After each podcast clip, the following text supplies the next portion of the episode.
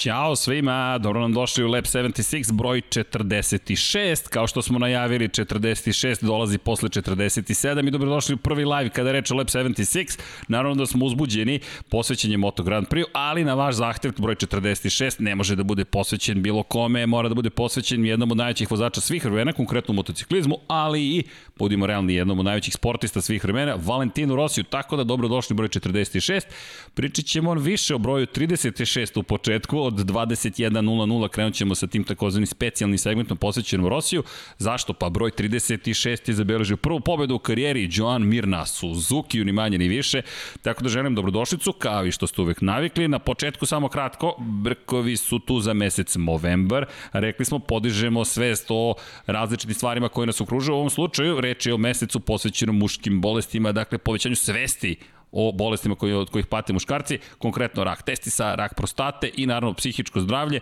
Diabetes je takođe mesec, ko, to je diabetes je bolest koji je takođe posvećen mesec novembar, tako da vodite računa jednim drugima. Momci, prekontrolišite se devojke ukoliko ste tu, podržite ih, a mi smo uveli i mesec molembar, zašto? Pa za one koji su pratili broj 47, koji je bio juče za Formulu 1, dakle, ovoga meseca imamo i prvog sponzora, kompaniju MOL, tako da ćemo pričati tokom ovog dela, dakle, nadam se Vanja da smo stavili stavili paid promotion da je uključen u Lab 76, a tu je Vanja pa kreće hidratacija, tako da pozdrav svima. Dakle, kada govorimo o tome šta ćemo večeras vidjeti, pričat ćemo pre svega o velikoj nagradi Evrope, standardna postave tu, Dejan Potkonjak, moj dragi prijatelj, Ćao, kolega. Srki. Ćao, deki, Ćao jesi živ? svima.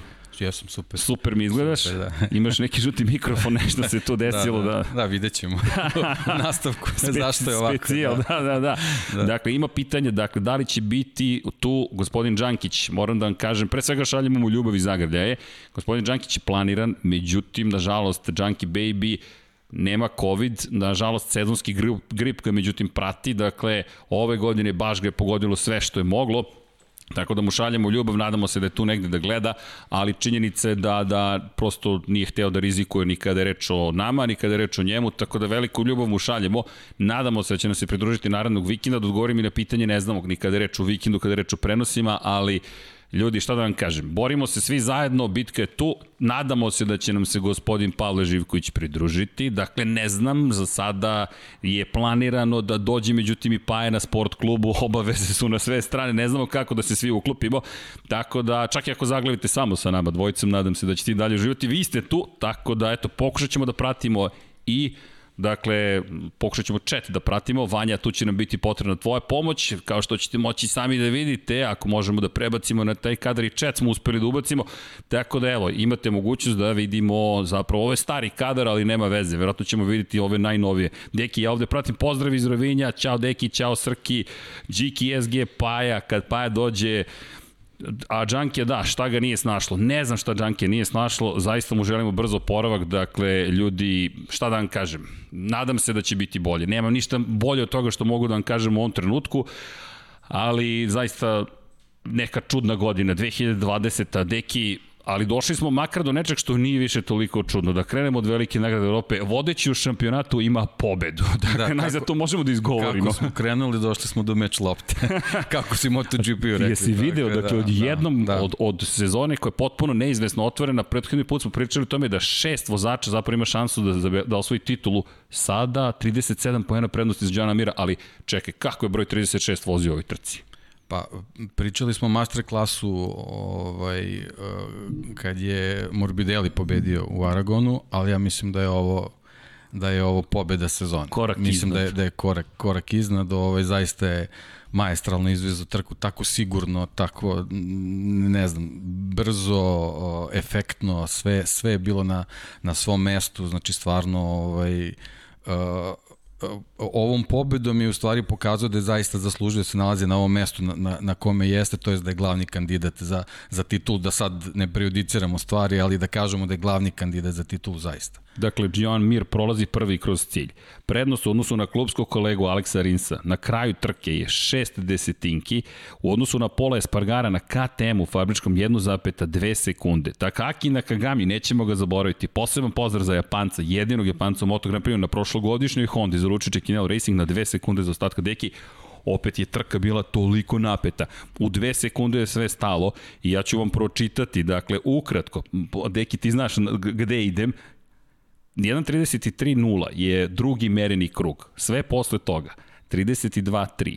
2-0, 2-0, 2-3, 2-4, 2-2, 2-0, 2-0, 2-2, 2-1, 2-1, 2-1, 2-4, 2-2, 2-1, 1-9, 1-9, 2-1, 1-9, 2-0, 2-1, 2-1, 2-2, 2-4 i onda poslednji krug tek 2-8. Da, da, oni, oni 1-9 što si pročitao, to je, to je bilo baš u tom nekom ključnom trenutku Jest. kad je zaista trebalo, a samo bi se vratio na, na onu razliku što si spomenuo kod prolaska kroz stilj, onih 6, 6 desetinki, meni to izgledalo kao 6 sekundu. Tako, tako sigurno i smireno ušao u taj poslednji krug da to meni stvarno bilo neverovatno, a ovo, ovo sve što si pročitao to mi je ono Lorenzo style, znači stvarno... Bukvalno Lorenzo style. Da, Bila da. je neka čudna priča navodno da je Alex Rins kao pustio ga da ga preteknu danas ljudi. Ovde nema puštanja, nema, nema telemetrija pokazala da, da to nije Promašio je stepen da, prenosa da. i to odmah rekao Rins. To je pritisak taj, to je to. Je to. Ali poslušaj to sada ovo, čisto nije zagonetka, 2-6 je drugi krug.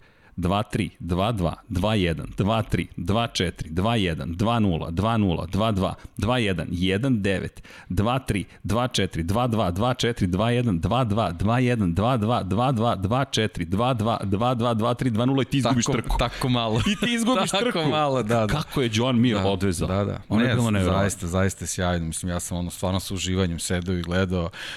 Nisu mi, nisam imao tolike, ove, toliki broj otkucaja srca, ovaj, kao, kao neko.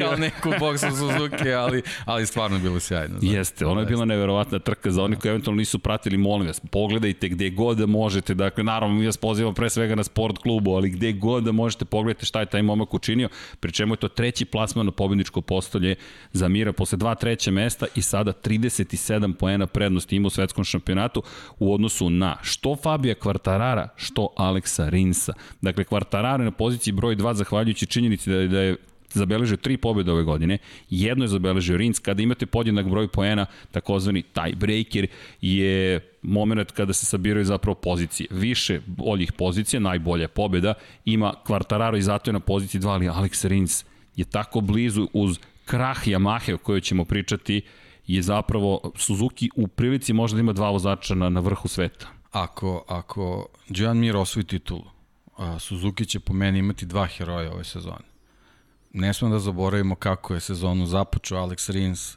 kakve poteškoće imao, a, zbog čega mu se sve to desilo, ja njemu zaista i, i, i ovom prilikom skidam kapu, mislim, on je za mene takođe šampion, znači ne, neće, neće verovatno biti u prilici da, da dođe do kruna, ali kako se vratio posle onoga kako je, kako je sezona započela za njega i on je meni zaista ovaj, fascinirao meni je ono što, za one koji eventualno ne znaju, taj potez, i to smo rekli, za medalju.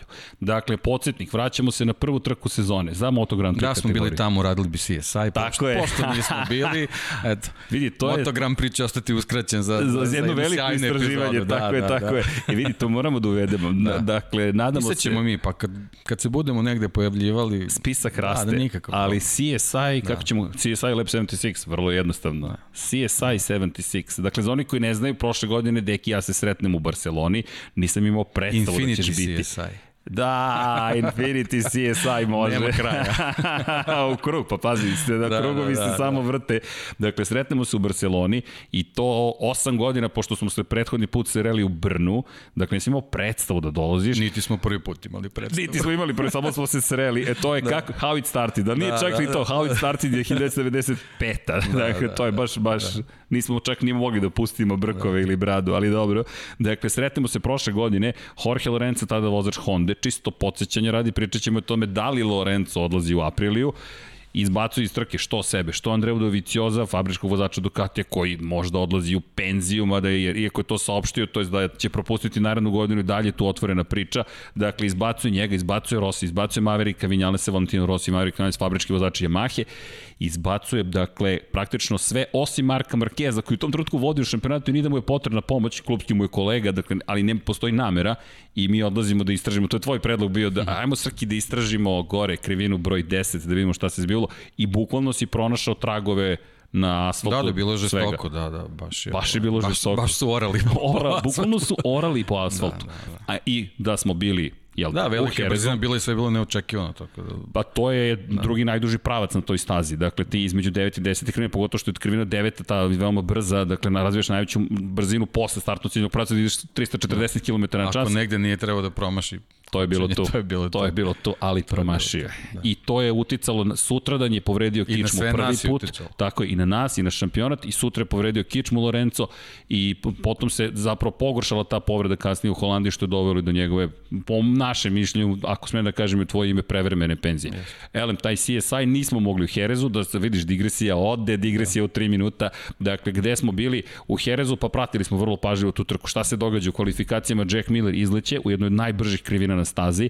Dakle, to su te dve krivine u desno pre nego što dođemo do poslednje koja nosi naziv po Jorge Lorenzo i izleće sa staze Miller. Za njim nailazi Reigns, Zato je posle uvedeno pravilo dvostrukih žutih zastava, zašto moraš da usporiš kada vidiš žute zastave. Nije znao šta se događa ispred, gubi kontrol nad Suzuki, opcija broj 1 je da pusti Suzuki da otkliza i da se on otkotrlja relativno bezbedno. Da. Rins odlučuje da ostane na motociklu, nastavlja pravo. Ali deli milisekunda, milisekund. ne znam, da, ne znam. Da. Pazi, koji to misao da. ti imaš u tom trenutku, ti, ti samo razmišljaš čoveku ispred tebe. I kakva je to odluka bila, Jest. da, da. I odlaziš desno, gubiš kontrol motorom, bacate, lomiti ključnu kost koja utiče na celu tvoju sezonu i kada pogledamo stanje u šampionatu Rins dok je došao uopšte do neke forme, dakle mi tek smo ga na pomničkom postoju videli u Kataloniji, što je već polovina ove sezone, od te Katalonije, u Lemanu pada dok se borio za pobedu, pobeda drugo mesto, drugo mesto. Da, opet, šta bi bilo kad bi bilo. Da nije pao u Lemanu, mada je pao i na Red Bull ringu na prvoj poziciji, u šestoj krivini kada je pretekao do Vicioza, Rins bi se sada borio za titul, ali nije. I sad meč lopta, dakle već smo malo skočili, ali Mir je toliko postigao ovom pobedom. I to si najavio.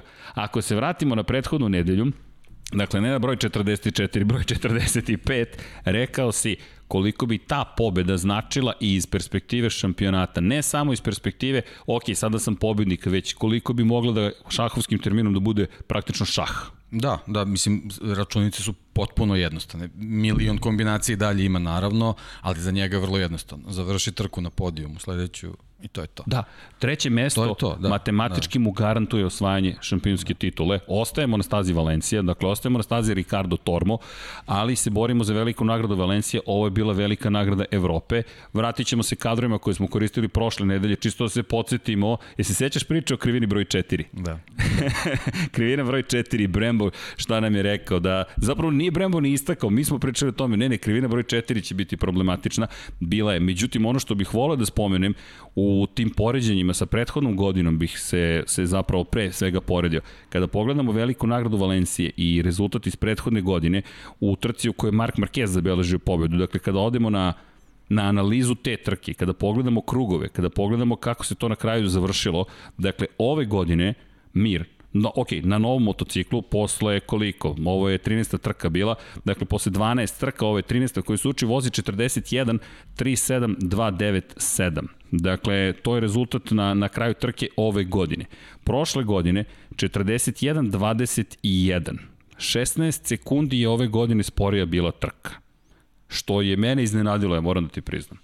Dakle, pomislio sam u istom periodu da će biti drugačiji. Međutim, kad se vratimo na prethodnu sezonu i pogledamo Mark Marquez 41, 21, 4, 6, 9, dakle 41 minut i 21 sekunda. Fabio Quartararo 41 minut 22 sekunde. Sekund je zaostajao na kraju, što opet dosta, ali je to sekund.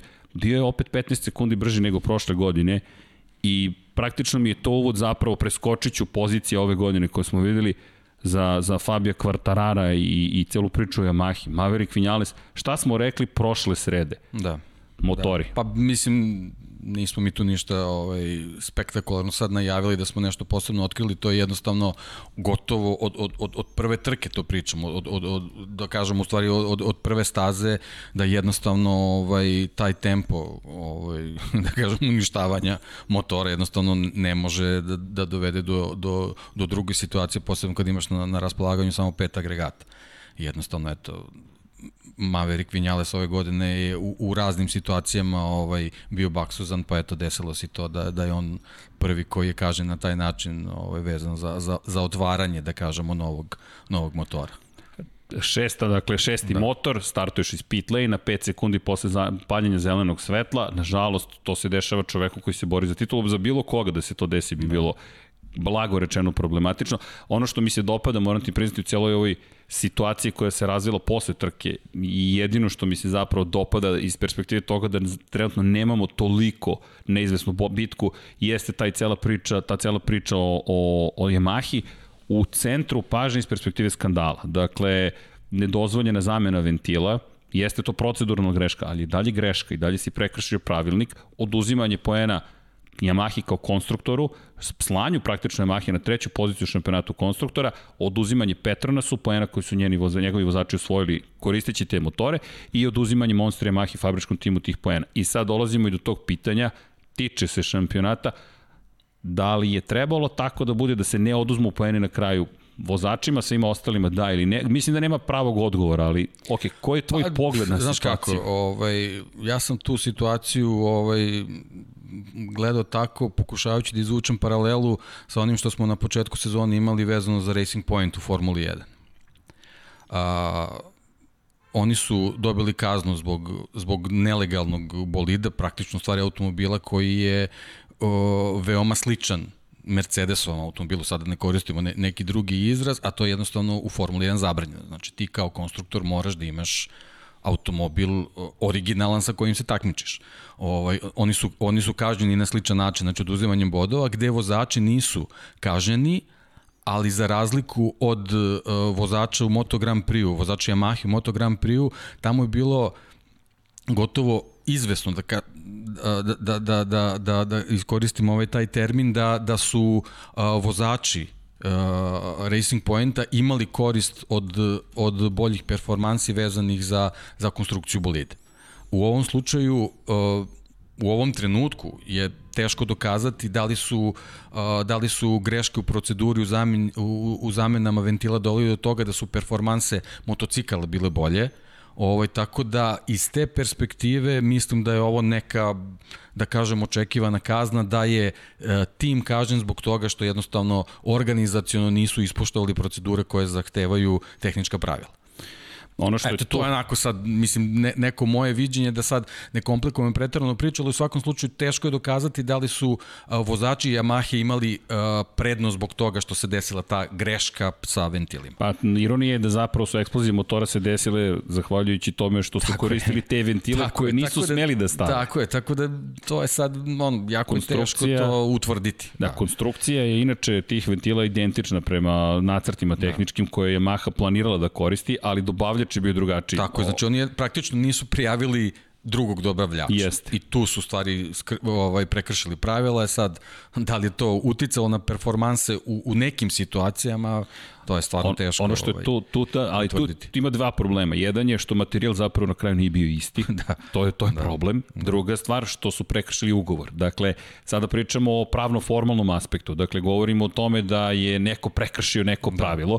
Kaznio si sve osim vozača. I tu je Junkie bio dosta, dosta do, do, dobro je postavio stvari. Rekao je, ok, da li to mene kao fabriku sutra dovodi u situaciju da kažem, pa dobro, možda mogu tako da radim riskantno, pa ukoliko se nešto desi, moji vozači neće biti kažnji. Da li to postavlja presedan?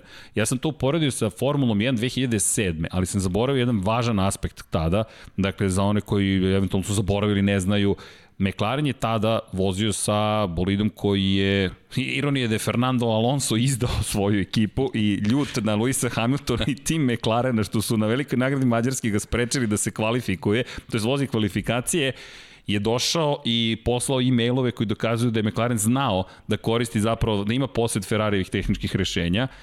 To je čuvena priča o fotokopiranju, da ne otvaramo sada sve, ali je Alonso zapravo propevao otišao u Međunarodnu automobilsku federaciju kod Ma, Me, Ma, Maxa Mozlija koji je bio veoma rigorozan i rekao, ok, ovo se dešavalo. Lewis Hamilton je takođe priznao šta se tu sve dešavalo i zahvaljujući njihovim svedočenjima, njih dvojica nisu kažnjeni. Ovde nismo imali nikako svedočenje vozača, dakle nema olakšavajuće okolnosti, ali su se nekako izvukli. Sad da se vrati na početak moje misli, Joan Mir je to sve poništio. Dakle, potpuno je nevažno da li će nekome oduzeti poene ili ne. On je celu tu priču stavio, ad acta iz perspektive borbe za titulu. I to je jedino što moram priznati da, da je pozitivno iz toga što se što ima već neko meč me, za mene meč loptu u u sledećoj trci. Voleo bih uvek da se na poslednjoj krivini poslednjeg kruga rešava da. da situacija, ali sportska borba je uvek tako uvek je. prioritet odnosno bilo šta drugo. Tako i tu se malo voda zamutila. To je ono što je problem. Joan Mir je rekao nema problema, meni je drago što niko nije kažnjen, što vozači nisu kažnjeni, neka mi to rešimo na stazi. I rešio ga je na stazi, da, i rešio da. je. To je to je dokaz koliko su samouvereni obojica. I Rinci Či, čita, i, i čitava ekipa u stvari. Ali, osim Brivija. Osim Brivija. Kako je sedeo Brivija? Mislim da, da je sedeo da. ko ti i ja. Od da. prilike počelo je sve da sedi. Ali taj iznenađenje, kao da li je moguće da njemu mere puls? Ali bilo je super. 120 da. otkuce srca da. u minuti dok sediš u garaži ovako se treseš od prilike šta će biti, šta će biti, šta će ne, biti. Ne, ne, pa to je, Sjajno. ta trka je u stvari bila vrhunac jednog dugogodišnjeg teškog rada, mislim, i zaista ovaj, volao bih da, da, da mogu da, da saznam šta mu je sve prolazilo kroz glavu u, u, u tom trenutku, znači nije, verovatno nije samo vodio račun o šta se dešava na stazi, nego je ono, razmišljao kroz, ta, kroz, kroz šta su sve prošli da bi došli u tu situaciju, tako da ovaj, čitava ta priča onako super izgledala zaista. Pa pazi, to jeste, to, to jeste radi. Kada se vratimo na početak sezone, Vanja, nisam ti poslao, ali poslaću ti sad neke slike, dakle, sa početka godine. Zašto? Ako se setimo, Suzuki kada je prezentovao svoj motocikl, je prezentovao motocikl u nekim bojama stare slave. Dakle, bukvalno stare slave. I kada smo ga videli prvi put, smo rekli, čekaj, ovaj motocikl izgleda dobro, izgleda šampionski nekako. Naravno, često se govori ako je lep, bit će i brz. Nije to nužno tako, ali je bilo fenomenalno videti da su se opredelili za, ta, za izbor boja koji je pa možemo reći nesvakidašnji. To su samo dva motocikla, ne zaboravimo na stazi. Dakle, KTM ima četiri motocikla, Honda ima četiri motocikla, Ducati ih ima šest, Yamaha ih ima četiri, samo Aprilia i Suzuki su sa dva vozača. Jako važan detalj. Malo pod, manje mnogo imaš podataka. Ti pritom, ajmo da krenemo od Yamahe, imaš jednog Valentina Rossi u svojim redima, imaš Maverika Vinjalesa, dakle 10 titula zajedno imaju. Imaš Fabio Quartara i Franka Morbidelli, tu su dve titule u Pet, jedna titula u Petronas, ukupno 11. I to su ljudi koji prikupljaju podatke ti imaš jednu titulu u Suzuki, u Joana Mira od pre tri godine, kada je zabeležio poslednju da. pobedu da. u Moto3 klasi. Rins nikada nije bio šampion, ni Moto dvojke, ni Moto trojke. I to su ljudi koji ti razvijaju. I da se osvrnemo, iako je plan, neki kasnije pričamo o tome, i Andreja Janone je bio deo tog projekta, i Aleš Espargaro je bio Aleš deo Espargaro, projekta. da, njega ne smo da zaboravimo, s njim je u stvari sve počelo. priča ovog projekta započela. Da. I koga još da ne da, zaboravimo? Momak koji voli izgleda beli papir, pa to krene iz početka da crta. da, da, da. I kad nešto postavi, on ide dalje. Ili ga da. nekako da, da, pošalju. To, to mu izgleda supina, da, da, to kako supina, god. Vidi, kako god. se neko desi. Da, ali, ali izvini, samo naravno, za, naravno. Tu, za tu Suzuki priču, ne smo zaboravimo, on je ove godine proslavio 100 godina. Jeste. Stota godina. Da, 100 godina i dve decenije od, od, od poslednje titule. Tako da to je ovaj bio verovatno jako veliki izazov da se baš ove sezone desi to što se desilo. Mnogo mi je žao što, što je ova godina takva kakva jeste, što što smo zbog, zbog čitave pandemijske priče izgubili, da kažem, ovaj, kompletan šampionat i što se desilo ono, sa, sa Markom Markezom, ovaj, Mislim, mnogo, mnogo stvari je se, se desilo da, da ovaj o, šampionat bude drugačiji, neobičniji od, od standardnih, ali to apsolutno ne umanjuje dostignuće Suzuki-a do ovog trenutka. Pa da, malo pre smo pričali o toj trci, meni je to, meni je, meni, meni je zaista to nekako bilo impozantno kada sam se vratio i počeo da gledam, ti ja volimo to da pogledam i da vidimo gde su bili. Dakle, Marquez koji je vozio 41-21, prva sledeća Honda je bila Honda Jorge Lorenza koji je vozio 42-15, zapravo Jorge Lorenzo koji nije, ni, dakle, skoro minut je zaostao u tom trenutku. Dakle, 51 sekundu je bio iza Marka Markeza. Opraštao se. Bukvalno se opraštao, dakle, da, to, je, to je bio pozdrav. Inače, Suzuki je tu trku odvezao 41-32, Mir je 5 sekundi bio brži prošle godine nego ove godine. Ne znamo, naravno, šta bi se dešalo da je bio Mark Marquez prisutan, ali činjenica, 100 godina, 20 godina od Kenija Robertsa mlađeg. Suzuki, inače, pozdrav Boško Desničić, ja mislim da nam je on poslao informaciju za 1981. Finsku. Boško, bili smo tako blizu, proveravali smo i onda, ne, ne, to je to i pobeže nam 1982 druga i ta pobeda Rendije Mamole, to je, to je poslednja pobeda dvostruka Suzuki, dakle 1982. Kako se sve složilo i istakao bih još dve osobe, Ken Kavauči, tehnički direktor Suzuki-a, odradio je neverovatan posao. Dakle, Kena Kavućija su bacali u vazduh u Kataloniji, kada su došli od toga da posle 13 godina su dvojica Suzuki vozača na pobedničkom postolju, Kavući to zaslužuje, Ken San, kako ga zovu, s razlogom i poštovanju ukazuju na japanskom jeziku, i Silvan Gintoli. Da. Neopevani junak, svih testova Suzuki je Silvan Gintoli, francuski vozač.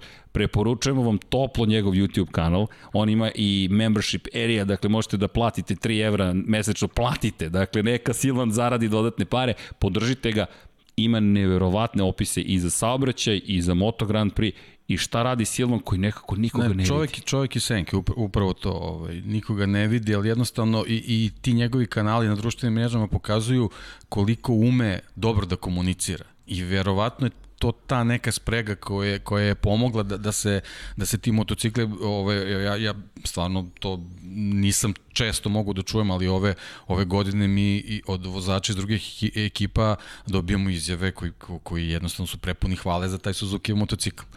Tako da to je to je ozbiljna ozbiljna stvar ovaj u, u, za Suzuki u ovoj sezoni. E, samo bih se nadovezao vezano za ove podatke vezane za ovaj rezultate trku, krugova, naravno, da, naravno. ovaj e, ne smemo da zaboravimo da smo imali jako loše vremenske uslove u pripremama trke. Tako da verovatno i to taj neki detalj koji nije nije doveo do toga da možda performanse budu na možda malo boljem nivou Za sledeću se najavljuje malo lepše vreme, pa eto, nadam se da, da ćemo možda na, na, na drugoj trci u Valenciji imati neke rezultate sličnije prošlogodišnje. Da, kada, evo, moram da iskoristim priliku, pošto je prvi put live, pa ćemo malo da kombinujemo, dakle, vidim stotine poruka, ok, pokušat ćemo malo da ispratimo, dakle, e, hvala Vanja, dakle, ovde može, da, inače Boško mi kaže, bili smo u pravu, poslednja trostruka pobjeda je bila 81. Moje izvinjenje, onda Boško, ja sam pogrešio, dakle, kada govorimo o, o, o, o pitanjima, pa evo, i, da, i povela se diskusija, da, inače, da li može 62. da bude posvećen Lab 76 dani u Pedrosi, pošto smo propustili apsolutno samuraju možemo rado da posvetimo možemo i svaki podcast nekome, nekome da pa mo, jedan deo je. uvek može se odvoji. E to je dobra ideja, da, da. može da se odvoji za vozače. Obrazovni program. Obrazovni. da vidi, i dokumentarci nas čekaju da, da. i bio jedan komentar, hvala, da, trudit ćemo se zaista da ih pripremimo.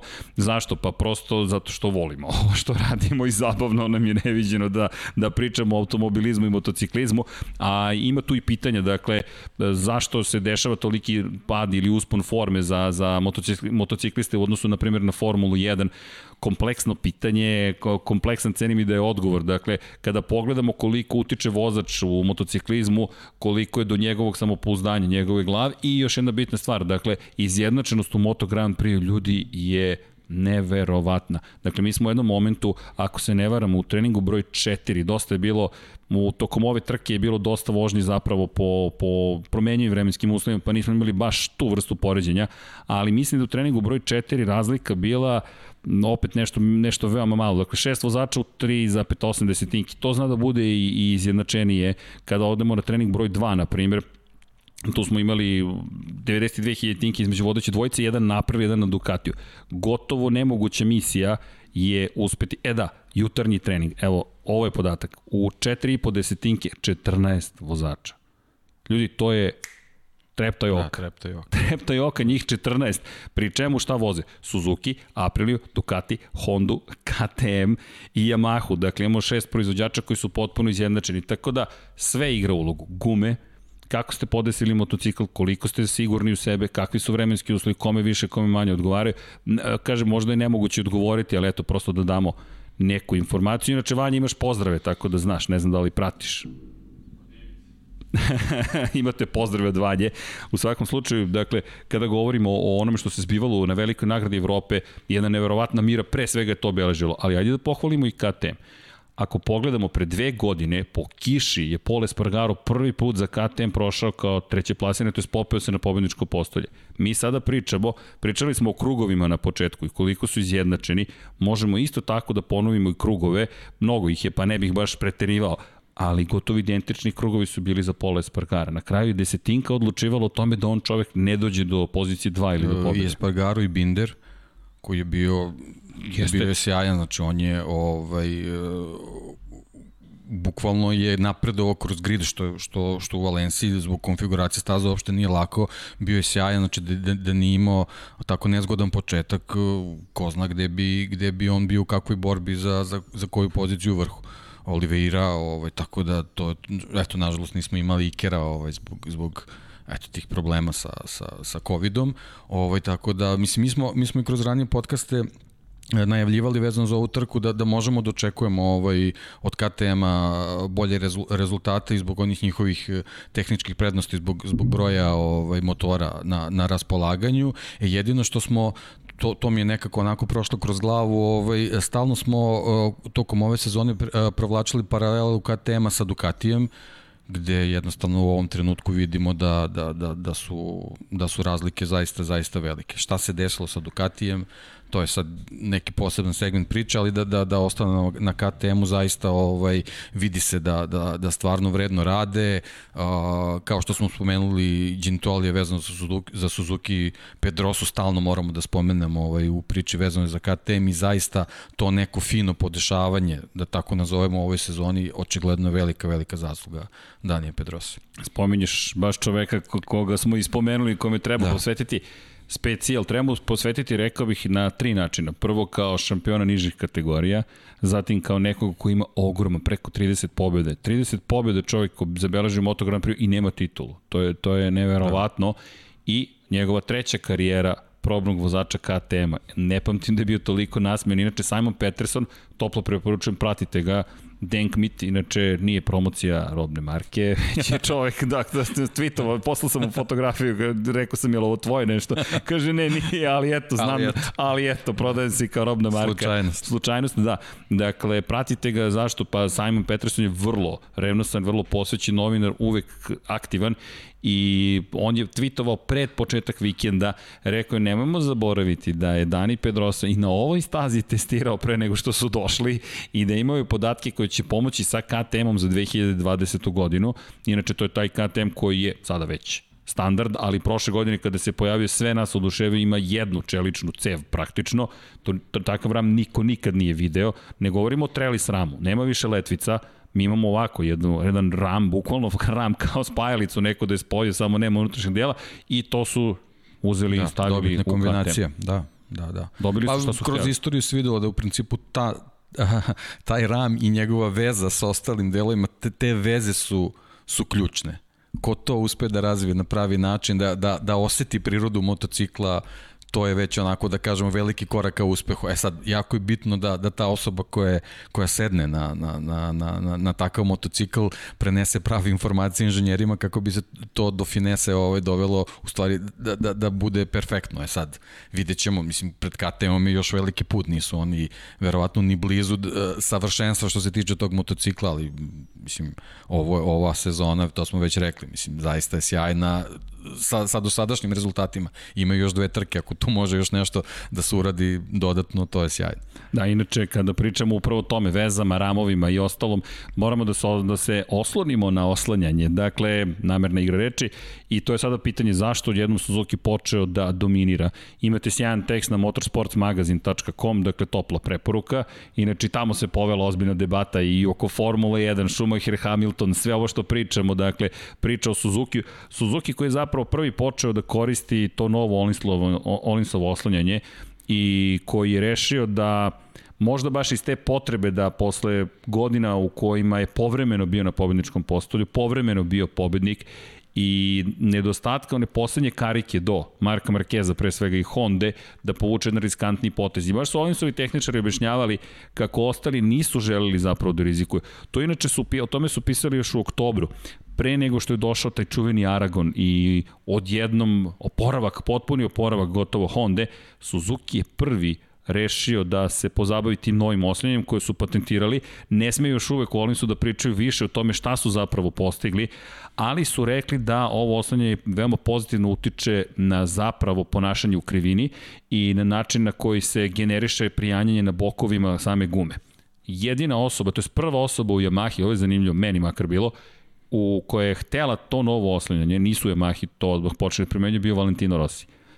Rekao je, ljudi, da. ovo oslanjanje meni odgovara, da. bolje mogu da izlazim iz krivine, međutim, to je nekako zato ja, zato ja to ne bih, e, ne bih e, ovaj, se složio s tom konstatacijom da je to bio neki rizik, neka kocka. Ja mislim da su, da su Suzuki-u svojim studioznim razvojem i, i, i razmatranjem svih elemenata došli do zaključka da, da to ogibljenje ovaj, može, može da donese promenu. Naravno, ne, ne zato što je to neko tako e, zamisli u nekoj teoriji, nego verovatno su neka testiranja pomogla da se dođe do zaključka da je to i zato gledajući čitavu ovu sezonu stvarno mislim da to nije bilo nešto kao idemo na sve ili ništa, pa, pa kako bude. Meni je delo da, da je to nekim studioznim razmišljanjem uh, se došlo do toga da, da je to ogibljenje u stvari pravo rešenje. Da, i fascinantno je kada pogledaš kako skreće Suzuki zaista. Ne, Aragon, Aragon, ona poslednja krivina, ono je bilo stvarno kao, ne znam, kao, kao da je motocikl iz neke druge klase, iz nekog drugog filma, potpuno je I Honda, naravno, i Honda su izgledale... Pa, to ovaj, sam htio ti kažem, mnogo, Honda... Možda, možda čak, kako bih rekao, brutalnije bolje su izgledale u tim krivinama. E, zapamtite, BDB 50. Dakle, to je šifra koju je Olin se stavio i još uvijek smatraju tajnom. Dakle, ali BDB 50, to je sistem koji je navodno pomogao Suzuki da ovaj GSX RR postane to što Ajde, možda na kraju biti. sezone, kad se sve završi, možda će nam... možda će nam i reći. Šta je sad to pa, toliko revolucionarno pa da, drugačije? Mats da. Larson, dakle, da. Mats Larson je čovek koga su istakli u tom intervju za Motorsports magazin i rekao je da je zapravo, on čovjek inače od 80-ih radi na, na svemu ovome, ako neko ima iskustva, to se, recimo tako, ima iskustva. Dakle, u čemu je pojenta? Pojenta je da, da je on rekao zapravo ponekada inženjeri ne žele da promene tako bitnu komponentu, nije to jednostavno. Naravno, smo to, testiranju. to je krupna stvar. Kada menjaš mnogo stvari odjednom, ne znaš šta si postigao, moraš da menjaš jedno po jedno, a ovo je ključno što si rekao, to je krupna stvar. Međutim, eto, GSX RR funkcioniše, Honda sada s tim funkcioniše, vidjet ćemo, vidjet ćemo odgovor Yamahe, koja se zaista našla u katastrofi. Yamaha, to si, to si jednom, mislim da, da smo oko Mizana pričali oko toga i, i njihovih e, čudnih sistema ovaj, prilikom testiranja gde, gde na jednom motociklu zameniš neka tri elementa, onda ih testiraš sve zajedno i onda bukvalno kreneš sa eksperimentima eliminišući jedan deo, vraćajući neki drugi, da, da, da, da se bukvalno izgubiš u šumi podataka i na kraju ti uopšte nije jasno šta, šta funkcioniše, a šta ne. I kroz čitavu ovu sezonu smo jednostavno videli da je tako posebno iz ugla Fabija Kvartarara koji je bukvalno, ne, ne, ne mogu da kažem ni toplo-hladno, mislim to je, ono hladno je mm, za, za njega stvarno, ovaj, ja, ja ne znam, mislim, uh, da neko ko ima tri, tri pobede u sezoni ne može da ostvari ni jedan iole kvalitetniji plasman u ostalim trkama, to je stvarno, stvarno neverovatno. Mm, što zbog, izvinjam se, naravno, naravno. što zbog njegovih grešaka, koje su evidentno u nekim situacijama, što zbog tih, tih nekih jako čudnih situacija ovaj, vezanih za, za ekipu gde, gde jednostavno ne može da se dođe u, u fazama pripreme do nekog idealnog rešenja da, da se trke iole uh, izvezu na kvalitetniji način. Mm, u svakom slučaju, kada pogledaš kada po, ajmo da pogledamo Yamahu, dakle malo, malo bliže, ti imaš katastrofu na toliko nivoa. To je motocikl koji dalje ima najviše pobjeda ove sezone. Dakle, kada pogledamo kako se započinje godine, započinje se dvema pobedama. Ne, dakle, dolazimo do dve pobede. Treću, zatim vrlo da, ali, brzo ali imamo dve pobede u trkama da imaš dva odustajanja. O, ali upravo to, to sam hteo ti kažem, dakle, kakvi, kakvi paradoksi, kakve da, da. kontradiktornosti, ti imaš pobedu, pobedu, zatim imaš neverovatnog, budimo realni, neverovatnog Breda Bindera, ali to je evo, moja čuvena reč, anomalija, da, anomalija, trebalo da, bi da radim da, sklekove, da. zgibove, čičnjeve, šta god, ali on čovjek beleži pobedu na KTM-u. Odlazimo u Austriju, očekivano slavi Andredović Joza, evo ga i Ducati, Velika nagrada Štajerske, druga trka u Austriji, pripada opet KTM-u. Sada KTM ima isti broj pobjeda kao Yamaha, međutim, nekako taj prirodni poredak se polako uspostavlja, Morbidelli beleži pobedu, Vinjales beleži pobedu, eto, je četiri, eto ih četiri pobjede za Yamahu.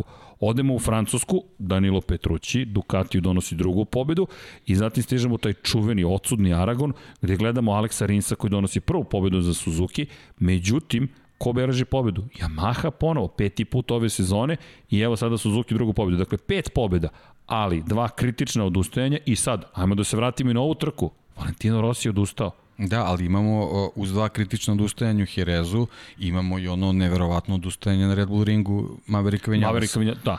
Znači, ali ajde da kažemo, tu su kao tim prekršili pravilo. Da, nego, nego sam samo hteo, ovaj, sad kad bismo krenuli da, da nabrajamo koji sve elementi na tom motociklu su otkazivali.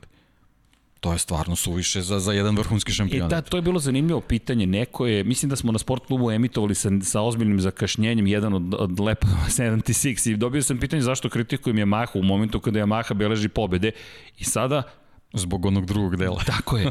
I, I rekao sam, pa to mora da neki stari Lab 76, ne pamtim da sam ih kritikovao. Međutim, pogled ti, ti to ne možeš da je ne hvališ da. i da je kritikuješ u isto vreme. U isto vreme, bukvalno, da. I to, tu smo dobili zapravo tu katastrofu. Inače, Fabio Quartararo je izjavio, baš za Motorsport magazin je rekao da nikada se nije osjećao kada je, nikada nije osjećao kao da je ovo njegov motocikl.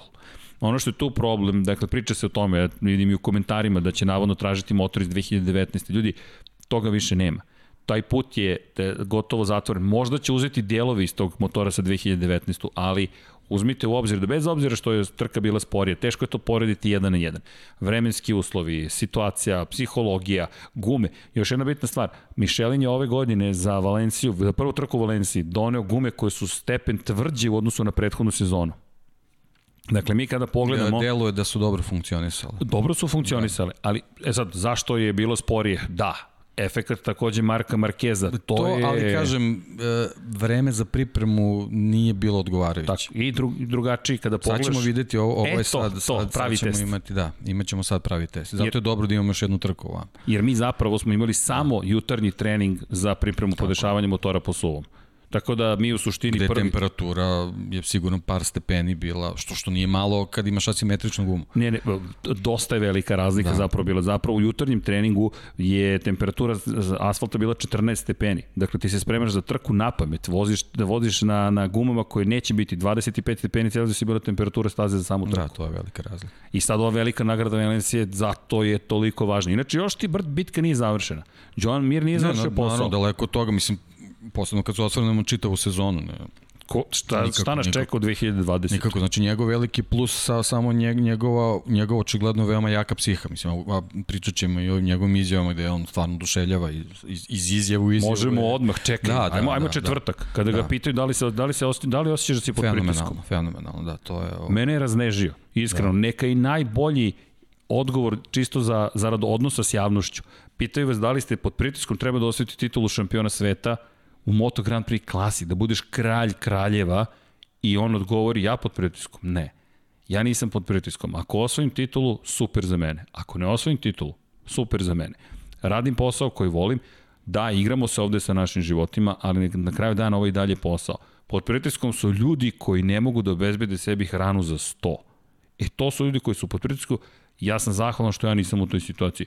I ti slušaš čoveka koji ima široku svest, dakle ne samo o svom mikrouniverzumu koji se zove Moto Grand Prix, već o tome da on je srećan i deluje srećno. Meni to su onako konkretne i, i direktne izjave ove, koje se prilično razlikuju, iako su veoma slične recimo izjavama Luisa Hamiltona koji očigledno ne ume na pravi način da dozira možda i neke stvari koje onako ishreno misli uh, i onda i onda ovaj sve oko njega deluje kao neki Hollywood ili, ili ne znam kako bi to nazvao dok sa druge strane imaš Joana Mira koji jednostavno u nekim jednostavnim rečenicama ti stavi do znanja da, da zaista tako i misli da, da nema, nema, nema nikakvog razloga da on nama sad priča neki uvijene priče, nego jednostavno to je zaista tako. Mislim, a, pretpostavljam da neki pritisak postoji. Mislim, potpuno bi bilo a, nenormalno da on ne razmišlja o tome ali jednostavno on, on u svojoj glavi može da napravi prioritete koji mu očigledno pomažu u koncentraciji za samu trku. Jednostavno, ova čitava sezona je pokazala to. Slušaj, slušaj priču, 2017. Dakle, nemam, nemam predstavu da se to dešava. Kasnije su mi gledalci to rekli. Dakle, jedna divna porodica koju smo upoznali u Barceloni, kaže, i vidi, mi znamo dedu Joana Mira. A molim. Da, znamo dedu Johana Mira, ne, ne razumem celu priču. Znaš onog momka. da, da, da, ja, ja sad ovako šokiran, ne, ne razumem. Dopisuju se sa dedom kako su se upoznali. U Herezu, Moto3 kategorija, čak mislim da je bilo 2016. zapravo kad su se upoznali, oni navijaju za Mira i sede na ne znam tačno kojoj tribini, poluprazna tribina, petak je, i navijaju svaki put kada prođe Mir, oni ga pozdravljaju na, na, na Leopardu. I pita ih žena, Dakle, kaže, iz Španije, kaže, zašto vi navijate za, za Joana? Kaže, on će biti šampion, on je naš miljenik, mi obožavamo Joana Mira, njegova majka. Dakle, koja tu sedi s porodicom, razmene telefone, ovo je deda, deda je naj... I tako krene da. neko prijateljstvo. I to su neke neverovatne stvari. Dakle, ti ljudi si dan danas dopisuju, taj momak će da. uskoro biti mo verovatno šampion sveta da, ali, mislim, klasi. Nadam Samo... se, da, nadam se da ćemo pričati o njemu ovaj, i, i povodom Vidjet ćemo. toga, ovo, ali jednostavno e, e, u ovom trenutku, znaš, kad se, kad se razmišlja o njemu, onda samo pomisliš, čekaj, po još uvijek treba da bude u nižim kategorijama. Da. Kakav skok je on napravio? Ali on je ugovor imao i dalje. Jeste. Da. I on je znaš, trebalo da bude u Moto dvojci i dobije ponudu da. i rekao je skačem zato što su ovo dvogodišnji ciklus i ciklus se završava na kraju 2020. Avaj, ko je znao da će se desiti ali, COVID. Ali vidiš kako su da. to razmišljenje. Znaš, ako neko, ako neko razmišlja u, tom, u, u, u tim ciklusima, mnogo je lakše da dođeš onda do nekog cilja, nego da praviš sebi neke dugoročne planove. Fascinantan.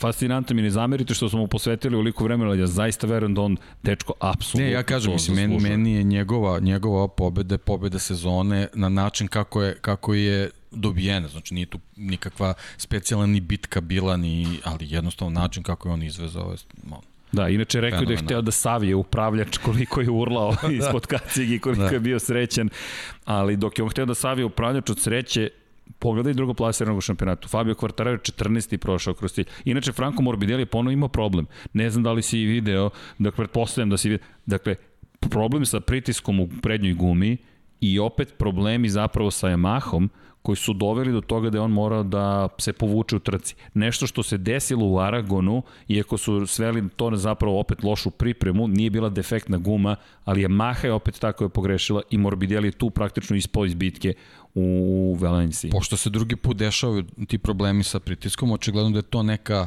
a, slaba tačka Petronasa, ali pretpostavljam da te stvari moraju da se da se ovaj reše u, u saradnji sa, sa inženjerima Mišelina, tehničarima koji su tamo. Znači to su neke stvari na, na, na kojima moraju da porade ali opet s druge strane, ono, rekli smo već, znači rezultati da, da ti od, od prvog od prvog mesta imaš imaš eh, raspon do nekog 15. 16 to je, ispostavi se da, da i u Yamahi a, najmanj, a, a, a, najmanju oscilaciju ima Valentino Rossi.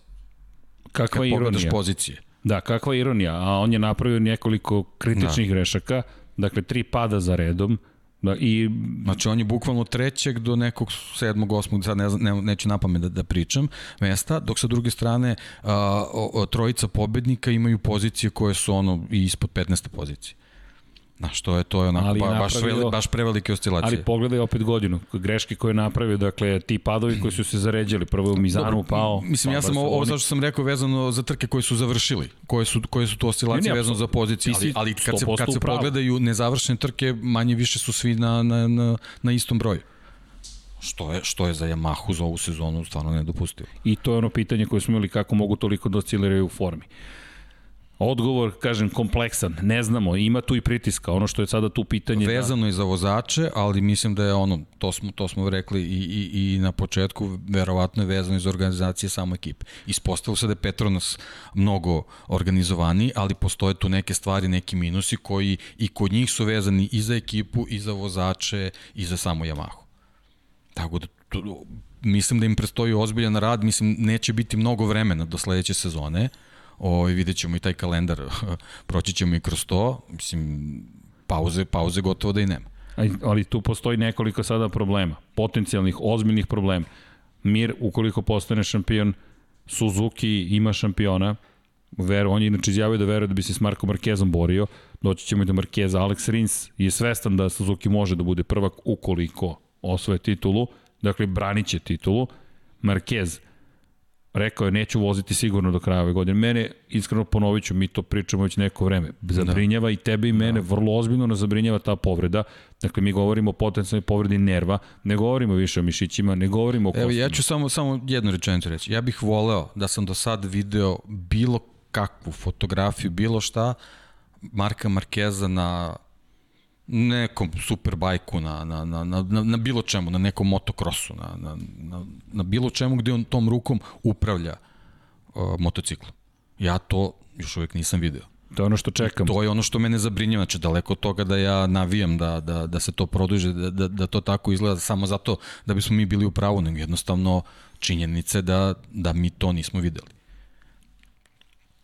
Tako da, ne znam, mislim... Šta god da kažem, dolazimo u situaciju da, da, da se praktično ponavljamo, ali nažalost, sve što dobijamo od informacija nije pozitivno. Tako, konzilin... znajući njega, on bi sigurno, bez obzira da li, će, da li bi vozio ove dve trke ili ne, on bi sigurno krenuo sa pripremama već za sledeću sezonu. Ono, ono što mi gledamo, ono nisu pripreme, ono je fitness. Da, ono jeste fitness, ono je održavanje tonusa, tako ono je održavanje praktično svog tela to, to nisu, to nisu pripreme na vrhunskom nivou. Vidi, ja se samo nadam i želim da optimistično da dakle da naravno, stvari naravno. da će on, se vratiti. On nama treba, treba nam u ovom šampionatu, Absolutno. jednostavno čisto da bismo dobili neku meru ovih ovih uh, novih novog talasa kojeg dolazi da vidimo jer on je taj koji u stvari u ovom trenutku može da bude reper prema njima i bez njega ti ne znaš zapravo, bez nemaš njega, benchmark tako, taj, kako tako, tako zvani. Isto kao što je... Upravo čito si rezultate od prošle godine, to, to je to. Isto kao čovek to to. kome ćemo posvetiti poseban deo emisije od 21, to smo rekli, dakle, Valentino Rossi, približavamo da, se. Da, da, da, moramo, da, sad moramo da, da pratimo, da, pogledam, da, da. Ali, Zašto? Ovo je njegova decenija, ovo je njegov period, ovo je ta era. Pričali smo i ponovit ćemo se još ko zna nebrojeno puta. Ovo je period kada ne bi trebalo niko da ga dobije. Samog sebe izgleda da je dobio. Isto kao Valentino Rossi, koji je čisto koliki utice Valentina Rosija. Evo, Matt Oaksley, njegova knjiga, na naslovnoj strani je Valentino Rossi. I to ona čuvena kaciga, još jedna od kaciga iz Muđela. Dakle, govorimo o ljudima koji su koji, obele, koji obeležavaju ere u Moto Grand Prix. Mark Marquez tom povredom i preranim izlaskom na stazu doveo sada sebe u situaciju da se svi pitamo. Jedno od pitanja je da li će promeniti Mark Marquez i možda način na koji će voziti, da li će prilagoditi desnu stranu da upravlja više levom rukom, ne znamo. Ono što je tu fascinantno jeste veliki šampioni. Vratit ću se na Mika Duana, eno ga potpisan postoji, rekao se sad ne vidi u kadru, ali eno ga iza. Dakle, Mik Duan, petostruki šampion sveta, je postao posle svoje stravične povrede u kojem je malo nedostalo da mu amputiraju desnu nogu. Dakle, on praktično nije mogao da koristi nogu od, od potkolenica nije funkcionisala Zadnja kočnica je prebačena kod Mika Duona napred. Dakle, on je palcima upravljao, to mu je bila zadnja kočnica i prilagodio je kompletan stil vožnje toj povredi. Šta bi kod Marka Markeza, međutim, bio veći problem? Ovde govorimo, o to smo pričali. Ruka, oslanjanje, upravljanje, sila koja se tu koristi, koja se obađuje, način na koji krećete se kada prigrlite rezervoar, zatim dodavanje gasa, kočenje, sve su to stvari koje se rade ovom rukom i to su mik, to su finese. Mi ne govorimo samo odvrni gas i dode, to tako izgleda, ali to samo tako izgleda. Dakle, pogotovo to na kočenje. To tako izgleda pravolinijski. Tako ali je. Na, na, na, na ovakvim stazama, sa ovakvim motociklima gde, gde moraju u obzir da se uzmu i G sile koje se pojavljaju, to jednostavno nije, nije tako jednostavno. Ali a, a, a, smešno je reći, ali tako zvuči ovo sve što si rekao, to je za te momke, to su finese bukvalno su finese. Yes. Uh, najvažnije za njega je da može da se vrati u svoju potpunu fizičku spremu. To je ono što je ključno. A ja verujem da će on vrlo brzo pronaći stil koji mu znaš, odgovara. To znaš, je, znaš, on, je, on, je, on je veliki šampion, mislim, to je, to je jednostavno tako. Ko mi daje, uslovno rečeno, nadu? Dakle, ako se sećate Matije Pazinija, ukoliko ste pratili u poslednjih x godina, cenim da znate ko je Matija Pazini. Matija Pazini imao gotovo sličnu povredu ima Matija Pazini. Njemu je atrofirana desna ruka, dakle to se ne vidi kada sedne na motocikl, njemu je atrofirana desna ruka, može dovoljno da otvara gas, međutim međutim njemu je prednja kočnica na levoj strani, Dakle, to su sada počeli da uvode sa stant motocikala vozači u Moto2 kategoriji kvačilo i upravljanje zapravo zadnjom kočnicom i na desnoj ruci nije palac kod Duana, već se, već se koči bukvalno. E, kod Patije Pazinija je prednja kočnica od uvek sa leve strane, zajedno sa kvačilom, s obzirom na činjenicu da ne može da koristi desnu ruku da pruži prste. Tako da mi imamo primer nekoga ko se uspešno takmičio u Moto2 i, i Moto3 u 125 kubika pre svega, ne toliko u Moto3 kategoriji sa nekom sličnom povredom. Tako da ne želim da bude takva povreda daleko od toga, s obzirom na činjenicu da Markezu nije atrofilar Luka verujem da nije tako ne, vidi strašna se da nije, da, situacija. Da, da, da, vidi se da nije, ali očigledno da, da uh, ta povreda zahteva duži oporavak nego što je bilo kom isto. I, ja, I opet se vraćam na ono, znači uh, desila se ta, ta, da kažem, druga povreda vezana za, za probe nastupa na, na drugom Hirezu, da se tad napravila pauza možda ne bi, ne bi ta povreda bila tako strašna, ali jednostavno ovaj, šteta se desila i sad je verovatno potrebno vreme da se to I... promeni i ono što si prošli put pomenio, ja se samo plašim da ne dođe do te treće operacije iskreno se nadam da, da neće biti potrebe za tim. Ja, imamo isto razmišljanje. Ono što meni kažete daje neki optimizam jeste kada razmislimo o svim primerima gde su te veličine ko Duan. Dobro, Pazini nije dostegao tu veličinu, ali opet je na stazi, opet on vozi i Matija se povremeno tako vrati fenomena. Matija ima druge probleme, Matija nije konstantan vozač, dakle to je kad ih upoznate izbliza, Matija voli skupa kola i dobar provod. dakle, da se razumemo. I nije Dobro, toliko ali mali posvećen. broj velikana, ne, Tako jednostavno je. teško je doći Tako u, je. u tu grupu. Marquez da. jeste u toj. Jeste, mislim, I, I zato... nema, nema spora. kakav god da postoji problem, nekako verujemo da kada se vrati sledeće godine će biti i dalje veoma opasan. To je neka optimistična Meni eto samo, samo mi je prognoza. žao što nismo dobili dva Markeza u istoj ekipi. E da, Na to, je, to bi bilo zabavno da smo baš, videli, da. Baš žal.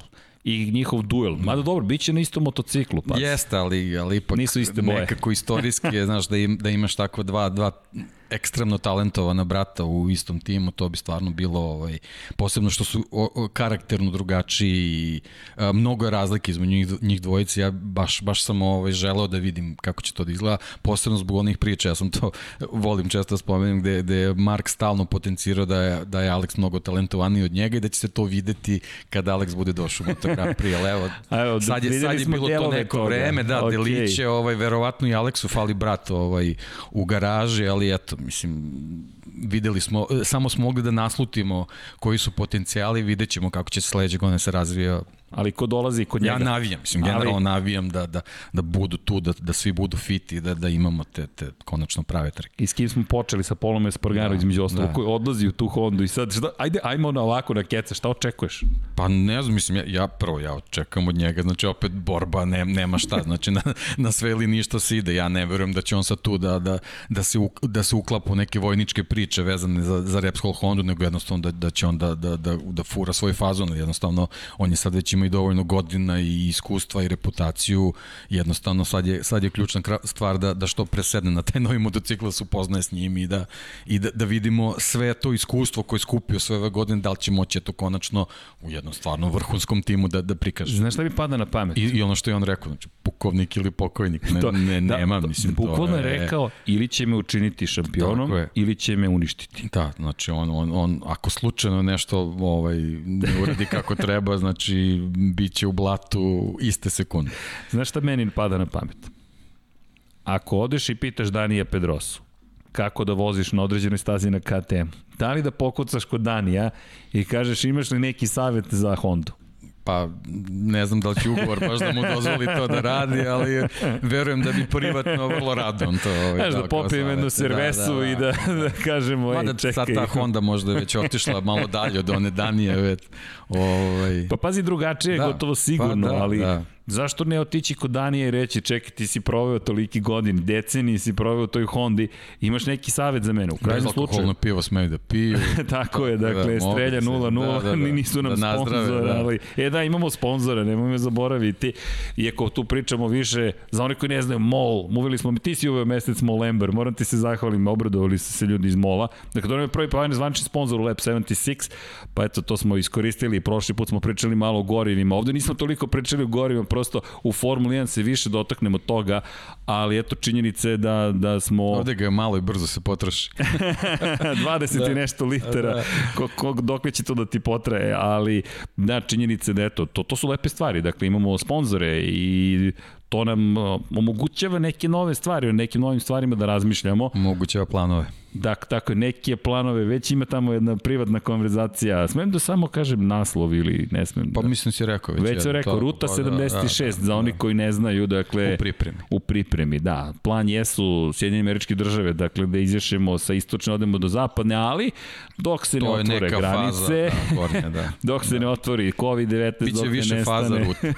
da, pa vidi, 76, Da, da. ruta 76, tako da, da, to otvara razne mogućnosti, ali eto činjenice da, da smo veseli između ostalog i zbog toga, to ne treba zaboraviti. Dakle, inače hvala za podršku svima.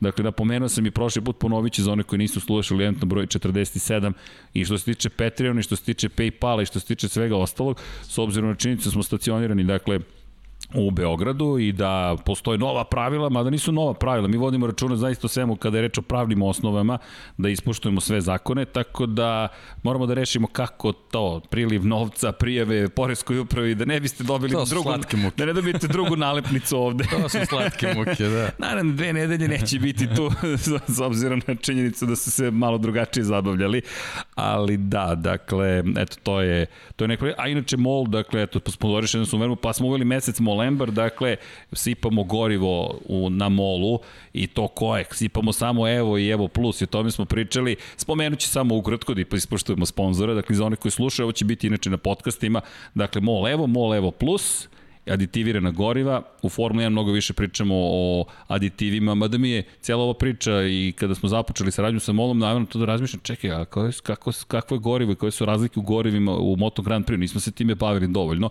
Inače, u ovom slučaju pričaju više o gorivima koji, su, koji koriste aditive.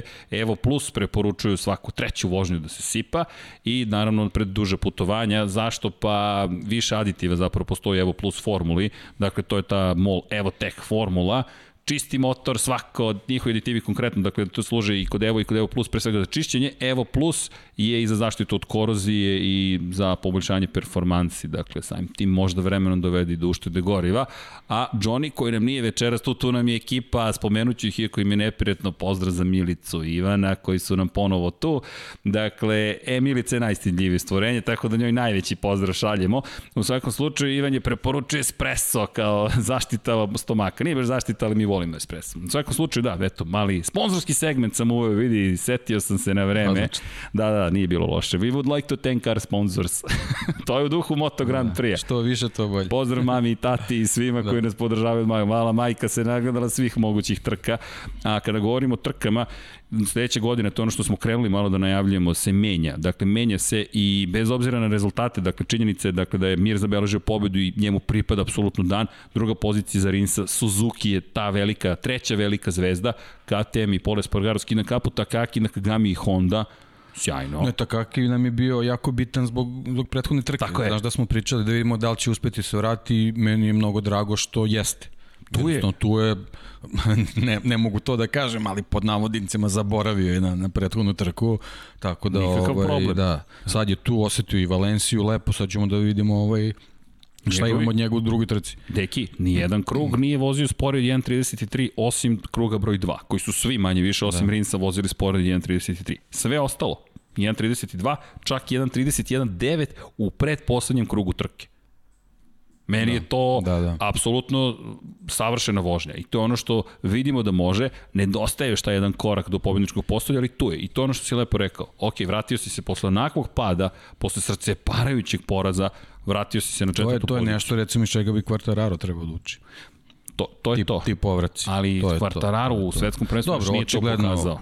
Još nije to Mladi pokazao. momak, emotivan je prilično, on to ni ne krije, tako da ovaj, Obično nam je najveća da. vrlina i najveća mana. E da. tu Vilko Zilberg bi, da. mislim, mnogo pomogao. Mene zanima odlazak iz Petronasa, duboko verujem da nije dobar potez za Fabio Quartarara. A, znaš na što meni to liči? Sad nije, nije nikakvo poređeno, jednostavno kao ne, ne, neko, neko slipo, slikovito ovaj, objašnjenje. Kad imaš nekog mladog, talentovanog futbalera koga kupi veliki klub koji ne radi s talentima.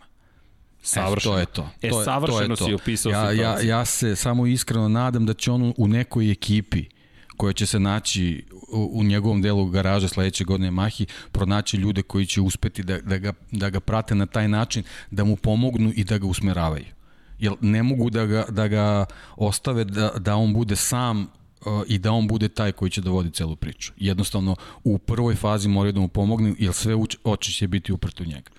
Ali Deki, da li ti izgleda, da, sve je opisao, dakle, ja ne vidim da Yamaha može to da učini. Iskreno, fabrički tim, nema Vilka Zilenberga, imaš Lina Jarvisa, koji upravlja jednom ozbiljnom ekipom, ali koji se dugi niz godina, deceniju i po, oslanja što na Valentina Rosija, što u jednom periodu na Jorge Lorenza. A to su ljudi kojima nije potrebna ta vrsta menadžmenta.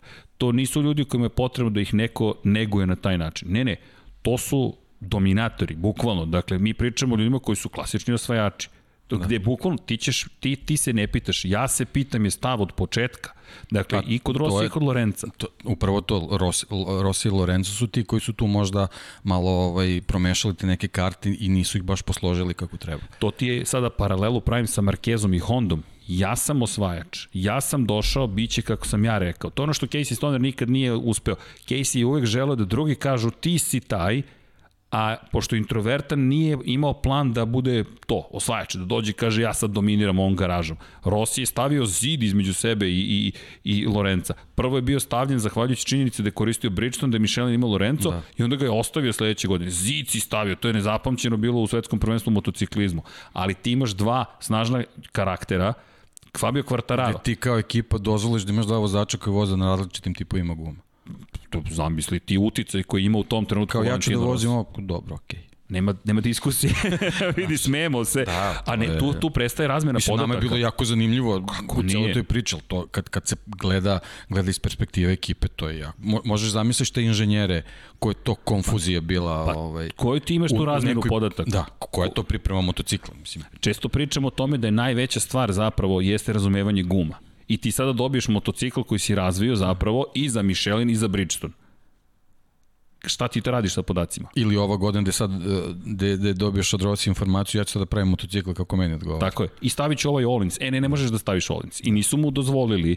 Zamisli da su ga pustili da ima potpuno odrešene ruke. Onda s druge strane imaš uh, Maverika Vinjalesa koji je pod ogromnim pritiskom. Jeste. I, i, i koji jednostavno zbog čitave te situacije luta, onda dobiješ sezonu kako si dobio, gde mu, ja ne znam šta mu se sve ne izdešavalo, da mu na kraju uh, petoro članova ekipe zbog COVID-a nije prisutno prisutno u garaži. Gde on bukvalno, ja ne znam, verovatno je malo falao da sam menja gume I to ne prvi put, deki, ne da. prvi put. Yamaha je drugi Tako put da, ove sezone da, bez pet ljudi. Treba, ne, ne treba biti uh, baš onako maksimalno ošten prema Mavericku Vinjalesu, ili treba ovaj, sagledati s čim se on zaista sve susreta ove sezone. Ali sad Mislim, ima, tu... ima i, i, i njegovog udela I, i, prilično. Pazi, on ali, ima uspone, padove ozbiljne. Jest, to, ali, to da. Ali to je to okruženje o kojem pričamo. Prvo to, znači neko mora da ga gura. To će se trebati Fabio Quartararo. Sad, znači ti sad imaš dvojicu vozača koji moraju da imaju neku potporu. Što me Kako dovodi će to Linđarius da uradi, ja do, Dve stvari. Ko je bio u timu Yamahe kada je Rossi stigao?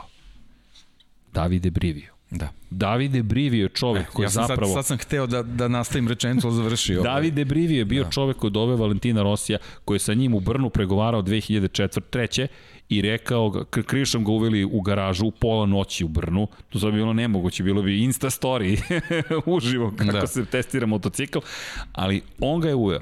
Brivio je bio instrumentalna ličnost u pregovorima s Valentinom Rosijem. Brivio je sa njim otišao u Ducati. Brivio je kada se vratio Yamahu rekao ne, mislim da je tu Yamaha rekla on ne. I Brivio je otišao u Suzuki i stvorio sada to okruženje u kojem se dva vozača ne vole, ali se poštuju. Ne, mislim, ali se poštuju. ne vole možda, možda, možda jaka reč. Jaka reč, nego oni jednostavno nisu u životima jedan drugog. Ili drugog, tako je. Tako nisu, je. Uopšte, nisu uopšte u toj priči, jednostavno to ih ne zanima, ali zato ti na stazi, ono što je najvažnije, imaš dva momka koji svakom trenutku pružaju maksimum, pritom apsolutno ne ugrožavaju jedan drugog. Da li je uh, Rins pogrešio uh, u promjeni stepena prenosa, da li je možda mogao da proba očajnički da zatvori prolaz Miru, verovatno je mogao, ali jednostavno mi ni jednog trenutka čitave sezone i prethodne godine nismo videli neku situaciju da njih dvojica nešto ozbiljno ugrožavaju jedan drugog. I to je ono što, su, što je Suzuki potrebno i to je ono što mi vidimo sa svim ovim podijumima. I to je ono što je postigao Davide Brivio, tako, i znači, moje mišljenje. Pogleda se pogleda se nastup uh, Suzuki-a i onda pogledaš nastup Yamaha. Znači pričamo o fabričkoj ekipi Yamaha bez, bez Petronas. I sad ostaješ bez Vilka Zilenberga koji bi mogao da izvuče taj maksimum iz Fabio Quartarara, a Valentino Rossi odlazi u taj tim Petronasa. To, to je za mene fascinantno i mislim da će Quartararo nažalost lošije proći u cijeloj priči, što me dovodi izvinji i do Vinjalesa. Vinjalesova priča je takođe povezana sa Davidom Brivijem. Brivio ga je doveo u Suzuki, dao mu je projekat, pobedio je jednom 2016. u Silverstonu, sećam se te trke, sećam se da sam pred početak trke pričao sa Džankim i da smo se obojica gledali i pričali i rekli Vinjales. Uh, Brivio je imao plan za Vinjales, Jeste. to se sad vidi. Jeste. Znači, Joan Mir u ovoj priči je, eto, nasledio se, da. tu poziciju. Gde, gde je opet neko imao sjajan nos da upravo njega izabere da se nađe na ovoj poziciji, kao što je vjerojatno neko imao nosa za Vinjalesa. I mislim da su se e, odrekli... sad, zašto je Maverick to uradio, šta je uradio, mislim, na kraju krajeva, znaš kako, u tom trenutku poziv Yamahe, to smo već pričali. Ko odbija? Ako te pozove Yamaha, te pozove Repsol Honda, kako, kako može to da odbiješ? Ko to odbija? Da. Ja ne vidim da bi iko ne, to ne, ne može da se on krivi tu, ali jednostavno to su te neke stvari gde, gde ti ovaj, bukvalno svoju karijeru u jednom trenutku usmeriš na ovu ili na onu stranu. Ali moram ti reći da bi trebalo da se pozabavimo menadžmentom. Dakle, to, to je, sećam se te izjave da smo rekli, ne, ne, ovo je greška. Vinjale Suzuki, Rossi Yamaha, kogod da je tu, dakle Lorenzo u tom trenutku još uvek figurirao, dakle da je ostali Rossi, dakle ostaje, Lorenzo odlazi u Ducati zapravo i Marquez naravno Honda. Suština je mnogo ekipa na vrhunskom nivou Moto Grand Prix-u, kao što je mnogo ekipa u Formuli 1. Jako je teško da ti možeš toliko kvalitetnog kadra da, hmm. da delegiraš, da imaš, da imaš na tom nivou kvalitetne ekipe koje mogu da pariraju jedan drugom i to se sad u ovom modernom automotosportu vidi u Formuli 1 i u Moto Grand Prix koliko znači jedan, jedan kvalitetan vođa tima koji sad odlazi u Petronas, na primjer. Rossi je i dalje posmatran kao jedan koji je mogao da se meri sa menadžmentom Yamaha, ali njegovi rezultati prosto nisu bili dovoljno dobri, ali to sad opet geneza tih rezultata. Međutim, Brivio koliko meni tu interesantno, zapravo koliko su mi šefovi timovi interesantni, što me dovodi do dve stvari. Prvo, Brivio je bio spreman da iseče Andreju Janonea, i da kaže ovaj uticaj, ja ne mislim da je zbog vozačkih kvaliteta Janone dobio otkaz u Suzukiju.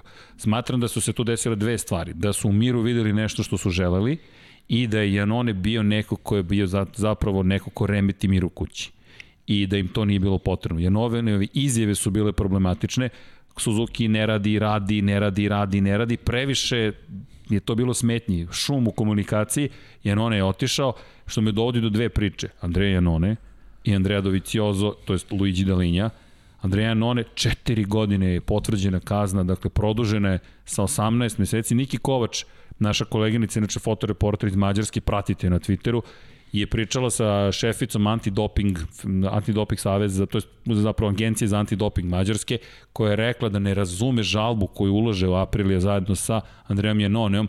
Obično se žalba završi tako što se poveća kazna. Da. I to se upravo desilo Andreju Janoneu sa 18 na 48 meseci produžena kazna zbog dopinga, to jest korišćenja ne, ne substance koja poboljšava performanse. Drostanolon, to je, to je anabolički steroid. Anabolički steroid uh, u svetu sporta služi za povećanje psihofizičkih uh, parametara. I to je ozbiljna, ozbiljna stvar. Ovaj, pri tom Andreja Janone ni na koji način Oni su tvrdili da je on uneo to kroz zaraženo meso ili već kako god, nije zaraženo. Ne, ne da namerno, za, da, zapravo, da, namerni unos. A, nijednog trenutka a, nisu a, doneli dokaz koja vrsta mesa je u pitanju i kad je on konzumirao to meso. Nikakav konkretan dokaz nisu pružili.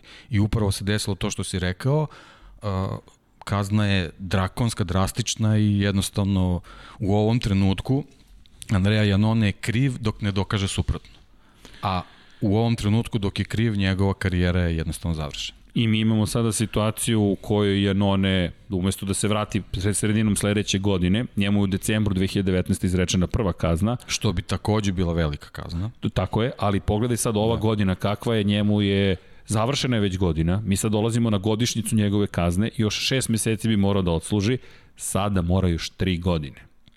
Da, do 2022. Ako već pričamo o svetskoj antidoping agenciji koja je uključena, Vlada, tako je. uključena u čitavu priču, upravo ovih dana se desilo, ti ja smo se dopisivali, yes. Mamadou Sakho, francuski futbaler, Uh, suočio se sa problemima 2016. takođe bio suspendovan zbog dopinga uh, s tim što je što je obelodanjeno da je to bila mnogo blaža varijanta u smislu da on unosio substance koji su bile vezane za, za neki fitness, to jest substance koje se nalaze u preparatima za smanjenje telesne težine. Uh, uh, on je substancu uneo 2016. A, a, a substance za koje je optužen uh, su 2017. tek došle na listu. Uh, On je na osnovu toga pokrenuo postupak, a umeđu vremenu izgubio je mesto u futbolskom klubu Liverpool, koji znamo šta je sve uradio u vremenu posle. Tako je. osvojio ligu izgubio, šampiona. Izgubio svoju poziciju u francuskoj nacionalnoj selekciji koja je umeđu vremenu postala svetski šampion. Znači, to su ogromni, ogromni... Za njega lični gubici. Lični gubici i, i, i, i Vada je prošle, uh, u stvari ne prošle nedelje, pre nekoliko dana bukvalno se sve događalo kada je on, uh, priznali su grešku. Javno su se izvinili Mamadou Sako i, i platit ćemo oštetu od, od, od, u iznosu od 13 miliona funti kao neku kompenzaciju za praktično uništenu karijeru. Mislim da se razumemo, Mamadou Sakho uh, i dalje je ovaj, aktivan futbaler, sve, ovaj, sve, sve teče po, u, u nekom određenom ritmu, ali on je izgubio neke svoje pozicije, svoj rating i ono što je najvažnije, svetska agencija je priznala grešku. Znači, verovatno se veoma studiozno radi. Znači, ovaj slučaj traje od četiri godine. Tako da, Andreja Janone, ako zaista ima neke dokaze da nije kriv za to što je uradio, on bi, on, on, on bi trebao na sve raspoložive način da se bori da dokaže da, da nije kriv. Ali ja se plašim jednostavno s obzirom na, na težinu ovaj, substanci koju uneo zaista zaista ovaj ne ne vidim ja neki, ne vidim neki da pravi izlaz da evo da. iskreno dakle koliko god bih voleo da ja da kažem, kažem anabolički steroid je to je ozbiljna ozbiljna stvar ono što smo mogli da vidimo kroz ceo slučaj je prosto redosled pogrešnih poteza povučenih i njegova Tako. karijera de facto je završena. Tako. Nažalost, ali mi pre sad pričamo o čoveku koga zovemo manijak i bojim se da je to, bukvalno se bojim da je to kraj karijere. A njegovo mesto je već vrlo traženo, što nas dovodi opet i do Andreja Dovicioze. Doviciozo, koliko nam je sati, dakle, imamo još 12, 12. minuta, u, morat ćemo da se ubrzamo da bismo došli a, do Rosije. A Moto 2, Moto 3. Moto 3, o, izvinite, ali mi volimo da pričamo o Moto Grand Prix-u. To ćemo dakle, posle Rosije. Da, da, to ćemo posle Rosije, ali da. brzo. A, a, možemo li, Vanja, ako... Možeš da se držiš na ovom kadru, nekako. Andrea Doviciozo. Odlazi čovek u, po mom mišljenju, ne znam kada li se slažeš, u penziju. Sledeće godine kaže propuštam Moto Grand Prix, imam ponude da testiram, ali ću se vratiti. Ja moram reći da to veoma teško. Poslednji primjer Sledeće godine inače se u Formula 1 vraća Fernando Alonso posle duže pauze. Kimi Raikkonen se vratio posle duže pauze, koliko toliko uspešno. Ali jedini koji je osvojio titulu posle pauze, da se ja svećam Alan Prost, koji se vratio pritom u najjaču ekipu u šampionatu sveta u to vreme Williams Serrano 1993. godine. Doviciozo odlazi, Ovo je meni kadar prošla godina. Danilo Petrući je ovde uspeo da se probije. Ulazu San Donato, Mugello, prva krivina i Andrea Doviciozo koji je u sredini, možda i slika koja opisuje u velikoj meri njegovu karijeru. Pobedio je Marka Markeza tog dana, ali se pojavio Danilo Petrući, uleteo jednog i u drugog i zapravo ih obojicu pobedio samo tog dana. I to je bilo to do ove godine velike nagrade Francuske. Dovi nekako večiti drugi Ima tu još fotografija koja opisuje njegovu karijeru, ali radi se o svetskom šampionu iz 2004. godine 125 kubika, bogata karijera, 15 pobjeda u Moto Grand Prix, slično Daniju Pedrosi, Dani imao još više pobjeda, ali govorimo o Dan inače 54 ukupno imao pobede, dakle u karijeri, kada govorimo o konkretno kada govorimo o Andreju Doviciozu, Andreja nije došao do tih visina, ali 24 pobjede u karijeri, od kojih 15 u najčoj kategoriji, I ta jedna titula, žao mi je što odlazi, moram ti priznati. Pa, znaš kako, on je trostruki vice šampion uzastopni. Ova sezona, kako je krenula da se razvija, svi smo se nadali da, da može da bude kruna neke njegove karijere. Nažalost, nije se desilo iz razno raznih razloga sad da se, da se ne vraćamo na to, ali jednostavno vidi se što zbog neke njegove demotivisanosti. Ovaj, ne, ne znam kako bi drugačije to nazvao, što zbog te katastrofalne forme Ducatije koja je možda i dovela da on, da on bude tako ovaj, nezainteresovan. Da, ok, može, možemo to da nazovemo će biti jednogodišnja pauza, ali što se tiče povratka, ovaj, Mi već sledeće godine imamo Jorge Martina, Eneu Bastianinija, Luku Marinija, koliko još momaka čeka Joan na jako, na jako na malo mesta ovaj, koji, koji će biti slobodni, tako da njegov povratak uh, neće da zavisi samo od njegove odluke, ja se plašim. Tako da, ovaj, a mi imamo čitavu sezonu ovaj, pred nama gde, gde ko zna ko još može sve da ispliva i da, da konkuriše za ta mesta za koje se on nada da će biti slobodna. Tako da, posebno imajući ovaj neki taj njegov nenametljiv stav zaista nisam siguran kako će da, da se izbori za poziciju 2022. u nekoj novoj Moto Grand Prix priči. Da, meni je... Meni je žao, ali... Ali ja mislim da je ovo bukvalno kraj karijere. Jedino što daje neku nadu je Massimo Rivola. Vanja, možemo još neke fotografije da pustimo, molim te. Uspeo sam da Ovo je, ovo je moment kada zabeleže pobedu protiv Marka Markeza. Massimo Rivola je veoma važan za oni koji slušaju. Ovo je moment kada gledamo Dovije kako onako ljutito pokazuje pobeda.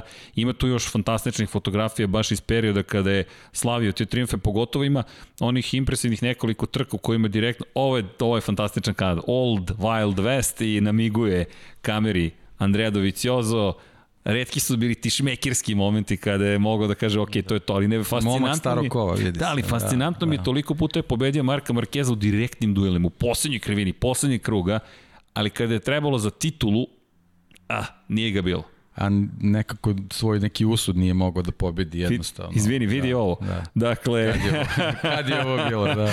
Andreja Janone, da, da. za oni koji ne gleda, koji Andreja Doviciozo, izvinite, sa Scott Hondom. Inače bio je Hondin čovek od uvek I pa pogledaj koliko je telo, kaciga glava, koliko je mali motocikl u suštini. Kada se vratiš u te godine 125 kubika, ima fenomenalnih kadrova kada je izabeležio tu, kada je došao do te šampionske titule. Evo, ovo je fascinantno, ovo je Katar. Dakle, ovo na pamet možemo da vam kažemo Katar, noćna trka jedina. Scott Honda, početak njegove karijere, četvrto mesto u trci, ispred Valentina Rosija koji je baš vozio prvi put na Bridgestone gumama i završio na petoj poziciji. To je početak Bridgestonove ere za Valentina Rosija. Prešao je na Bridgestonove zato što je 2007. Casey Stoner toliko bio upečatljiv u tome kako je savladao Ducati i Bridgestone gume da je rekao ne ne, ja prelazim Bridgestone. Ovo je moment kada e, ovako, Doviciozo... Ovako izgleda motivisan Andreja Doviciozo. U debitantskoj trci da je pobedio Valentina Rosija. I rekao je, ljudi, ja sam, Scott Honda je slavila to četvrto mesto kao da je pobeda. I kasnije našao mesto u Repsolu Jeste. sa, sa Stonerom i, Jeste. i Pedrosom. I do, Pedrosom. Da. Ima i tu nekoliko zanimljivih fotografija. Ovo iz peri, ovo je baš kada je osvojio titulu. Dakle, eto malo da se setimo broja 34 u to vreme. Dakle, ne zamerite dok smo ustanovili neke stvari. Campione del Mondo, mladi Doviciozo, fenomenalno. I ovo je, dakle, pobeda sa ovogodišnje trke za veliku nagradu Austrije. Njegova staza, da. Njegova staza. Evo, da sjajan ti kadar se nastavlja. Dakle, moment kada Marquez pokušava da se vrati, da ga pobedi, ali nije mogao. I triumf, prvi od njihovih velikih duela u poslednjoj krivini poslednjeg kruga. Šta nam donosi MotoGP? Pa eto to. I pogledajte ovu, ovu fotografiju. Dakle, Andrea Dovicioza u Repsolovim bojama, njegova prva pobeda sve do pre tri godine kada je počeo ponovo da pobeđuje na Ducatiju. Velika nagrada Doning, Velike Britanije, prosti u Doningtonu, kada je po kiši zabeležio tu pobedu, pobedio Texas Tornada, a ovo je u bojama Yamahi. Jedna sezona u Yamahi, Casey Stoner iza njega, dakle Stoner je pobedio na Hondi, ljudi, on nije bilo koji vozač, ali pogledaj opet te priče, opet pobeđujem u trci, pobedim velikane, ali nemam konstantnost na teh tri Yamahi, dakle, Obrnuo smo krug, dakle, makar da. jedan za Andreju Dovicioza zaslužio. Jeste. Zaista je zaslužio. Jeste. Zaista je zaslužio. Moramo stvarno, mislim, moramo da kažem, zaista nije imao sreće u poslednjih nekoliko sezona. Nije. Ovaj, na, ne, na neke jako čudne načine ostaju bez bodova koje su mu kasnije nedostali da osvoji tu titulu koju je toliko čekao, ali eto, nažalost, i ove godine se pokazao, on nije osoba koja će juriti titulu i to je jednostavno Ne, ti si tako. savršeno opisao, ja se stalno vraćam na tebe i citiram te, Nažalost, ti, kako da. si izjavu dao, titula Juri njega. Nažalost. I njoj je pobegao. Da, da uspe, Nije da. mogao, ali da, nedostaje će mi zaista. je titulu tako što otišu ovaj, na pauzu. da. Neće se to je to desiti. Da. Dobro, tu je, tu je Gigi Dalinja uradio veliki posao. Dalinja je bio pobornik druge filozofije Dalinja. Dalinja voli agresivne vozače. Dalinja, nemojte zaboraviti, u aprili sarađivao sa jednim Jorgeom Lorenzo. Njegov stil vozača je potpuno drugačiji tip. Zašto je želeo Lorenzo Ducati? To je Dalinja želeo je baš ta agresivnost, ta super agresivnost koju donose, super agresivan Doviciozo nije, nije super agresivan ni Fabio. Fabio je, Fabio je ne zamerite, ortak. Dakle, on će se postavljati sa svojim mehaničarima, to je žurka u garaži. I to je super u Petronasu. To je cool, možda i u Suzukiju ali u jednoj Yamahi koja je korporativna veoma, vrlo teško. Čak i u Repsol Hondi ne verujem da bi se baš našao. Mislim da to takođe nije kultura koja, koja njemu odgovara. A odatle smo krenuli, dakle, eto, Gigi Pa, ono, rad, red, disciplina, vidjet ćemo jednostavno. Tako ovaj, je. Sad, o, ovaj finiš sezone će možda ovaj, na, na neki negativni, ali pozitivan način da utiče na njega, da, da, da malo sazri, da malo odraste jednostavno vidjet ćemo, možda, možda dobijemo nekog drugačijeg Fabija Kvartarara sledeće sezone koji će ostati jednako brz, ali, ali mnogo zreliji. Da te pitam ko će voziti za Apriliju sledeće e, godine. Imamo četiri minuta da odgovorimo da, na to da, da. pitanje, obećali da, smo da, 21.00 da. da krećemo. Ne, ne znam, ne, ne znam, ne bih se, ne bih se usudio ovaj da komentarišem pre svega zato što smo videli da oni da, da, da su oni isto jedna ekipa koja postavlja dobre osnove za ozbiljan rad. Tako da ovaj, mislim da će dobro odmeriti i da će to biti onako jedna, jedna odluka koja će nam se svideti. Ali vidjet ćemo. Mislim, ima tu kandidata ovaj, zbog, zbog same veličine kompanije koja stoji iz, iza čitavog projekta, ne verujem da će tu sad neki sponzorski paket biti pretarano bitan, ovaj, ali, ali će verovatno igrati ulogu, posebno zbog, zbog ove čitave situacije, ali mislim da je njima ključno da to bude kombinacija iskustva i brzine. Vidi, Jorge Lorenzo se spominje. Da. I Lorenzo je na Instagramu stavio poruku, možda ćete me gledati i paduku cele sledeće godine. Ja ne smem ni da zamislim da Lorenzo u formi, u formi, činjenica, svi mu sada zameraju imaš 5 kg više, ali rekao, ali ljudi imao sam plan, dakle odustao sam od mog plana. Lorenzo, ako se nameri, dakle ponovo, da. ja verujem da bi bio ozbiljno pojačanje Aprili, znamo svi da bi bio, ali Lorenzo je s tom Aprilijom osvojio titule. Dakle, gledali smo sada da je Doviciozo Hondin čovek, koga nije mogao Doviciozo da pobedi nikada Šta ti je ironija opet, u 250 kubika. On je samo u 125 uspeo da nadigra Lorenza i Stonera dok su se oni i, da, i, i dok su zapravo Dani Pedrosi i Jorge Lorenzo su se prezirali. Ljudi, to je bio prezir. Njih je kralj Juan Carlos morao da natera da se rukuju. Ne veliko nagli Španije, da. čuvena scena, ajde momci, rukujte se. Dakle, kralj Španije te tera da se rukuješ. Oni su prvi i drugi u Španiji, stoje ovako jedan pored drugog i govore, ma kakav, neću da ga konstatujem. Ne da mu čestitam, ne konstatujem ga. I Juan Carlos ih tera, kaže, ajde momci, rukujte se. Ljuti rivali, bukvalno ljuti rivali vreme, vreme čini svoje, dakle više nisu posle toga bili takvi rivali, Doviciozo i Stonera i njih dvojica pobedio 120 kubika, neko tiho, oni su se svađali, Dovi iskoristili svoje prilike i završio posao, došli 250-ice, Lorenzo tamo je bio nezaustavljiv, dve titule za redom, i došao u Moto Grand Prix Lorenzo, stigao je Doviciozo, potpuno drugačije karijere. Spominje se Marko Beceki, Luka Marini već potpisao ugovor, ne zaboravimo, za Avintiju, dakle to je potvrđeno ovog vikenda. Luka Marini odlazi u Avintiju, bit će sa Eneom Bastianinijem i to nas dovodi na brzih Moto2. Da, dakle... Da, to je samo, samo taj trenutak sa Vintijom vezano za svu ovu našu priču, to će za njih biti veliko, veliko iskušenje sledeće sezone da vidimo kako će ta ekipa sad uspeti da se postavi. Da, imaš Bastianinija, da. imaš različite sponzore, pazi, Bastianini ima veze sa Leopardom, Skyver 46 je sa druge strane koji ima veze sa Monsterom, da. tako da ima tu mnogo zainteresovanih strana. Leopard koji juri svoj ulaz u Moto Grand Prix, Skyver 46 juri svoj ulaz u Moto Grand Grand Prix, da li će sa Suzukijem, da li će sa Aprilijom možda, da li će Ital sa Trans je već tu. Tako je, koji nije da, mali. Nije mali. Nije mali, Ital Trans je ogroman. Pogledajte samo kombinezone raznih vozača, vidjet ćete ovaj, ko radi logistiku. Da, da. Polovini grida, da. Ital Trans ima, da. ima neke veze, da, Ital da. Trans.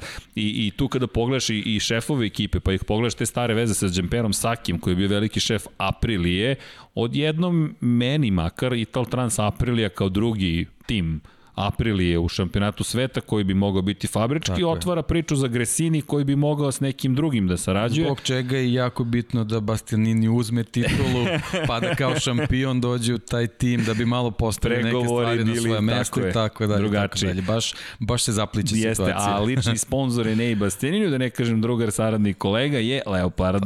Pa, pa sad, kojem se carstvo pa da, privodi? Pa da ali vidimo, rekao da. si slatke muke. Jeste, jeste. Dakle, slatke jeste, ali, ali veliko iskušenje eto. Ali treći tim Ducati, ali ali ništa manje ja, ne bi moglo. da će oči biti ovo posebno te neke uvodne trke u njih dvojicu onako ozbiljno. Ok, sada 21.00 je i morat ćemo Moto dvojke i Moto trojke preselimo posle ove priče o Rosiju. A kada će da se završi ova priča o Rosiju, ja ne znam.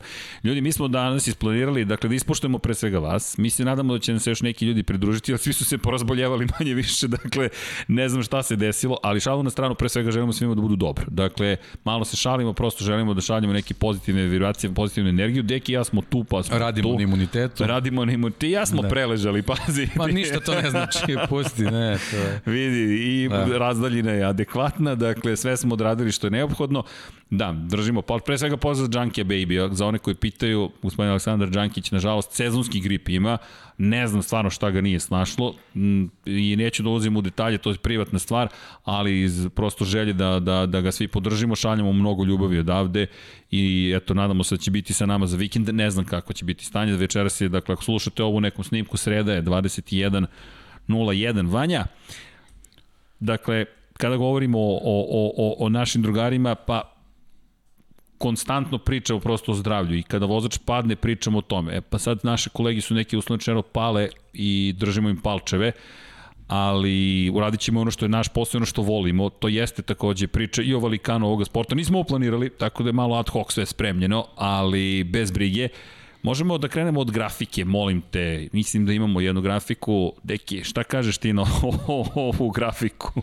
Pa ništa, pogledaš imena i, i ne moraš ništa da I završiš kažeš, da. emisiju da. i kažeš ne mi moraš bi, ništa da kažeš. Više vas da. ne bismo uznemiravali. Dakle, Giacomo Agostini 122 pobede u istoriji svetskog, svetskih prvenstava. Valentino Rossi 115, Angel Nieto 90 i Mark Marquez 82. 82. Izdvojili smo Rosija i Markeza posebnim bojama, M su njihove boje, M su aktivni vozači, dakle govorimo o aktivnim vozačima, potpuno neverovatno. Valentino Rossi, 115 pobjeda, deki, pričamo često i ovo i lični moment. Se sećaš kada si prvi put čuo za, za, za Valentina Rossi? Kada si uopšte prvi put obratio pažnju na njega? Pa, uh moje onako baš praćenje naravno ovo je vezano je pre svega profesionalno za, za, za posao je trenutak kad je došao u svetski šampionat ovo što je bilo 1996. to je bilo jako jako davno, da. Ovaj i on je nekako od od od tog prvog pojavljivanja je nekako ovaj privlačio pažnju što što zbog svog nastupa, što zbog zbog svojih ovaj rezultata. Nekako se bukvalno od prvog trenutka, mislim sad stvarno je jako daleko bilo da mogu da se setim nekih detalja, ali ali zaista je onako od prvog trenutka privlačio privlačio pažnju da ti uh, ovaj te trke nižih kategorija pratiš možda sa većom pažnjom nego što si što si do, do tad radio. Ovaj to je neki moj tako prvi utisak vezan ovaj za za Valentina Rosija. 96. godina. Dakle, ti i ja smo manje više nekako ta generacija novinarska, ajde da tako kažem. Ja sam 1995. počeo da radim u sportskom žurnalu. Moram ti reći da sam rešio da iskopam arhivu tih tekstova imam tvoje tekstove zahvaljujući tebi koje si doneo, dakle koje sam pisao u okviru najave šampionata sveta Moto Grand Prix klase, koja opet ima veze sa sa istorijom Valentina Rosija. 1995. dobio sam zadatak da počnem da pratim svetsko prvenstvo i Mick Duan je tada dominirao, dakle, svetskim prvenstvom. To je početak njegove dominacije. Znam da sam se zaljubio instant u sport. Formula 1 sam već pratio. Dobio sam bukvalno zadatak. Dakle, govorimo o, o, o, o Miodragu Simonoviću, mom glavnom odgovoru u sportskom žurnalu, koji je rekao, mali, ajde ti da pišeš moto trke, svetsko prvenstvo motociklizmu, pišeš o Formuli 1. Ok, ja sam tada imao 19 godina, rekao, dobro, to je zadatak. Kao što si rekao, dobiješ zadatak, sedneš i to je bila magija. To je bio kraj, to je da. ljubav bila za sva vremena. 95. to je polovinu sezone, ja sam počeo da radim posle srednje škole, završio sam, da se vršio sam. o da, izašao iz srednje škole. Vanja, jesi se rodio 95. Nije, to je odgovor. Dakle, 95. završio srednju i počeo da radim u sportskom žurnalu. Dolazi 96. godina i sada već se ozbiljnije spremam. 125, 250, 500 kubika. To je period kada dominiraju neki japanski vozači. A nema mnogo izvora. Nema, ne da nema mnogo izvora. E, to je, ovo je... To je jako bitna ček, stvar. Ovo kad je stiglo, Dakle, ovo gledate sada, FIM MotoGP Results, to se tada nije tako zvalo, i to vam je knjiga u kojoj bukvalno piše vodič od 1949. do 2018. Dakle, ovo je prošlogodišnji, ja za da, ovu godinu... Da, to je novo izdanje. Da. da, ovo je jedno novih, nije nam stigao. I onda to dobijete i vrtite trku po trku. I gledate, ako otvorite, evo, sticam, pazi, pazi ovo, je jun 1995. Pa ne, molim vas, kakav David Copperfield, molim vas, Lab 76, dakle, otvorio sam jun 1995. Počeci karijere i tvoje ime, moje na neki način, i odeš i kažeš velika nagrada Francuske, 9. jul, pobjednik Haručika Aoki. Dirk Raud iz pozicije 2 i gospodin Etel stari, Peter Etel na poziciji broj 3. Fantazija Honda, Honda, Aprilia, to su bili pobednici. Elem, to je sad 95. Dođe ta neka 1996. i ti počneš da pratiš. I pojavi se neki klinci Ivan Goj i Valentino Rossi, saznaš da su oni iz Evrope, izašli iz evropskog šampionata i italijanskog šampionata i to je sve što znaš o njima. Apsolutno ne znaš ništa drugo, ali Vanja, da li možeš da nam baciš jedan od kadrova, ja mislim sa početka Rosijeve karijere, koji će možda sjajno opisati zapravo Valentino Rossi zašto je počeo da privlači toliko pažnje. Inače, na kraju te godine Valentino Rossi bio deveti u šampionatu sveta. Dakle, u debitanskoj sezoni. Ovo je moment kada slavi 70 godina. Može i to. E, to. Dakle, ovo vam je jedan od prvih motocikala Valentina Rosija. Žuta u svetskom boja. šampionatu. U svetskom šampionatu. Svetskom šampionatu. da, da, da, izvini, u svetskom šampionatu. Dakle, govorimo o Apriliji. Inače, imao je podršku. Broj 46 je izabrao, zahvaljujući činjenici da je moj otac Graciano, dakle, Graciano, voz koristio broj 46 i on je to izabrao. Dakle, to je potpuno ne, neverovatna jedna priča. Broj 46 koji u tom momentu ne znači previše. Jednostavno to je neki broj 46. Danas ne možeš da ne kažeš broj 46 da ne znaš ko je ovaj čovjek. Deveta pozicija u šampionatu sveta, Valentino Rossi ima na kraju godine 113, 111 poena. Poen više od drugog mladog italijana Ivana Gojija. I Ivan Goji ako pogledate statistiku, je zapravo čovek koji je te godine pobedio u Austriji ispred Dirka Raudiza i Valentina Rosija. Na sledećoj trci osveta italijanska, dakle svom drugaru iz Italije, Češka republika, velika nagrada Češke Brno, pobjeda broj 1, ispred meni neverovatne činjenice Jorgea Martineza Aspara. Aspara. dakle, čekaj, to je čovek koji je pobedio Jorgea Martineza Aspara. Za one koji ne znaju, Jorge Martinez Aspara je jedan od najvećih jedan legendarnih šampion, šampanskih šampiona. Čovek, poslednji čovek koji je osvojio titulu u dve kategorije iste godine, 1988. 80 i 125 kubika, danas veliki šef Jorge, ekipe Jorge Martinez za Spara, za koje vozi Albert Arenas koji se bori za titulu šampiona sveta u Moto Trojci. Stefano Nepa je tamo, odlazi Arenas sledeće godine tamo. Aron Kane, Hafiz Šarin vozi za Spara i Aspar je bio u Moto Grand Prix i svog gde bio. Inače, Rossi i Jorge Martinez za Spar su hteli da se tuku, Angel Nieto je bio šef ekipe Jorge Martinez da Spara. I, i, I to je potpuno neverovatno. Dakle, ti gledaš čoveka, 96. neki klinac je kao ok. Međutim, ima tu jedan kadar vanja, šareni su motocikli, dakle, gde piše Rossi Fumi na, na njegovom motoru. Zašto Rossi Fumi? Norifume Abe, za one koji ne znaju, je bio kultna ličnost iz perspektive Valentina Rosija, ovo nam je slide show, dakle, e, e, stani, stani. Ako možete ispred, iznad Bril i Aprilia Racing da pročitate, piše Rossi Fumi. Dakle, pre doktor. pre, pre doktora. Nije odmah da. bio doktor, to je bio, čekaj šta su to, to je srednja škola, to su neke osnovne studije. Otprilike. dakle, Rossi Fumi je njegov nadimak i taj neki klinac Rossi Fumi, ti kažeš čekaj, ajde počnemo da ga pratimo. To je 96. godina. I gledaš na sledećoj trci, ok, Gary McCoy ga pobeđuje, Valentino Rossi je peti, opet Japanci, Manako, McCoy, Sakata, tu se bore, a, a, a ok, Emilio Alzamora, ne zaboravimo, vozio je protiv Emilija Alzamore te godine i na kraju godine, Završava sezonu kao deveti. Međutim, početak 2097. godine.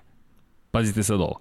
I pričali smo da ćemo pričati o Valentinu Rosiju. Dakle, Valentino Rossi ispred Sakate i Uede, Deki, o, šta si to izvadio?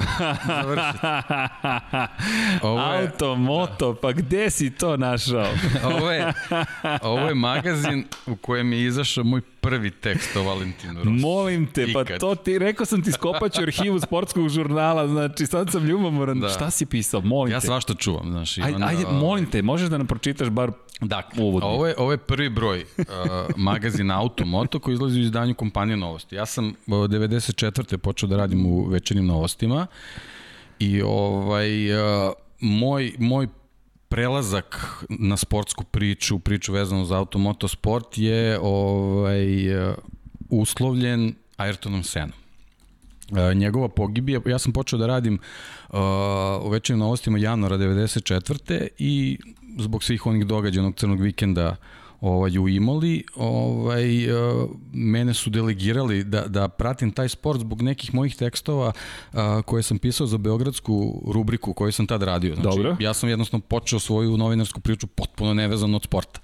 ovaj, uh, uh, i jednostavno u tom trenutku nisu imali ovaj uh, ko će tu temu da obrađuje ovaj u u sportskoj redakciji. Izvini, samo samo mm -hmm. samo da dodam. Dakle, ka, kako sam ja dobio Formulu 1? Čisto da razumete situaciju sa automotosportom. Niko nije hteo da radi Formulu 1. Niko nije hteo da, da radi. Da. Predrag Milinković, naš kolega, je otišao na RTS, RTS, RTS da. i niko neće da piše u Formuli 1. I mali, hoćeš, pošto sam ja rekao da volim Formulu 1, e mali, super, ti ćeš da radiš Formulu 1. Je li to bilo tako otprilike da, sa tobom? Da, s tim što izgleda da je jedan jako važan uslov, uslov da imaš konjski rep. Ako se sećaš peđe iz tog vremena, naći ćemo slike. Ovaj. tako sva trojica smo bili u tom fazonu. Ovaj, to izgleda bilo iz da. nekog da. razloga bitno. Mislim, pokušat ćemo da nađemo link, čekaj, zašto to ima neke veze. Čekaj, mogu da ovaj. napomenem dve stvari. Iza tebe se nalazi poster metalike. Dobro. Možemo da kažemo da nije slučajno. Možemo. Da, ok, i za tebe da. se nalazi, sad ne znam da li ćeš izgubiti ili dobiti na popularnosti zastava Liverpoola. pa mislim ko prati moje profile zna o čemu se da, you'll never walk alone da, moment da, da, da, ja da. tu toj priči slabo ako nije da, jasta da, da. lopta ne da, učestvujem da, da. u tom filmu ali ok dobro izvini i okay. dobiješ Elem. zadatak Elem da znači dešava se ovaj šta se desi sa nažalost ovaj tog maja u Imoli da. i ja na neku svoju inicijativu odem u brazilsku ambasadu napravim tamo reportažu upisivanje knjiga žalosti i sve to to nekako super prođe kroz moj, kod mojih urednika. Ja sam stalno imao tako te neke fazone da nešto radim bez pitanja i na moju sreću uvek je super prolazilo. Ovaj, I onda ovaj, kad se desio onaj završetak sezone u Adelaide, trebalo da se najavi poslednja trka, onda se desi ono šta se desilo, ovaj, Schumacher Hill, ono sudaranje i tako dalje. Ja, boga mi, uh, moje prva dva teksta u, u sportskoj redakciji večnih novosti su bila na po celoj strani. Imao sam dve cele strane vezane za Formulu 1.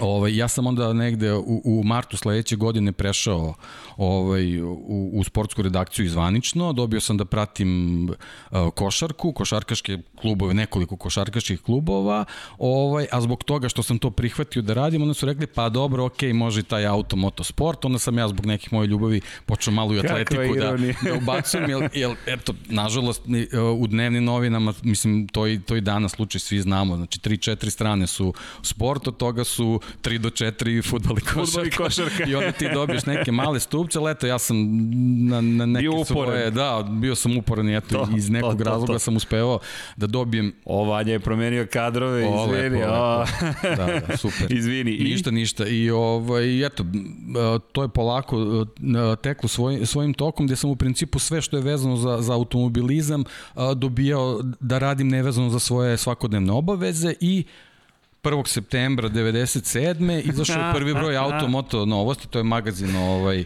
kompanije gde sam ja dobio ovaj, da, da radim taj automotosport kao sastavni deo naravno magazina. Naravno, automobilizam je bio pre, prioritet, ali ja sam uspevao da ubacim i motociklizam. I, I kao što si ti rekao, u principu vezan za onaj mainstream, uh, svi su znali za, za Mika Duana u tom trenutku. Naravno. Znači, Duan je u I tom ja, trenutku Duan je u tom trenutku bio ovaj, Schumacher jednostavno motociklizma. Svi su znali za njega u tom trenutku I ovaj tekst je a, napisan u trenutku, znači kad je izašao prvi broj, a, dvojica vozača su obezbedila titulu u svojim kategorijama.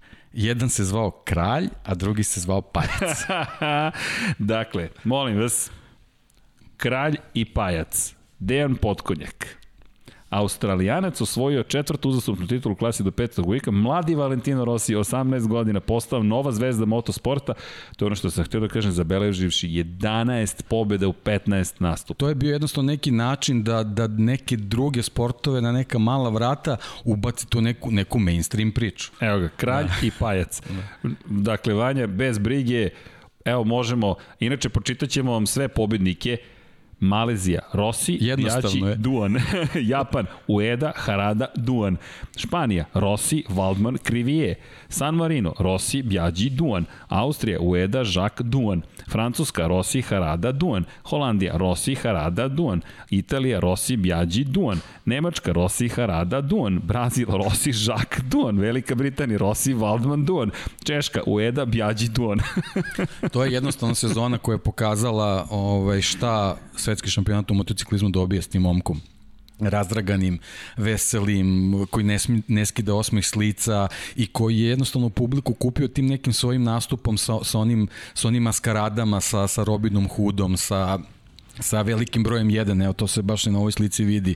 Ovaj njega je e, njega je napravio specijalno za priliku kao ovaj kad se osvoji ta prva prva titula, jednostavno on se pojavio u toj nekoj priči da smo imali onako nekako to su još uvijek bili onako tradicionalni vozači. Jednostavno, niko, niko od njih nije pružao spektakl u spektakularnim trkama.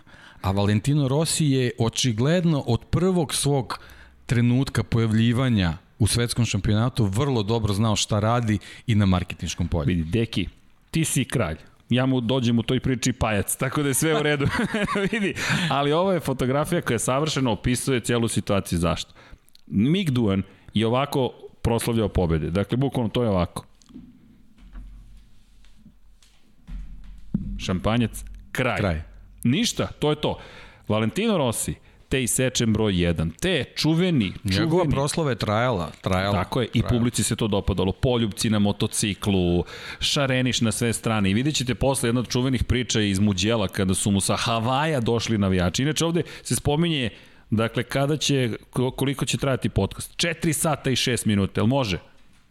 Što se meni tiče, nema problema. Dakle, ne, da li će nam gosti doći, ne znamo, bilo je najava, ali ljudi, čudno je ovo godina, dakle, ne znamo da li će se pojaviti ili neće, kako god, kako god pogledate, mi ćemo uživati, nadamo se da će vi s nama, inače vidim za Discord grupu, Pa evo, nadam se da ćemo, da ćemo, da ćemo, evo, napravit ćemo Discord grupu, ali ljudi, ne znam kako ćemo da postignemo sve, dakle, potrudit ćemo se, ali Deki, savršeno si napisao kralj i pajac i to je taj početak, i to sam baš teo da kažem, kada pogledaš ko je pobeđivao te godine, Rossi, Rossi, Rossi, Rossi, inače taj rekord iz 1997. godine i dan danas stoji.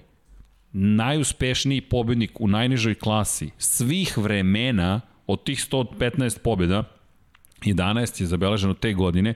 Najbliži koji su se približili tome, pazi sada ovo, su Mark Marquez 2010. godine I ajmo kad ste već tu, ko je još bio blizu 11. pobedi u Moto3 kategoriji, eto, dakle, da, da imate priliku na četu, pa recite ukoliko znate, ukoliko ne znate nekako možda podcast, sam početak podcasta nameće neke odgovore, ali nedavno se desilo. U svakom slučaju, zašto je postao deo istorije? Eto, zašto je postao deo istorije. Ali ja moram da odem u arhivu sportskog žurnala, ja nemam predstavu šta sam pisao čoveku, moram ti priznam. Mada 97. sam već otišao u politiku, pa je to Željko Rego da pokriva, pa sam to pratio na neki drugi način, pa posle si mi ti zvao da pišem za tebe, to deki, hvala. to je ta stara ekipa, pa smo svašta nešto pisali. Dakle, mir, mir, mir, mir, mir, Danny Kent, tako je, mir. Mir. Dakle, Joan Mir je prišao tome 10 pobjeda pre 3 godine, ljudi.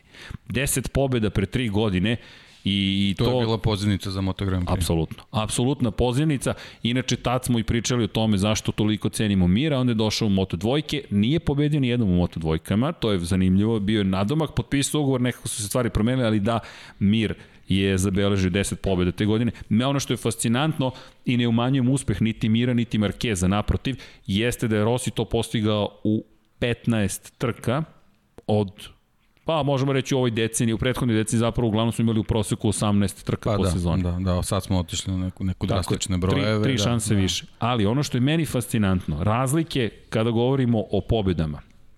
U prvoj trci 9 desetinki prednost koju je imao. U drugoj pobedi 3 desetinke prednosti. Ono što ga je tada krasilo je nešto što ga je učinilo toliko, toliko da kažem e, smrtonosnim, opasnim. Dakle, Italija Mugello. Pazi kako se karijera, kako možeš da naslutiš Mugello u 125 kubika. 3 sekundi prednosti. 3 sekunde prednosti ti imaš u 125 kubika. Zašto je posle bio kraj Muđela? Inače izgubio je u Austriji za 4000 dele sekunde da, protiv da, da, Uede. Da, Uede. To, da. Uede, to, to je da. čuvena trka, kako je to bilo neizvesno. Njih dvojica 6 sekundi su ostavili sve iza sebe, zatim Manaka u Francuskoj to ostavila, Castele. A, e, upravo to sad što si rekao, mislim sad kad kreneš da nabrijaš, sve, sve će ne, biti ne, tako, tako je. ovaj, to, je, to je taj neki spektakl koji on doneo sa sobom, gde su i ljudi koji su recimo pratili motocikl samo tako što su kraljevsku klasu pratili, Jeste. su počeli da se zanimaju i za neke niže kategorije gde su i organizatori samog takmičenja shvatili kakav potencijal se krije u tom momku, naravno, sponzori su odmah krenuli da, da, da se pojavljuju čitavu priču, mislim on je od, od samih početaka imao, ovaj, imao dobru zaleđenu, tako da ovaj, a, sve je bilo pokriveno njegovim velikim samopouzdanjem, pre svega zato što na tim motociklima stvarno izgledao Jeste. kao da se igra. Bukvalno je tako izgledalo. Znači, kao da, kao da se igra i kao da je uvek, uh, uvek spreman da, da, da, da, da, da ode i stepenicu više ako to ovaj, rivali uh, ovaj, zahtevaju od njega. I šta se tu otvorilo te 1997. Otvorila se bitka protiv Maksa Bjađija. Max Bjađi, moramo da spomenemo i to, Max Bjađi je veliki šampion. Četiri titule za redom da. u 250 da. kubika. U to vreme imali smo tri klase, 125, 250, 500 kubika. 125 se dvotakne, 250 se dvotakne, 500 se dvotakne. Ali, ljudi, to je kao eksponencijalna formula. Dakle, prosto vi govorite o, o, o, o nečemu što je, ma, ma, ma nije logaritamska. Dakle, sa 125 na 500, to je To je viš, veća razlika nego Moto Trojke, Moto Grand Prix, rekao bih. To je, to je bilo ne, nezamislivo šta su ti ljudi radili. Mnogo manje elektronike, drugačije se kontrolisalo proklizavanje, Big Bang, taj red paljenja, to se sećam i često spominjem, 83. kada su testirali ti jednu od prvih tih verzija NSR Honda, čuvene u 500 kubika, u šestom stepenu prenosa njega izbacuje motocikl na startnom ciljnom pravcu. U šestoj brzini ti odletiš high side, imaš na pravcu. To su nezahtevni motocikli, nemogući. I imali smo eksperte za 250 kubika. To je bio Max Bjađi. Tri titule napravili i njemu su govorili, pazi šta je istorija, i njemu su govorili ti pobeđuješ zato što si napravili. I Max Bjađi je rekao, zato što sam napravili, odoh ja na Hondu. I šta je uradio? Zabeležio pobedu. To jest osvojio titulu čuvene borbe protiv Ralfa Waldmana, mnogo mi je žao što Waldman više nije s nama, možda im, um, jedan od mojih omiljenih vozača, Waldman je bio duša od čoveka, zaista, mi smo vozili karting protiv njega pre, pre koliko, četiri godine u Barceloni. Dakle, to su nam monsterovci organizovali, dakle, u sklopu nekih van, da kažem, staznih aktivnosti. I znam da je za ekipu našu iz Slovenije, ne našu, naše kolege, prosto Pop TV-a, vozio Ralf Waldman kao deo njihove ekipe, vremešni Ralf Waldman, nažalost, preminuo od crčanog udara, ali pamtimo Ralfa Waldmana. I u tom periodu najveća italijanska zvezda nije bio Ivan Goj, nije bio Valentino Rossi, bio je Max Biaggi, rimski imperator. U Italiji sve novine su pisale o Maxu Biaggiju, Šta je uradio Rossi? Najavio je navodno Biaggi da će mu se predružiti Naomi Campbell. Nije se pojavila na tom vikendu u Italiji. Rossi je uzeo seksi lutku, plave kose i napisao pogrešno Klaudija Schaefer, ne Klaudija Schiffer, direktno implicirajući da, on, da je njemu supermodel došao u posetu i da on ima sa sobom supermodela. To je klinac od 18 godina koji direktno napada Maksa Bjađija. Max Bjađi u tom trenutku bio upravo to što si rekao. Znači bio je imperator, velika italijanska zvezda, četvorostruki uh, svetski šampion u nekoj nižoj kategoriji, znači za ljude koji direktno ne prate taj sport, on je znači bio čovek koji tek trebao da se popne na najvišu stepenicu, ali ono što je jako važno u tom trenutku i ono što je Max Bjađi i planirao da uradi kako bi jednostavno sebe vinu u stratosferu, Italija od Franka Unčinije nije imala svetskog šampiona. I Max Bjađi je trebao da bude taj prvi italijanski yes. svetski šampion. I onda se pojavlja neki klinac koji počne da ti, da ti meša karte i da ti remeti sve planove. I tako je u stvari verovatno i počeo taj duel između, između njih dvojice. To je duel koji je posle prerastao da. jednu od najvećih rivalstava svih vremena. A sve to, mislim, naravno sad gledamo iz ove perspektive, naravno. sve to što je Valentino Rossi radio, delovalo je kao neka šala, kao neko zezanje, ali očigledno da je bukvalno od prvog dana to sve bilo uh, smišljeno kao, kao jedna mala slagalica u, u, u jednoj velikoj puzli, to jest u jednom velikom projektu zvanom Valentino Rossi, koji eto tek tek u godinama koje su sledili smo stvari videli kako se to sve razvijalo i, i ovaj, kakve razmile je dobilo, ali naravno pre svega zbog njegovog ogromnog talenta. Pa, jel, jel, koji, koji nikada nije bio sporan.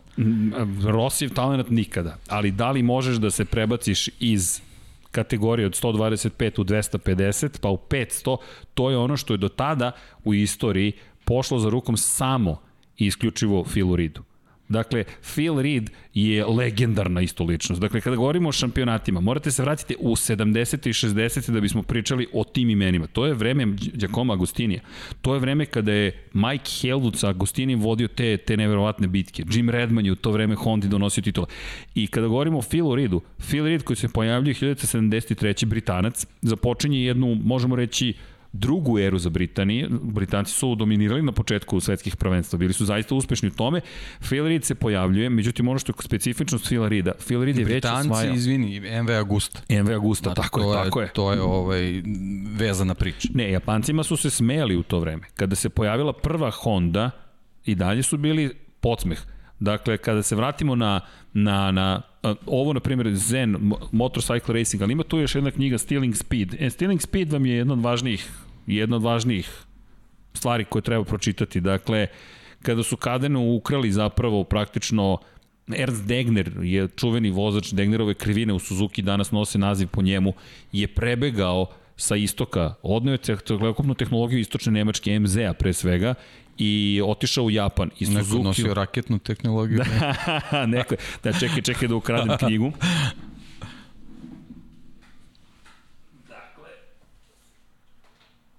Nadam se da se neće ništa raspasti, ali evo ga, biggest spy scandal in motorsport history. Ovo je Matt Oaksley napisao. Dakle, ovo je priča o tome kako su japanski proizvođači došli do toga da zapravo, uslovno rečeno, ukradu brzinu. I priča je upravo o tome i kako su ga spakovali, inače potpisana, cheers, Matt! Dakle, o čemu se radi? Dakle, MZ je Ernsta Degnera angažovao, on je inače Suzuki šampion bio, i bukvalno su je prebegom preneo tehnologiju koja je bila jedna od najvažnijih, najvažnijih za razumevanje izduvnih zapravo sistema i tog porodnog sistema kod lonca zapravo izduvnog koji je pomogao zapravo da se poboljšaju performanse dvotoknih motora. Ali, malo smo skrenuli s teme, ali činjenica da je to taj period. Phil Reed, 73. osvojio titulu i sebe svrstao u grupu elitnih vozača koji ima objedinjene titule. Niko, niko nije uspeo da objedini te titule. 125, 250 i 500 kubika. Bjađi imao 250, nije mogao 500. Ali ako ne mogu to, mogu da upravo to, vratim Italiju na vrh sveta. I kao što se rekao, Franco Uncini, inače sa Suzuki 1980 i druge godine osvojio titulu, tada počinje era američkih vozača. I zato je Bjađi bio toliko važan bio je važan. Wayne Gardner je uleteo kao australijanac i manje više jedini koji je tu poremetio stvari pre nego što je stigao Duan. Posle Duana Inače, u to vreme Duan već ima rivala u Aleksu Krivijevu. Aleks Krivije koji je prvi pobednik u istoriji za Špance u 500, 500 kubika, kasnije prvi šampion 99. Sve se to događa u tom periodu. Neki klinac Rossi se pojavljuje i kaže Bjađiju ja. Ne ti, ja. I tu kreće duel. Međutim, šta je lepota, šta je fenomenalnost ove cele priče? Rossi koji je otišao zatim u 250 kubika, dakle, je uradio šta? E, nije pratio Bjađi. Otišao je 250 kubika, a Bjađi je potpisao ugovor sa Kanemoto, Erv Kanemoto Hondom i otišao u 500 kubika. I sad dolazi do 98. godina, međutim, napravit ćemo mali skok, da ne bismo baš išli sve hronološki, zašto? Pa zato što se tako lepo zabavljamo i kada je već reč o 1997. godini, Vanja, Šta si ti radio 1997. Jesi se rodio? Dakle, pitali ste se, dakle, ko će da nam bude gost. Jedan gost je siguran bio. Dakle, Vanja Milićević, koga znate iz nekih drugih podcasta, slobodno dođi. Dakle, večera se svi družimo. Dakle, Izvolite. Sevim bojama. da, evo vaše slušalice. Zašto smo zvali Vanju Milićevića? Pa Vanja se rodio, Vanja se rodio, čekajte, čekajte, samo da napomenem. Vanja se rodio One godine kada je Valentino Rossi osvojio prvu titulu u svojoj karijeri. Sudbina. Sud, čekaj, za koga navijaš? Da Pa te, za Rosija, da te odmah... odmah, ok, navijaš za Valentina Rosija. Tako je. Tako. Zašto? Pa ne znam, neko 2004. mislim da je to počelo, čak kad mi sad imam 7 godina ili 6, ne znam kad je prvenstvo počelo te godine. Da li... U, 2004. Da li mart, Tada je kraj u marta? aprilu, ja mislim, April, onda nisam imao 7. I nešto bilo nedelje i ja kao ono još nisam ni krenuo u osnovnu školu fazan. Kao pitam mama šta je ona TV-u, mama prati sport je, znaš. Uh, on, on kaže, ma to su neki motori, ja kako je ovaj, što ne znam engleski je priča, to govori e, srećno bez H, epi. A pa da. kao, on je najbolji, kao i ono, vidiš da neko ta harizma, šarm Rosije i on kako odgovara, I'm very, very happy. I ja 7 godina, može, ja ću se njega navijam. Još baby face. Da, da, da, ide. Da, da. Pa Kao nije... malo, malo stariji od tebe. Da, Kao da ima 10 može, godina. da, ja ću za ovo klince. A što su sve devojke oko njega okupljene? Može, ja ću njega. I ne znam, od tad je ta po, pošto obožavanje Ma prema da, on igra, Rosiju. igrao je na tu kartu šarma i Jest. tako je, tako je ovaj veliku grupu obožavalaca iskupio. Pa da, da. Posle sam, ono, kad sam malo stariji bio, vidio tu istoriju s kim sve takmiče, jer me prvo 2007. iznervirao Stoner.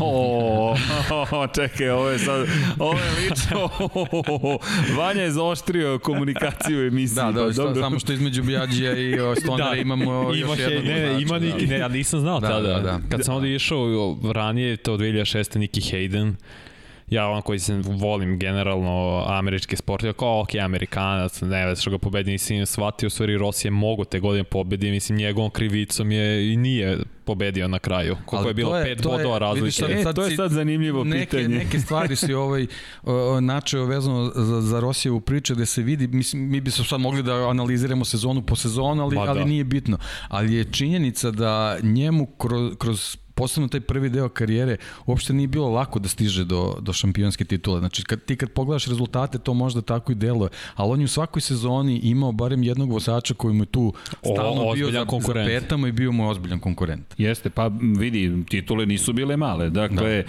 nisu bile male. Čekaj, mene, mene ovo sad sa Stonerom, samo, samo Vanja je, Vanja, a, možeš, dakle, lični mi je moment, to je ono što mi je super, to je ono što smo i hteli zapravo. Kažem, malo nam je ponestalo bilo vremena, čudna situacija, virus i svašta se događa, ali kada spominješ Stonera, koju emociju tebi budi ta 2007? Pa ne znam, neko vidio ko je sad ovaj, zašto ovaj sad pobeđuje, kao zašto Rosije, pa ja kao klinac od 10 godina ne kapiram, tek sam posle skapirao i ono, pričajući sa tobom pre svega Zrkio, gde Stoner vozačina, stvarno da čovek tako dobro vozi i da je prosto neverovatno. Ja tad nisam to kapirao, me on prosto nervirala ta njegova pojava što pobeđuje i on je realno te godine da, baš Stoner je- dominantno i osvojio. Stoner je kad se pojavio bio, bio talent na nivou Rosija, Da. samo što njega a, taj, taj vid tog samoreklamiranja apsolutno nije zanimao. Totalna i onda, suprotnost. Da, i onda je bio totalna suprotnost da je upravo to stvarao neku antipatiju Da. o, ovaj, kod ljudi koji su, koji su voljeli Rosija. U stvari, što ti kažeš, mislim, stvarno je bio vozačina i sad se vidi kroz, kroz, kroz Upravo, neke, upravo. neku istoriju. I, I bukvalno je to ovaj, Valentino Rossi kad je ušao u svoju priču vezanu za, za, za kraljevsku klasu u tom trenutku, tih 500 kubika, a, otprilike neka generacijska razlika između njega i Maksa Bjađi je bila kao kada se pojavio Stoner u odnosu, A, u odnosu na kapira, Rossi. kapira. To je, to je, znaš, ono, i, i, za, i za Rossi koji je u tom trenutku nekako bio potpuno nedo, nedodirljiv, ovaj, bez obzira što Upravo ima to, velike, pojavljuje to. se neke što ti kažeš, ono prvo koristi snagu motocikla na pravcima, ali onda, pazi, i u krivinama ume, ume da drži prednost da ti kad dođe sledeći pravac ne možeš da ga stigneš. I onda to je baš bilo onako, ovaj, Bio je pakleno te godine, Da. da. stvarno. Gledam, gledam se, to je bilo još na Eurosportu, tačno se sećam. Ono, vike, nedelja, ako se im nemam pa utakmicu. to je generalno da. jedini prozor i bio da, da to možemo i da gledamo. Da, da, da. Ovaj, Nije, nije bilo informacija kao što sad ima.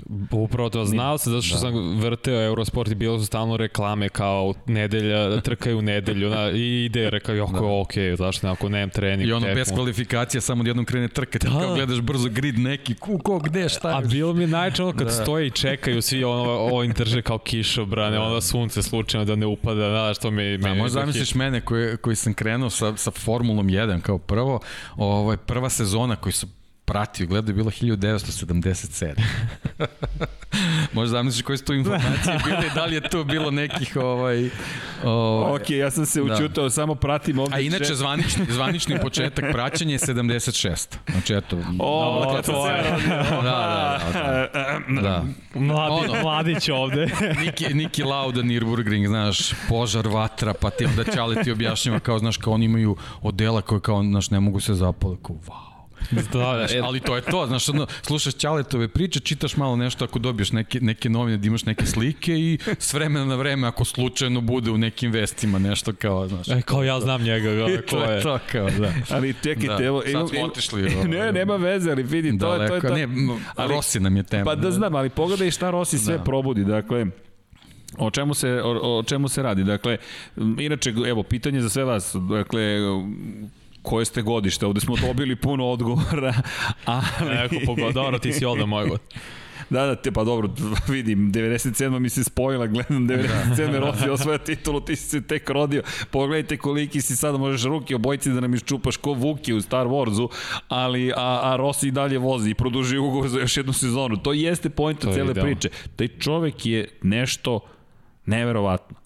Dakle, zaista ne, Valentino Rossi je superstar, mislim, to je... I više od toga. Evo nas u studiju na kraju univerzuma. Zašto smo odvojili emisiju? Pa, zaslužuje. Zaslužuje svako od njih, ali Rossi, Agostini, Marquez, to su redkosti. S tim što yes. je Rossi prelazi između dve dve epohe, bukvalno. I Rossi, dakle, je stvorio jedan novi svet u kojem sada obitavaju svi vozači. Niki Hayden, čiju zastavu ovde imamo, Niki Hayden je rekao, ljudi, hvala Valentinu Rossiju, što ja imam platu koliko imam. Upravo to. Pa on ju radio Upravo. za MotoGP, ono što je Jordan radio za košarku. Realno. Pa, ja ne verujem da, da nema Rossi, ja stvarno ne verujem da, da bi MotoGP bio ovoliko popularan. Jer on je stvarno to uzdigo na novi nivo. Pa pazi, oni još uvijek jašu na tom talasu. Upravo to, upravo. Jer ja sam rekao Srđan, ja stvarno ne znam. Meni sad gotovi Morbidelli, ali pričat ćemo o novim. Ja stvarno ne znam kad Rossi ode u penziju, da li ću ja to pomno pratiti kao što sad gledam. Iskreno. I, izađi iz studija da, da, da. univerzuma, da, da. pusti prostoriju. Da. ali to je prosto činjenica, jer stvarno ne, ne, mene, razumem te, razumem. Ro, mene Rossi privlači sportu. Da. I to je prosto tako. Dobro, kako ti danas kada znaš da će biti teško da se domogne pobede kada A opet se ove godine nadao, ne, samo se nadao, ok, završio top 5, 6, nada, očekivanja su sada spala, promenilo se očekivanja, ali vozi dobro, nemoj da padaš, to, to su bukvalno, malo to sad tužno izvuči, ali to su sad za mene očekivanja, jer realno ima ovo šan, ove godine šansu, jer je dobro vozio, ali ono, padneš jednom, motor otkaže, onda mislim, koliko grešaka je samo imao. A realno tokom posle neke pete, šeste trke ste pričali ti deki da ono, ima šanse za titulu. Jer su, niko nije iskočio. Ne, on je, on je bukvalno do Barcelone ovaj, ima, ima dobre šanse i da se desila Barcelona kao što se naslučivalo, da. tu je moglo, moglo zaista svašta da bude. Upravo to. Ne, gledamo se ti ja, ta da. Barcelona ostaće baš zapamćena, ali pazi, mi sad u 2020. pričamo o čoveku koji možda imao šansu da dođe do 10. titule, koji da. Inače, pitanje, eto, dosta pitanja, za koga navijamo i, i, i, i to mene često pitaju ljudi, a ja se stvarno ne šalim. Dakle, spominješ Eurosport, spominješ, to je početak moje TV karijere iz te perspektive. Ti ja smo povezani i tu, dakle, ti si u tom momentu bio na Eurosportu, sticam okolnosti nisi više mogao da ostaneš na Eurosportu. Znam da, da, da, da, da mi je to ostalo u sećanju kad sam čuo tvoj glas na Eurosportu, sam rekao, ok, imaju dobrog čoveka, Ne, neću čak ni da se prijavljujem za posao, zato što to bi se samo značilo da ćemo me on. ući, ne, ne, da ćemo ući u sukup, ne, ne, jednostavno zašto bih, kad ti si već tamo, nema potrebe. Pazi, to je sad i, i neko, neki odnos između nas dvojice, da, želim da radim taj posao, ti ga već radiš, znam koliko ga dobro radiš, kao, okej, okay. i idemo dalje. I ti mi javljaš, ne, Srki, ne, ne mogu više, čak si Ne, ja sam razgovarao s našim word. drugarom Žuletom, ovaj, jednostavno ja sam tada imao stvarno mnogo obaveza vezano za, za, za poslove u dnevnim novinama, ali ovo mi je nekako bilo onako uh, konačna prilika da ja mogu te prenose da radim na način kako, kako ja želim, kako mislim da to treba da se radi. Znaš, ono, radio sam recimo, počeo sam sa, sa ovim uh, pregledima VRC trka, gde ono u jednom trenutku, znaš, kamera, tad, tad je to bilo jako redko, uh, kamera iz, iz automobila gde ti slušaš suvozača kako priča. I ti stalno imaš neki off preko, neki glas gasi i onda meni, meni bila želja kad on krene Da ne e, pričaš. kad krene ta, ta, ta slika ovaj, iz kabine da jednostavno čutim da ljudi slušaju šta, šta, šta ovaj suvozač e, govori, onda kad su krenuli izjave pustite da, da Muk. ljudi, da ljudi, ne- nemoj, nemoj da To, prevodiš to, to, preko to, njegove nemoj simultano. Pusti, da, Nikad to pusti, nisam ne, voleo. E, I ovo, eto, to su mi bile neke želje, ovaj, da, i to Ali- sam uspeo ali- da, da ali ostvarim. I da kažem, i, e, razgovarao sam sa našim drugarom Žuletom tad, ovaj, ja sam rekao zaista, mislim da mi je teško ovaj, da, da uklapam, posebno što su to bile varijante Tad se taj VRC radio uveče, ovaj, mislim da je nešto pola 12 je kretao taj izvešte, baš onako, bilo je naporno i između oslog sam radio Čem Car, koji isto zbog vremenske razlike, uvek su bile neke večernje trke i stvarno je bilo nezgodno u tom trenutku i, i, i kad je ovaj, ta priča polako, ovaj, kad se videlo da, da je neodrživo, ovaj, ja sam predložio, rekao imam jednog momka, ovaj, ako se slažete da ga pozovem. Jednog mladića. Da, da. jedan mladi. E, a vidi, čovek koji radio na ovom studiju, Pixi, je u Tako to vreme je, bio da, glavni producent. On me primio... Onda je rekao ne. Da, ja ne znam, da ja ne znam da bi gledao MotoGP, onda... Sad ne bi bilo ni, ni univerzuma, ne bi ostani u studiju. Ne bi ni univerzuma Da, da. bilo. Ostani ipak u studiju. Da, e, da, Vanja, evo pitanje, kako smo se ti i ja upoznali? Kako smo se Vanja i upoznali? Jesi ti sećaš toga? Pa ne znam, ne sećam se stvarno. Da, ne, ne, znam da je, to mi mama pričala kao pa Uh, u staroj zgradi. Jeste, Ni da ne je- kažem ko je tačno Mirje, tamo ću kažemo Mirje, In ne the kažem hood. Da. Društvo iz kraja. Pa ne, ukratko ti mene znaš kad sam ja bio dete. Vidi, ja znam kad se ne sećaš sebe. Dakle, Da, bukvalno bukvalno. te znam iz tog perioda. Dakle, to je taj period, bukvalno se ne sećaš. Stoji on sa burazerom, klinci, znaš koliki su, ovako mali, stoje na, na, na, na autobuskoj stanici i pa ništa, upoznajemo se, prosto se, znamo se ne, i, i tvoje mame ja smo radili zajedno, dakle, ne u istim firmama, ali u istom poslu, prvo u marketingu pritom i poznajemo se kao čao, čao i ovo sa ovo je Vanja, super Vanja, čao Vanja, čao Vanja, čao Vanja, čao Vanja, Vanja sve veći i veći i na kraju Vanja i znam, ne znam koji smo razgovor vodili, ne, šta nas je spojilo, NFL, NFL, NFL. NFL, kad me zvao i pitao, ej, mogu da dođem da gledam Super Bowl na sport klubu? Dođi. Naravno da može, došao sa loptom, mi se gađamo tamo sve kroz ove prozore i to je tako krenulo, ja sam rekao, ovaj klinac, nisi klinac, ti si veliki čovek, dakle, ima nešto u sebi. Ima, to, to je neki bio osjećaj i prošle godine se sretnemo kada smo fantazirali nešto. Malo i, više od godinu dana. Da, i kao, hoćemo pravimo studiju. A, ajmo da pravimo studiju. Ne, šta pa je ti ja radi. Elem, da se mi vratimo na Rosija. Dakle, ti si Rosija počeo 2004. da pratiš. Znači, Da. ne sećaš se ni Sete Žibernau. Ne sećaš se sve te, ave, da. Da. A to ti, znaš kolika je to istorija? Mi smo tek počeli da grebuckamo neke stvari. Ono što je fascinantno bilo kod Rosije, te 97. kada je osvojio titulu, odmah odlazi u 250 kubika i odmah gledaš u 250 kubika da li može da osvoji titulu. Ono što je posle što se postavilo kao pitanje je da li može u prvoj sezoni da osvoji titulu i ti kada pogledaš kažeš čekaj, čekaj, ovaj mali uslovno rečeno, vidiš kako to čudno može da izgleda. Sada pričamo o Rosiju, zovemo ga deda. Ne sjećam se komu je dao taj nadimak, ali eto, to je zaživelo makar na ovim prostorima. Nije bukvalno deda, to je duboko poštovanje koje imamo prema, prema čoveku. I da, inače, kada je reč o navijenju, ne- nema navijenja samo zato što kad jednom osetite taj svet, kad vidite kako oni funkcionišu, šta oni rade, to je, to je nestvarno. Svaki sport bih preporučio svima da pogledaju uživo.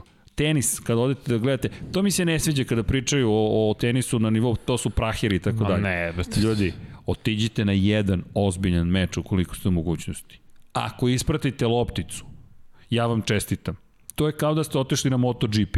Dakle, porediti neki teniski turnir nižeg nivoa i Grand Slam, Đokovića, Federera, Nadala, Daj, nebo i zemlje. ne, ne, to je nestvarno. Ako sediš i šta se ovde desilo? Ja sam ja gledao Davis Cup, ja to sam imao vadom 12 godina. I? To, to je nerealno. A stvarno nerealno. E, I to, to je to. Dakle, dođeš u situaciju da kažeš sebi, čekaj, ovo, ovo, je, ovo, ovo nisu klasične moto trke, ovo je svetsko prvenstvo, ovo je Grand Prix trkanje. To ko ne doživi, ja, ja mislim da to zaista šteta. Inače, pozivam sve, pretpostavljam, s obzirom na činjenicu da je 46. emisija posvećena više Rosiju, da odete u Muđelo, pre svega, ukoliko bude publike Ma bilo gde, godine. generalno. Da, mislim, ali bilo gde. Da, da. Apsolutno, da. Muđelo je poseban na, na mnogo nivoa. Elem, da se samo dotaknemo 98. Loris Capirossi. Loris Capirossi osvaja titulu 250 kubika na poziciji broj 2 u šampionatu sveta je znaš ko? Val. Novajlija. Novajlija. I to ono, bukvalno Novajlija. jedna pobjeda razlike. Da, 23 poena na kraju delilo Rosija od titule u prvoj sezoni u karijeri. 250. U 250 kubika. A to je, rekao, to smo pričali, to su skokovi, ogromni skokovi. Dakle, ti tu imaš jednu godinu, Rossi u malo ne osvaja titulu, pobeđuje jednog Tecuju Haradu, Torua u kavu, Olivije Žaka, Haručiko Aokija. Pri tom, znaš kako, ti godina nekako ono, mislim, jednostavno, još uvijek je taj bio neki tradicionalni period. A, a, motociklisti su zamišljeni kao džokeji. Znaš, to su neki mali momci, lagani, nepretarano visoki, i onda se pojavlja Valentino Rossi. Anomalija. Koji je, da, koji je među njima bio kao div i onda je, znaš, sede na taj motocikl koji onako, znaš, njemu je su kolena bukvalno da, da, da, do volana, znaš, i onda vidiš kako on barata s tim motociklom. To mi je bilo naj, da. kako ulazi u krivine, kako stalno izbacuje da. nogu, on i to mi isto privuklo, kaže, da. je, ovo, niko ne radi ovo. Pa Jer je da, mo- tad je mora- u, u, tom, prvo u tom periodu to je jako redko bilo da, da, da se te noge toliko izbacuju, to je s kolena. Da, i, A gde smo sad već došli? Sad Da, ali to je Rossi uveo. Inače, taj leg dangle, evo ti još jedan deo istorije Valentina Rossija. Ja, čak nismo još došli do toga kada je postao najveća zvezda prvenstva. Mi sada pričamo o njegovim Početci. formativnim godinama u svetskom prvenstvu. da. On tu još nema nadimak doktor. Dakle, još, još ga ne zovu doktor, već je čovek koji je stigao, klinac. On je dalje klinac, on je dalje Rossi Fumi. I sad, šta se tu dešava? Dešava se da on je toliko moćan da se samo postavlja pitanje da li će to potvrditi naredne godine otići u 500 kubika ili zapravo sa kojom razlikom. I sledeće godine, Valentino Rossi, titula, 309 poena je imao na kraju 1999. godine. U to vreme Max Bjađi, čisto ispratimo paralelnu priču, 98. godine, važne su te priče, je zabeležio pobedu u prvoj trci sezone na velikoj nagradi Japana u Suzuki, izleteo je sa staze Mick Duan, 25 pojena prednosti na početku i to pitanje da li može Bjađi to da učini. To se nekako rasplinulo, problemi u komunikaciji između Bjađe i ekipe i kazna koju je dobio, ukidanje trke u Brazilu, kazna iz Barcelone, jedna kontroverzna, jedna problematična sezona, ali se završava osvojenom petom uzastopnom titulom Mika Duana. Međutim, prvi put vidimo slabosti kod Duana, neke ozbiljnije, još od perioda kada su Wayne Rainey, Kevin Schwantz i Wayne Gardner vodi- vozili protiv njega, to je on protiv njih kao klinac. Pazi, sada 10 godina kasnije Di- Duan je kralj, kao što si lepo napisao. Bjađi pokušava da ga obori, ne uspeva. Međutim, 1999. dok Rossi ide ka svojoj tituli u 250 kubika, na trećoj trci sezone, veliko nagradi Španije u Herezu, Duan izleće sa staze i prelom na obe noge koji je doveo do toga da Duan kaže ovo je To je znak. to. Bukvalno. Rekao je ovo je znak. I sad, št- šta to stvara? To stvara jedan ozbiljan vakum kod Honda, ekipa koja je osvojila pet titula za redom, ima sa druge strane Žila Bigoa, inače Žil Bigo je danas glavni inženjer Sema Lousa, koji to vreme radi sa Aleksom Krivijeom, šta ti je lepota svetskog prvenstva, i Žil Bigo i Alex Krivije rade na tome da osvoje titulu. Osvajaju Znači, prilike titulu. sezona kao kako smo ove godine ostali bez Markeza. Tako je. I opet Honda, kako sad da nam domestiš da. taj, tu rupu, što si ti rekao? E sad, ono što je razlika, sa razliku od Markeza ili Valentina Rosija 2010. koji je polomio nogu u Muđelu, Hondi Duan saopštava ovo je kraj.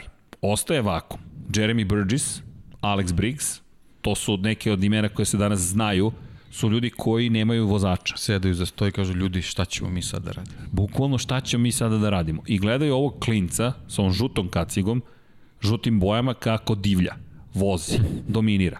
E sad, nije to tako jednostavno i ta kultura, razlika u kulturama između Honda i Rosija će dovesti kasnije do njihovog razdvajanja.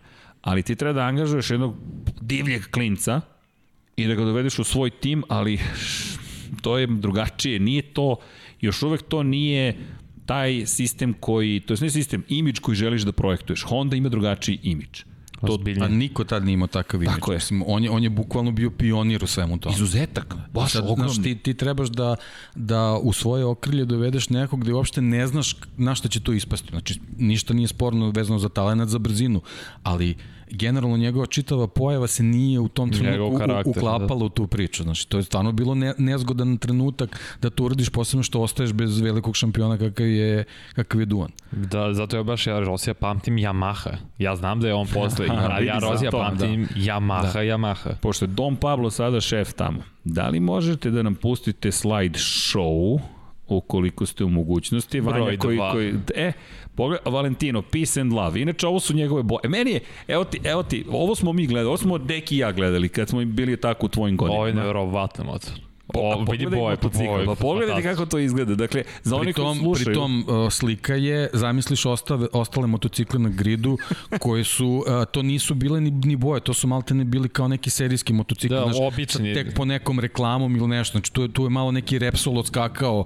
ovaj, mislim generalno i ranije, znaš, bila je ona Rotmans Honda i, i tako dalje, imali su neke Marlboro boje, to su generalno bile te neke sponzorske boje koje su uglavnom se, ljudi su se navikavali Kako na su to. njemu dopustili? I, pa, u, E, to je, to je, to je e, ta, sad, znaš, i, Vanja, i kako to je ono, ono to što, što kad iz ove perspektive gledaš, znači ništa ovde nije bilo slučajno. Nije ovo sad bilo, znaš, neki klinci su tu seli i sad su rekli, ja, super, ajde mi sad napravimo nešto tu šareno. Ne, nego to je zaista bila ne, neka marketinška priča Pa, koja, koja je vodila do, do ovoga. Obrati pažnju na kacigi na levu stranu motora dol, ne kaciga prvo, mesec koji se pojavljuje, sunce sa druge strane, Rossi Fumi kao inspiracija kroz Norifume ABA i pogledaj ako možeš dole u donji deo motocikla, a ispod PlayStation, PlayStation sam siguran da ćeš Aha, videti. Nastro. Nastro Azuro. Azuro, da. Nastro Azuro, zapamtimo taj naziv Nastro Azuro koji se i na repu pojavljuje kao jedan važan sponsor u to vreme.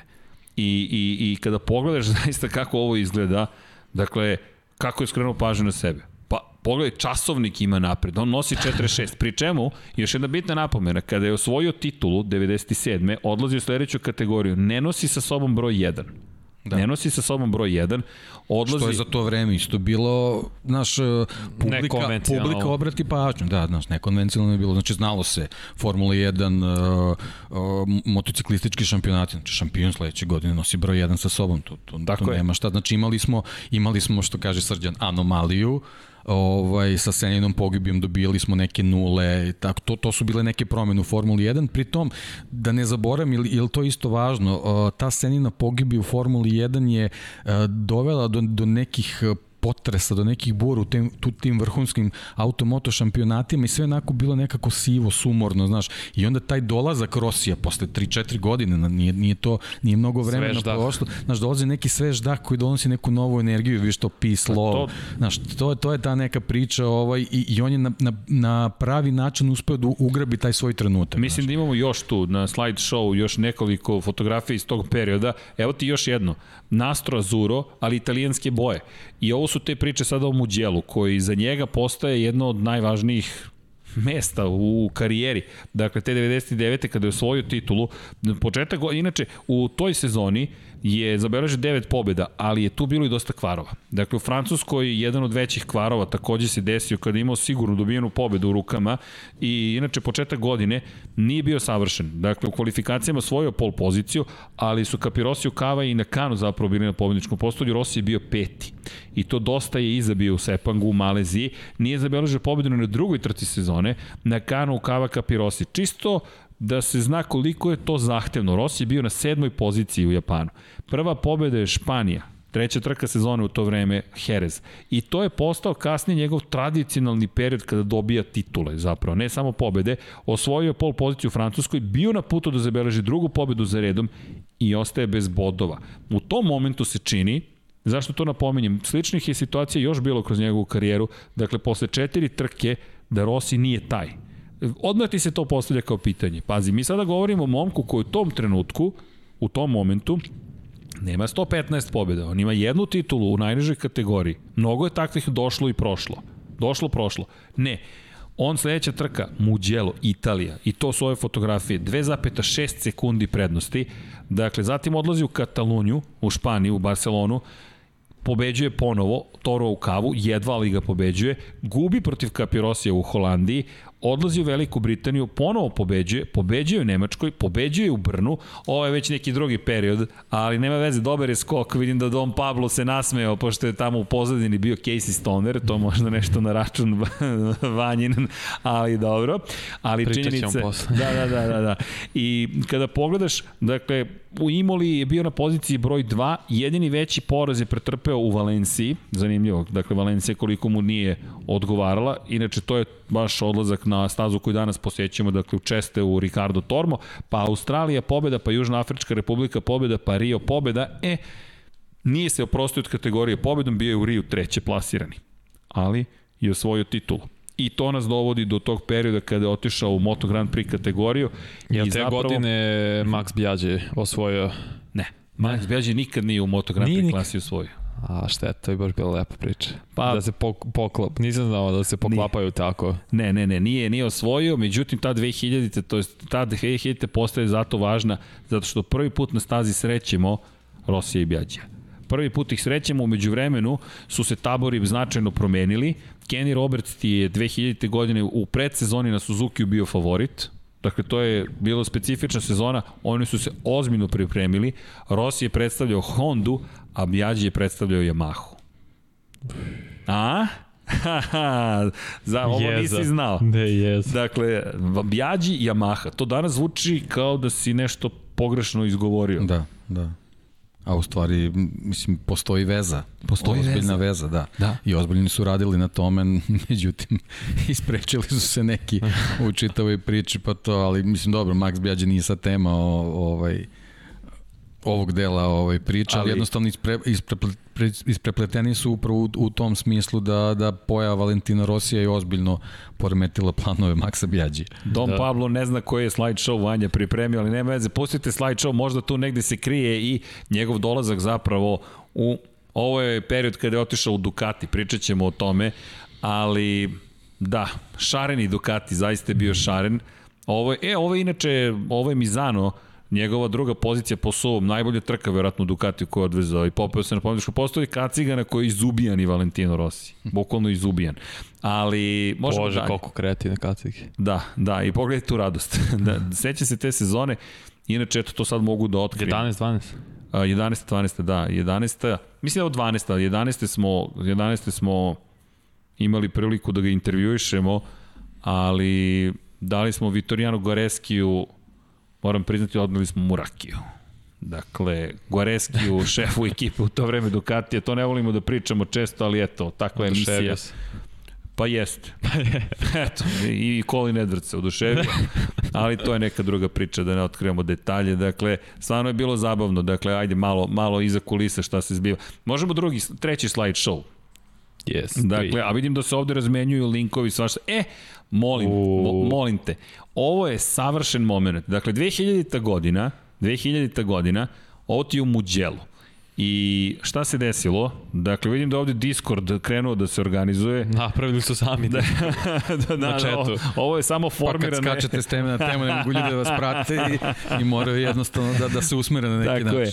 Ali, čekaj, koliko trajemo? Ne, ne, ne, znam, ovo sam sada smo 10... Pa u- realno bi trebali do, ako je 4-6, do jednih 11, 39, tako, da trajemo. Ok, tad smo počeli. Ne, da, počeli smo u, da, ali počeli, moramo- ne, počeli smo u 7.33. Ali Imamo i Moto, Moto 2, Moto 2 i 3. Moto 3. Da, neki pamti, ovde time Pa kod imate, mora. imate, i kalendar, imate i kalendar, isto prođete. Imam, imam jedan test, samo da vidim ko još sluša, pošto mislim da je chat aktivniji. Dakle, da li neko sluša još uvek uh, ovaj podcast ili šta je već? Dakle, čisto da proverim. Da opisujem.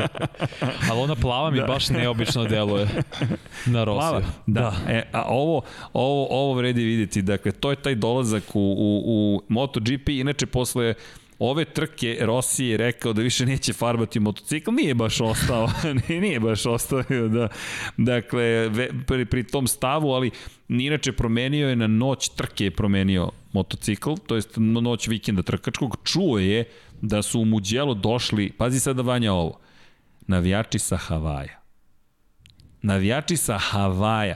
Da li možeš Sjaj. da razumeš taj kvantni skok u popularnosti jednog sporta, jednog čoveka, koji je on srušio medijske barijere? Mi pričamo u eri kada ti nemaš Instagram, nemaš Facebook, nemaš društvene mreže kao koncept razmišljanja. E-mail, eventualno ICQ, ko, eto, ko je Pa naše da, godište. kreće novi milenijum, to je, Tako to je u principu to, da sam, ne, ne mogu ni ja bug. skroz da se Da ćemo preživeti evociram, ali u 2000? principu da, mislim, to je ono bilo, ono, komunikacije, ono, primitiva za, za, za, za Jasno, današnje jasno.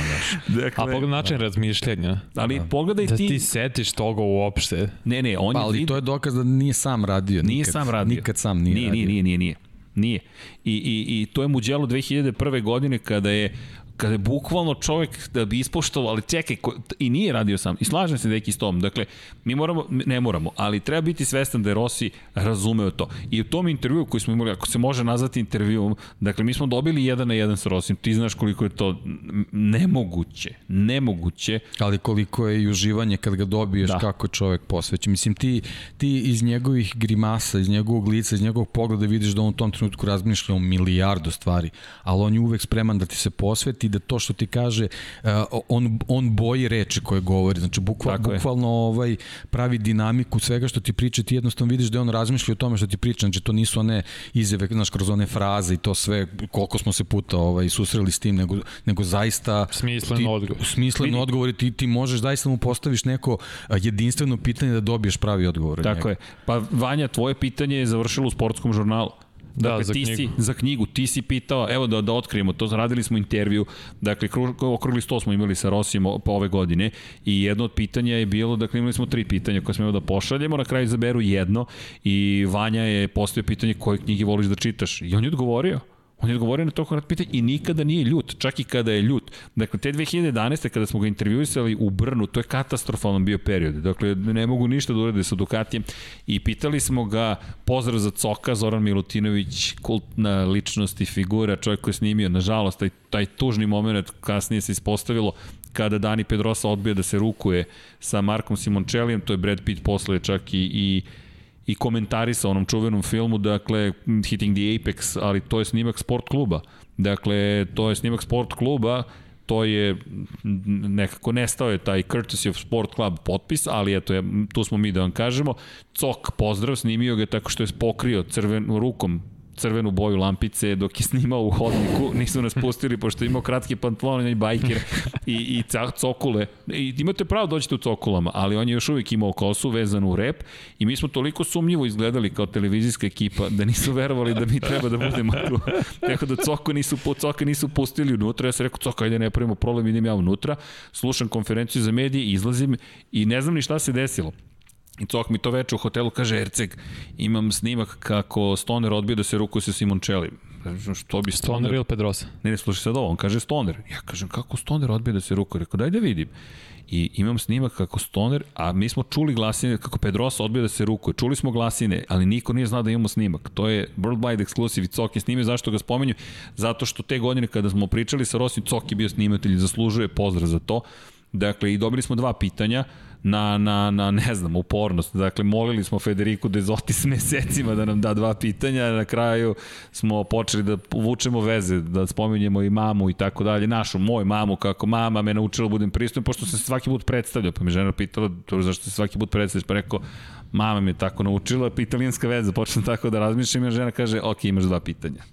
kako može da se, ti znaš o čemu priča, kako može da se dobije intervju, intervju i dva na mamu, pitanja. Na mamu ili na rakiju. Tako je. I, I šta se desilo? Desilo se da smo dobili dva pitanja s Rosijem. Mi sve u Star Wars majici i duga kosa, pocepane pantalone, ali ne vezno, čovjek je potpuni profesionalac i pitamo ga baš to pitanje kako i dan danas, posle svih tih godina, pazi, to je pre 9 godina bilo, te ne mrzi da potpisuješ silne autograme, da se smeješ ljudima da mašaš. I on, odgovor je bio, znaš kako, da bi dobio to što dobiješ, moraš i da daš deo sebe. Bukvalno. Tako da, to što je on video... Je to ono što Stoner nije mogao? Ali da... Do nekle. Znaš kako, pričamo o klinički različitim osobama i namjerno koristim termin klinički. Postoje ljudi koji su introvertni. Da. Vanja, postoje ljudi kojima ne prija pažnja ljudi, koji žele da budu ne sami, niko ne, većina, ne, da skoro niko ne želi da bude sam. Ali stoner je mnogo dobar kada se otvori, kada ga upoznaš, kada prođeš, kada mu priđeš. To je jedan od... Ne otvara svima, treba boljih vreme. ljudi, ali on ne može, Vanja, nije kao ti ti si šarmantan, prirodno si ekstrovertan, pa znaš vrlo dobro o čemu pričam. Voliš da budeš pred kamerom, vidi, svi mi ovde manje više volimo. Deki, ja mislim najmanje za ovim stolom, ali ne veze, mučimo ga. Ali, ali, ali, ali to je prosto... Izgleda da se vidi to, je li? Ma ne, uopšte. Nije to u postprodukciji pa otrijali. Stalno si nasmijan. Da, da, da, da. Sad ti Dom Pablo dodaje osmeh. Da. Dakle, i, i, i, i, i šta se tu sad događa? Događa se da Stoner to nije mogao, nije da neće. Zato ti je Valentino Rossi tako poseban, zato što on ima tu sposobnost, ali je takođe neko ko je video, dakle, navijače sa Havaja, rekao, ok, ofarbaćemo motocikl, u te boje, u čast tih ljudi, ali je i dao sebe i dobio je deo njih. Dakle, to ti je uzajamni odnos, to nije uvek lako. Zamisli 2011. ti se na Ducatiju mučiš, neprespavane noći, oni su Teška bukvalno imali godina. neprespavane noći. Znam zato što smo iza kulisa gledali šta se radilo. Pri tom imaš prethodnu fizički jako nezgodnu godinu. Jeste.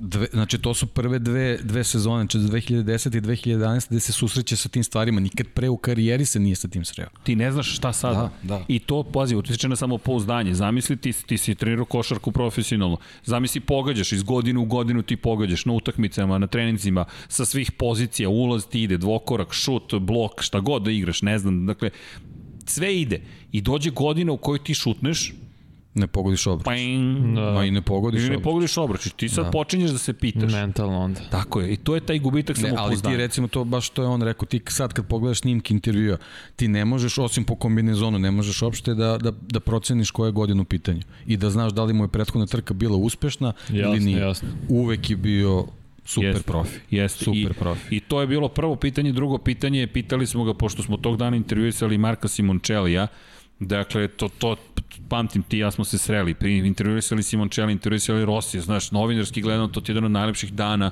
posle to postane jedan od dana koje ne možeš ni da zaboraviš, ali imali smo tu čast da pričamo s Markom i pitamo ga gde su najbolje žurke, jer Cok se iznervirao, Nicky Hayden je, nije bio raspoložen za intervju, čovjek je čekala ga devojka i to je baš brzo završio i Cok se iznervirao, kaže, Erceg, ne više pitamo ovo pitanje motociklistička, daj da pitamo nešto drugo. I mi ga pitamo, dobro, šta voziš u privatnom životu? I Marko nam je odgovorio šta vozi, vozio je CBR, vozio je, ne znam tačno koji je bio drugi motor i, na Hon, i još jednu Hondu vozio na plažu. I mi sam, ok, a gde ideš na plažu? Pa kreće da priča, a žurke. Onda je rekao, a pa najbolje su ti žurke tu i tu. Onda, u, a, a, i počeo da se povlači, o, ne, ne, ne, ne, žurke, nego to sa drugarima, kao sve, ok, ništa da brineš, sve razumemo. I onda smo pitali Rossi, ajde da ga ne pitamo nešto što, što ne znamo kada će biti postprodukcija 2011. na, na, na o- 8 mm kaseti snimamo i pitamo pitamo ga, ok, gde su najbolje žurke? Rekao, Simoncelli kaže da je kod njega kući. Kaže, ma ne, Ibica. Kao veruj mi. I to ti je to. Da, inače, za, za evo, dobijemo pitanje za Brkove. Dakle, pozdrav, vidim da slušate. Dakle, Brkove, zašto puštamo akcije Movember? Vanja, ti imaš više brkova nego ja, idem sada ritmo. Ja se da, obrijem da, da pre ugasim četiri moju dana. kameru, razumeš, znači, to, ovo, ovo, ovo nema smisla, ali puštamo Movember, podižemo svest o tome da i momci treba da se pozabave svojim zdravljem, dakle, ne podrazumeva se zdravlje, kontrola prostata, testisa, mentalnog zdravlja i tako dalje. Mentalno zdravlje, tome nam služi ovaj podcast, dakle, da Moto Grand Prix pre svega. A za Ali- Rosija, to Da. što sve pričaš da je toliko otvoren i uvek može se ima potpiše autogram na smenu, a pa ko je tu kulturu ostavio da ti u Srbiji neko ima broj 46 na autu? I sam, a za, zašto? Pa Rossi. Pa, A i da ti objasni da li ga gledao nekad, nije. To, on kaže, pa to je Rossi kao, zato 46. t- tako je. Zato Dakle, što ti to javljanje tog pozitivnog osjećaja. Da, Tako je, da, to je to. da. Pa, gde je to, šta, gde, kako ja vidim i sport, to stalno pričam da poredim sport sa, sa, sa celim društvom zapravo, ali šta ti dobiješ kada gledaš omiljenog sportistu, sportistkinju, omiljenu ekipu, to je ushićenje koje je potpuno iracionalno. To je čista radost. Šta je Rossi donosio godinama, kao što sad Mark Marquez njegovim navijačima donosi. A to ti je hollywoodska izvesnost. Ti znaš da će on na kraju da pobedi. Ti znaš da će on da pobedi. To je, on, to je ono što je kod velikih šampiona tako veliko. Dakle, ti znaš kroz svu dramu, kroz sav pakao, kroz sve, to je klasičan Hollywood, pazi, njegova 99. godina, to je drama prva trka, drama druga trka, pobeda treća, još veća drama četvrta, pa ide pobeda, pa ne ide, pa onda niz pobeda, Znaš, to, to je ono što te privuče nekako. Dakle, mi smo već tada profesionalno to pokrivali, pa drugačije posmatrali situaciju. Nikad nismo imali taj klasični navijački moment. Dakle, drugačije. Ali gledamo i razumemo, posao nam je da se bavimo analizom šta taj čovek radi. Te ljudi sa Havaja dolaze zbog motociklizma. Pa daj nemoj da se šalimo. Da, to, I, I znaš šta, u, u, to, u to njegovo vreme, ono, ono što, smo, što smo već rekli, on jednostavno nije imao jednostavne i lake pobede. Znači svaka pobeda je bila spektakularna na neki način. I to je ono isto što ga, što ga je u tom trenutku izdiglo i odvojilo i počeli smo da nabrajamo te neke velike rivale koje je imao kroz karijeru. Jeste, a pazi, nismo se čak ni dotakli Ma da, nismo ni ušli u, Nismo ni ušli u, u, suš- kraljevsku u klasu generalno. A u da, kraljevskoj tako da, klasi da. on ima 89 pobedavanja. 89 pobeda. Mi pričamo samo o kraljevskoj kategoriji. Pri čemu? On ti je poslednji šampion kategorije od 500 kubika, poslednji pobednik u istoriji kategorije od 500 kubika, prvi šampion Moto Grand Prix kategorije kako se zove od 2002. godine i prvi pobednik u istoriji Moto Grand Prix klase. I to je isto planski urađeno, ali to ne možeš tek tako da uradiš. Znaš, moraš da budeš dobar, možda imaš talent. Aj, moraš. Tako je. Tako je. Bilo je jedno od pitanja inače, ko su ljudi koji su na više motocikala različitih osvajali titule? Dakle, ko su ljudi koji su osvajali titule na više različitih motocikala? Da, Valentino Rossi je jedan od njih. Ono što je fascinantno kod Valentina Rossija, on je osvojio sa Hondom i sa Yamahom 2003. i 2004. Međutim, čovek koji je najsvežiji primer nekoga koji je osvojio dve titule na Dom Pablo se smeška, jeste Casey Stoner. Casey Stoner je osvojio titule i sa Hondom i sa Ducatijem.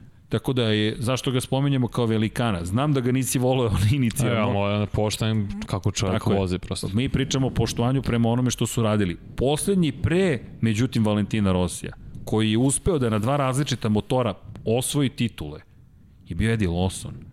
Sada smo se vratili, znaš gde je Eddie Lawson? To je 84. 5, 6, 8 i 9. Mi govorimo o eri američkih vozača. Je li on prvi ili je po, prvi pre Rosije? A, Ko je prvi ikad? Ko je prvi ikada? Pa tu, tu već imaš kroz istoriju, to su ljudi To nije baš sad tako ja, jednostavno za odgovoriti. Ne, pa, pa pazi, vratimo se nazad do, do Johna Surtisa i Geoff Duka, dakle to je taj neki početak kada su ljudi vozili na, i, na, i na više različitih motora. Mm -hmm. Geoff Duk ti je prvi koji je na više, ali pazi, pričamo o proizvođačima kao što su Norton i Gilera. Ne znam da li si ispratio Norton. Nisam, ali To su volim da istorijske robne markere, to su istorijski proizvođači, motocikli, ne volim da ih zovem brendovima, to je više od toga, ali Ikone. Leslie Graham ti je osvojio prvu titulu u istoriji. Dakle, Leslie Graham na AJS-u. Zatim Umberto Massetti na Gileri i onda Geoff Duke na Nortonu. I Umberto Massetti se vratio na Gileri na, na vrh da bi Duke na Gileri osvojio sledeću titulu. Tako da je već Duke postavio neke stvari, ali to je neki drugi motociklizam. Ne, ne umanjujem ga, samo je neko drugo vreme. Ti sada po pravilniku ne možeš da voziš istog dana u dve različite kategorije. To je sad teoretski neizvodljivo. Inače, to su ljudi, ne znam, Freddy Spencer, ko voli Fast Freddy? Zašto? Freddy Spencer ti je prvi jedini vozač koji je osvojio titulu u istoj sezoni titule u 250 kubika i 500 kubika. Ludilo. Ludilo. I sad I to dolazi... ga je koštalo karijere. To ga je koštalo karijere. Nije mogo, nikad se nije oporavio od te sezone. Ja, može kaže da je jedini koji je to uradio. Eto, Sve ima dobro, svoju da, cenu, njemu, ne, to sve bio ima cilj, svoju da, cenu. Tako je. To je, to je bilo nešto, Tako kao što je Rossi probao sa Ducatijem nešto da uradi. Ovaj, Zamisli da je tu pa ga uspeo. je i to koštalo Jeste, neke, koštalo ga. nekog izdanja u, ovaj, u ga. nastavku karijere. Koštalo ga, ali, period kada je on ušao u sport je potpuno neki drugi period. Šta se tu događalo? World Superbike šampionat, svetski šampionat Superbike je počeo da preuzima primat u gledanosti polako i u privlačenju ljudi na stazu. Jer je interesovanje bilo veće. Zašto? Ulični motocikli nisu više bili korišćeni u Grand Prix A, takmičenjima. to i nekako usudio bi se da kažem da može da bude paralela u trenutku kad je Duan dominirao Jeste. ovo kraljevskom klasom, ovamo si imao Karla Fogertija, koji je bio Mad Max čitave, čitave motociklističke priče. Savršeno Mislim, ne si znam, da, ne znam kako. Znaš, Ne, ne, to je a savršen to su, to su ljudi ko, koje, koje publika voli. Znaš, tebi, ti imaš jednog Duana koji je bio onako uh, super profi, koji je sve podigao na neviše nivo, to smo već pričali, znači on je, on je čovjek koji je radio na ergonomiji srca, on, on je bio u jednom trenutku svetski rekorder, njemu je, on ima otkuce srca 37 otkucaju u minuti u stanju mirovanja. Pogledaj danas, videli smo Fabija To Quartarara. ti je na niveu Induraina. Indurain ima 29 Tako je, kao znači, vrhunski biciklista. Tako je. Tako je, pritom pričamo o čoveku koji je izašao iz jako teške povrede i tu je našao energiju i smogao snage da to uradi, a onda s druge strane imaš Karla Fogertija koji je ono u fazonu bio malte ne kao nekada Barry Shin što je bio, ovaj, sad, sad opet odlazimo daleko, Barry Shin ti je kako bi sad tu povukao paralelu, paralelu, on ti kao neki James Hunt. Ovaj, e, to sad te da kažeš. E, da, James da, Hunt, razum, razum. Paralela. Znaš, uh, Barry Sheen je imao rupu na kacigi da bi mogo da, da proturi cigaretu, da, da, ono kao zapali pljugu pre, pre trke. Mislim, znaš, to, je, to, su, to su neke druge priče. I onda dolaziš u, u eru tih Amerikanaca koji su bili željni rezultata na, na globalnom nivou. Brzi, moćni, sve. I to se sve završava sa Michaelom Duanom gde imaš paralelu sa ovaj Karlom Fogertim u Superbajku i onda se na sreću čitavog tog nekog uh, svetskog šampionata, tog MotoGP-a, kako se kasnije zvalo, pojavljuje Valentino Rossi. I to je ta njegova veličina i njegov pravi trenutak da, da se taj šampionat spasi i da postane još popularniji nego što je bio. Dodao bih još jednu stvar, pazi sad koliko god će ti ovo možda čudno zvučati, ali te godine, tih godina, kraj milenijuma, se pojavljuje Ducati 996 I ne samo što se pojavljuje, već se pojavljuje u filmu Matrix. To je kulturološki fenomen. Keanu Reeves i dan danas čuva to specijalno Matrix izdanje Ducati 996. To je stvar, zaista kultni motocikl. I to se vozi u svetskom šampionatu Superbajku. Inače tamo, kao što si rekao, Fogarty dominira sve sada do Johnny Re, možeš da pogledaš šta je koristio Karl Fogarty. A, upravo to je. Znaš, to je motocikl koji odjednom ti osvaja srce. Ti si sada, odeš kupiš Ducati 996, ti si i Neo iz Matrixa. Pri tom imaš jako dobre trke koje se voze na kultnim Tako stazama, je. ništa ne gubiš. Tamo su jako dobri vozači. I znaš, i sad, sad kad neko važno Ravo. koji će šampiona da gleda polako jednak je teren za jedne i za druge. Tako je, tako je. Tako Počelo je da odlazi na neku tako drugu je. stranu. I onda Dorna, Honda, Honda pre svega koja je htela da se ukinu dvotaktaši, utiče na to i uvodi Rosiju daje šansu, inače nisu hteli da ga slušaju te prve sezone, Valentino Rossi nije s prve inače, sezone... Inače kažemo da je razvoj tog motocikla ipak učestvovao Michael Duan. Jeste, nije se on skroz, kubika. Tako je, nije se on baš tu skroz povukao iz čitave priče, da, bio tu na nivou priče. ovih motociklista kojih sad imamo, tipa Pedrosa. Jel fair da kaže da je nasledio? Da. Šta da? Da, da je nasledio. Duana? Paro, da, ne, ne, da, da je taj, da je Duan, da kažemo, napravio taj motocikl, da je Rossi pa, nas... Nije, nije napravio, ali jednostavno učestvovao je, mislim, ono... To je veliko nasleđe. Kao, kao neki, neki savjetnik bio mm -hmm, priči, mislim. Vidi, je, to nije... To Seća je, se bio na onaj crno, nije crno naranđasti bio neki prototip, je li tako? Nije tako jednostavno. E, ja mislim da možemo, a, i mislim da jednom od slide show-ova zapravo, ne znam da li da, da ovom slide show ja. imamo i ovo je, dakle, period, ovo su dvotaktaši, dakle, ovo je mm -hmm. 500 kubika, ali možda nas neka od sledećih fotografija ima, obrati pažnju na velikog sponzora u dnu, naranđaste boje. Repsol IPF. I Honda, ovo je Nastro E pazi sad ovo, ovo, ovo ti je još jedna veliki, ovo je jedan veliki izuzetak. Dakle, ono je specijal koji je za Mugello bio. Međutim, ova Nastro Azuro Honda se dan danas pamti, navijači Valentina Rosija znaju odmah o čemu govorimo. Ovo ti je motocikl koji je fabrički motocikl Honda. On je zvanično potpisao ugovor sa Hondom, ali nije u Repsolovim bojama. Repsol je samo dole, a u IPF, da, da. inače, ovde sad pričamo o, o Repsolu i, i njegovim južnoameričkim operacijama zapravo, ali zapravo Repsol se stidljivo pojavljuje. Do godine kada je Rossi već bio takva mega zvezda. I pogledaj razliku u izgledu motocikla. Tako da. Da li ti je šaren? Da li je o... zabavno jedno pivo tu? Da. da, li je Hava, da li su Havajci tu? Ne. Znaš, potpuno drugačija jedna kultura, ali Repsol je to usvojio. Ovo se često zaboravlja jer se asocira sa Yamahom pre svega. Znači, koga te podsjeća ovaj motocikl? Danas. Na Markeza. Na Markeza. Pa to je ta boja Repsol, naranđasto crvena belo. To ti je nasledđe još Mika Duana. Repsol je produžio ugovor, 25 godina već sarađuju.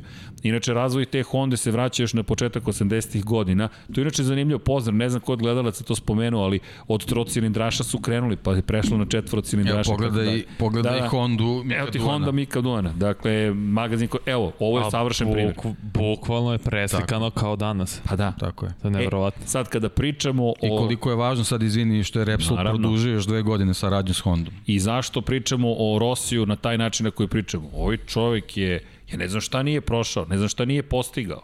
Pazi, ovo je Repsol Honda. Oni su dominirali. Znači, ovo je period sada dominacije. Ovo je uništavanje konkurencije. Dakle, ako pričamo o tome da imao... na nivou Mercedes sada, formalno. Da, apsolutno da. Evo, bukvalno si opisao tu situaciju. 2000. godine, dakle, Rossi U tom, može da ostane ova fotka na, na to, ali ne, ne, ne mora kako god želite Don Pablo. Dakle, da, point u sledećem. Dve pobede ima u prvoj sezoni u, u, u 500 kubika. Završio kao vice šampion.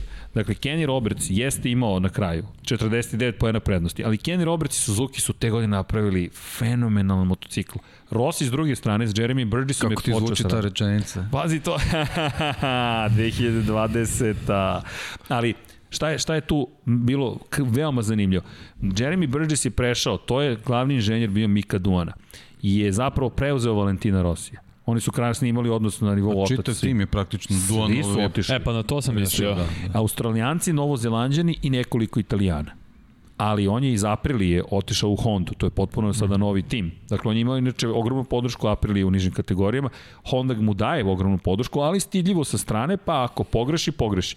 I on se dugo mučio do prve pobede, njegovi padovi u prve dve trke opet su ga vratili na početak karijeru 250 kubika. Ne može da ovlada 500-ticama, ne može da ovlada Znaš kako, i ozbiljan pritisak, je, je veliki, Ogroman. ovaj, velika je ova pažnja javnosti bila. Očekivanja. Kao šta će da, da, i onda, znaš, tako je. to što Srđan kaže, mislim, ja sećam taj jedan od tih padova, pazi, u dnevniku se kod nas vrta, kao Valentino Rossi pao. Znaš, ja kao, čekaj, moguće da ovo puštaju, znaš. Jednostavno tako je vreme bilo. Znaš, i tad su imao, tad je da, imao da, da, da. I, Oči su bilo I onda shvataš u stvari da kako, kakvu zvezu dobija taj šampion. Star power. Bukvalno star da, da. power. I ti kroz tu priču o Rossiju zapravo dolaziš do toga da, da MotoGP počinje da biva zanimljiv s drugima. I odjednom se upoznaju sa jednim magičnim svetom u kojem da, imaš Prince Charming, dakle više nije pajac, sada je princ, još uvek nije kralj, polako postaje princ. Znaš, sve nas je začarao. Gledaš i pitaš se, hoće li ovaj momak stvarno Znaš, gledaš njegove trke gde on ima loš start, e, nađe se negde u sredini kolone, pa on polako napred i onda u poslednja 3-4 kruga kaže, ok, je li vreme da pobedim i onda znaš, prolazi kroz rivali, to je, znaš, to, to, to, je, to je neka nova dimenzija koju on donio u šampione. Znaš. Pri tom imaš, u svakom periodu imaš te neke rivale protiv kojih se on bori, znači ljude koje, koje je psihološki lomio, znaš, to, to je jednostavno bio taj period do pojave Casey Stone. E, tu se, e, da. ovo je sjajan uvod za 2001. Da. zapravo. Šta se događa 2001. Velika nagrada Japana. I, I strahota, da. Stra, da. Ono je Danas ja mislim da, da ja ne znam da, da li bi, ja ne znam kako, kako šta bi se... Pa znaš čim to da se poredi? Ajde, ajde to, to da kažemo pa ćeš ti ispričati ovaj, Romano Fenati. E, to je to. Samo ću to reći. Tu smo. Čovek koji vozi za tog čoveka. Za, za tog čoveka. Da. Max Bjađi. Dakle, pazi sad, ne znam koliko dobro poznaješ Suzuku, ali Suzuka ima jedan brzi izlaz brz izlaz nizbrdo na startno cijeni prac. Pričamo da, da. posle, posle one šikane gde su se sudarili Sena i, okay. Prost i gde je poginuo Deji Rokato. Da, Deji Rokato izgubio da, znači, život dve godine. Tu dolazi šikana i kad se prođe šikana izlazi se brza desna, desna da, krivina. Da, da, pun gas, pun gas u krivini. Da, da. Jako nezgodno. Rossi, u automobilima je jako nezgodno, a na motociklima sigurno veoma. Da, i da. zidovi su vrlo blizu. Baš su blizu, to je stara staza, to je pravljeno 60-ih godina. Da, i to je test staza, tako je pravljeno. Tako je pravljeno. Pa je posle, posle razvijano u, u Grand Prix stazu. Tako da. je, i ima svoje, svoje mesto. Elem, Rossi sa spoljne strane napada, dakle, ajmo, ovo je Rossi sa spoljne strane. Ovo je Bjađi. I vidiš da ima momentum u tom trenutku da, da prolazi. Da prođe. Bjađi je ovde, na crvenoj Yamahi, na žutoj Hondi je Rossi. Bjađi izbacuje lakat i gura ga van staze. Kad kažem van staze, van staze vanja. To su te iste NSA. Nema više pet... zelene zone kao danas, ne. nego je trava. Trava. To jest šta već On dižeš zemlju, da. baca okay. zemlju iza sebe. Pritom pun gas. Pun, pun, da, pun, pun gas, u da. šestom stepenu prenose, on ostaje na motociklu, pada iza Bjađija, prati ga, prati ga, prati ga, prati ga, prati ga, prati ga, na isti način ga pretiče kasnije na, na pravcu, uspeva da ga pretekne i kako skreće, sad ne zamerite drži na gestikulaciji, gas. drži gas, dakle Vanja, drži gas, desna ruka je ovde, i ovako iza sebe baca pol. I to ti je scena, to je 2001. godina, to je otvaranje sezone. Dakle, za oni koji slušaju gestikulira srednjim prstom. Valentino da. nosi levom rukom, usput dok prolazi kroz onu duplu prvu krivinu, to su prva, druga, to su zapravo jedna krivina koja ima dva temena. I ti sad stvaraš, ne, to više nije kult, sad već mitski šampionat dobijaš. Znači, sreću se, u sezoni pre nije bilo ničeg između njih dvojice, ni jedan ni drugi nisu briljirali, Bjađ je bio treći čak u šampionatu iza Rosija, to je samo po sebi bilo problematično, ali sada kreće duel i ne samo Bjađi protiv Rosija, Yamaha protiv Honda, jer to postaje veća stvar. To je, to je sada ludnica. To je, to je dosta bo- dobro rekao mitski, to je pre- prepričavanje. Je. Sjećaš Pa se ne, 2001. znači Ma- Max Bjađi od apsolutno heroja postaje potpuni antiheroj. Tako je. To mi je poražen na, na, na svakom frontu u tom Zlikovac, trenutku. da, Da, da. da. da. I ne. to, to prerasta Pa u... ne, to je ono... I onda, i onda imamo kulminaciju ovaj, u Ne, Pa to- da, to je jađe u crvenim bojama, zanimljivo. Da, da. To je nevro, to je ono stvarno priličan. Jedno, e, sećaš ti 2001. kad je Rossi uradio ono u prvoj treci? Sećam se. da. A, a bukvalno, a ne, to je to, to je to. Sećam se, sećam se, gledao sam to uživo. Znaš, gledaš uživo u direktnom prenosu, Tako nešto je. što se u tim godina, ti godina se nisu se dešavale Ne, takve stvari. ne Mislim, bilo je nekih raznih, da kažemo, nesportskih Je se de, desilo nešto slično ka, kasnih godina? Do sada. Pa eto, imali smo, imali smo taj Imali primer. smo jedan da. čudan moment, Romano da. Fenati pre dve godine u Moto2 kategoriji Dobro. je povukao, dakle, vozi, prilazi Dakle, Stefanu pravac, Mancu, startni pravac, Stefanu Manciju prilazi, čak i još brže, onaj pravac tamo kao osmoj krivini i on ovako prolazi pored Stefana Mancija i ovako mu uhvati prednju A kočnicu. to zna da... E, I znaš koja je, koja je tu ovaj, kazna bila? Suspendovali su ga na šest meseci, oduzeli su mu dozvolu. Wow. Maxu Bjađu se ništa nije. Ništa nije desilo. Da, To su, to su te razlike u... u Druga era. Da, potpuno. Jasno, druga jasno. situacija. Da. Elem, tu Rossi odnosi pobedu, pa još jednu pobedu, pa još jednu pobedu.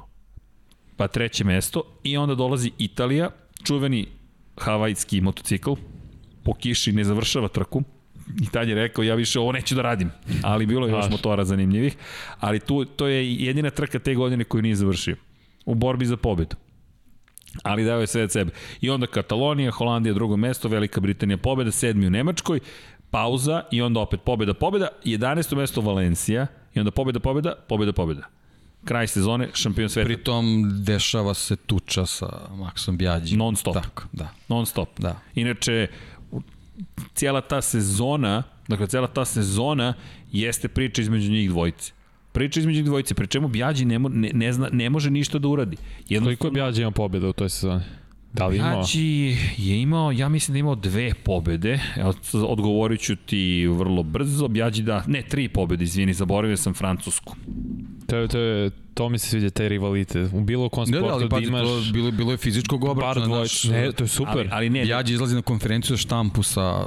Mode, to je u Barceloni. Da, da, da. U Barceloni Znači, tuča pre, pala. Pre, pred izla, bukvalno pred izlazak na, na podijum, dešava se gungulat, haos, ludilo. On Bjađi izlaze gore, masnicom. da, izlaze na podijum, konferencija štampu seda i on je nešto po licu ima kao šta je bilo, kaže ujeo me komarac.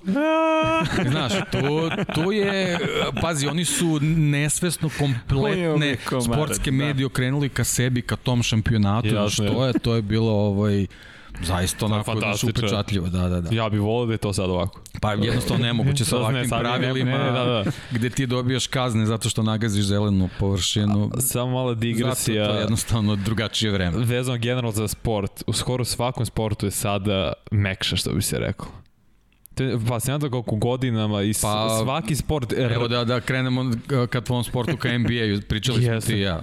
Gde je odbrana tu? Gde je Denis Rodman tu? Pa ne, jeste i re, za njega, ali za njega nema mesta. Čekaj, Ne, čekaj. nećemo dugo da odemo, Ne, obećam. ne, ne, ne, ne, ne, ne, ne, mo- čuj, meni, ljudi, ja Ma imamo još vremena. tek smo na 2001. i čekaj, polako vanja, 2020. Ja, kad dođemo na 14. i 15. te i Ivan šokovi i rekao, nerviranje. Jel nije problem na pola ako odem, mislio da će sat i po da traje. Evo, Ja, treći, naivno, naivno, naivno, naivno, ali volimo ih. Da, da, dobili smo i čajeve umeđu vremenu, magično, hvala. Pablo. Ali, Da, u svakom slučaju, da, košarka. Htio sam kažem, juče smo snimali za Formulu 1 i Pavle koji je obožavao Detroit Pistons i priča baš o odbrani protiv Jordana. Pričali smo o tome kada u jednom trenutku počne neko toliko da pobeđuje da, da gotovo dosadi, da, da, da se stvori gomila neprijatelj. Zanimljivo sa Rosijem. Rossi je uprko svim pobeđivanjima ostao najpopularniji. Tek kasnije se deo publike uslovno okrenuo, ali to je toliko dugo trajalo da je to i dalje to jedan ne, ne, ne, ne, Pa dobro, mislim, generalno možda u nekom trenutku kad se pojavio Mark Marquez, ali Pa to. i kasniji ti njegovi dueli opet su prevagnuli na Rosijevu stranu. Ja, nikad neću zaboraviti kako je modu za Da. titulu.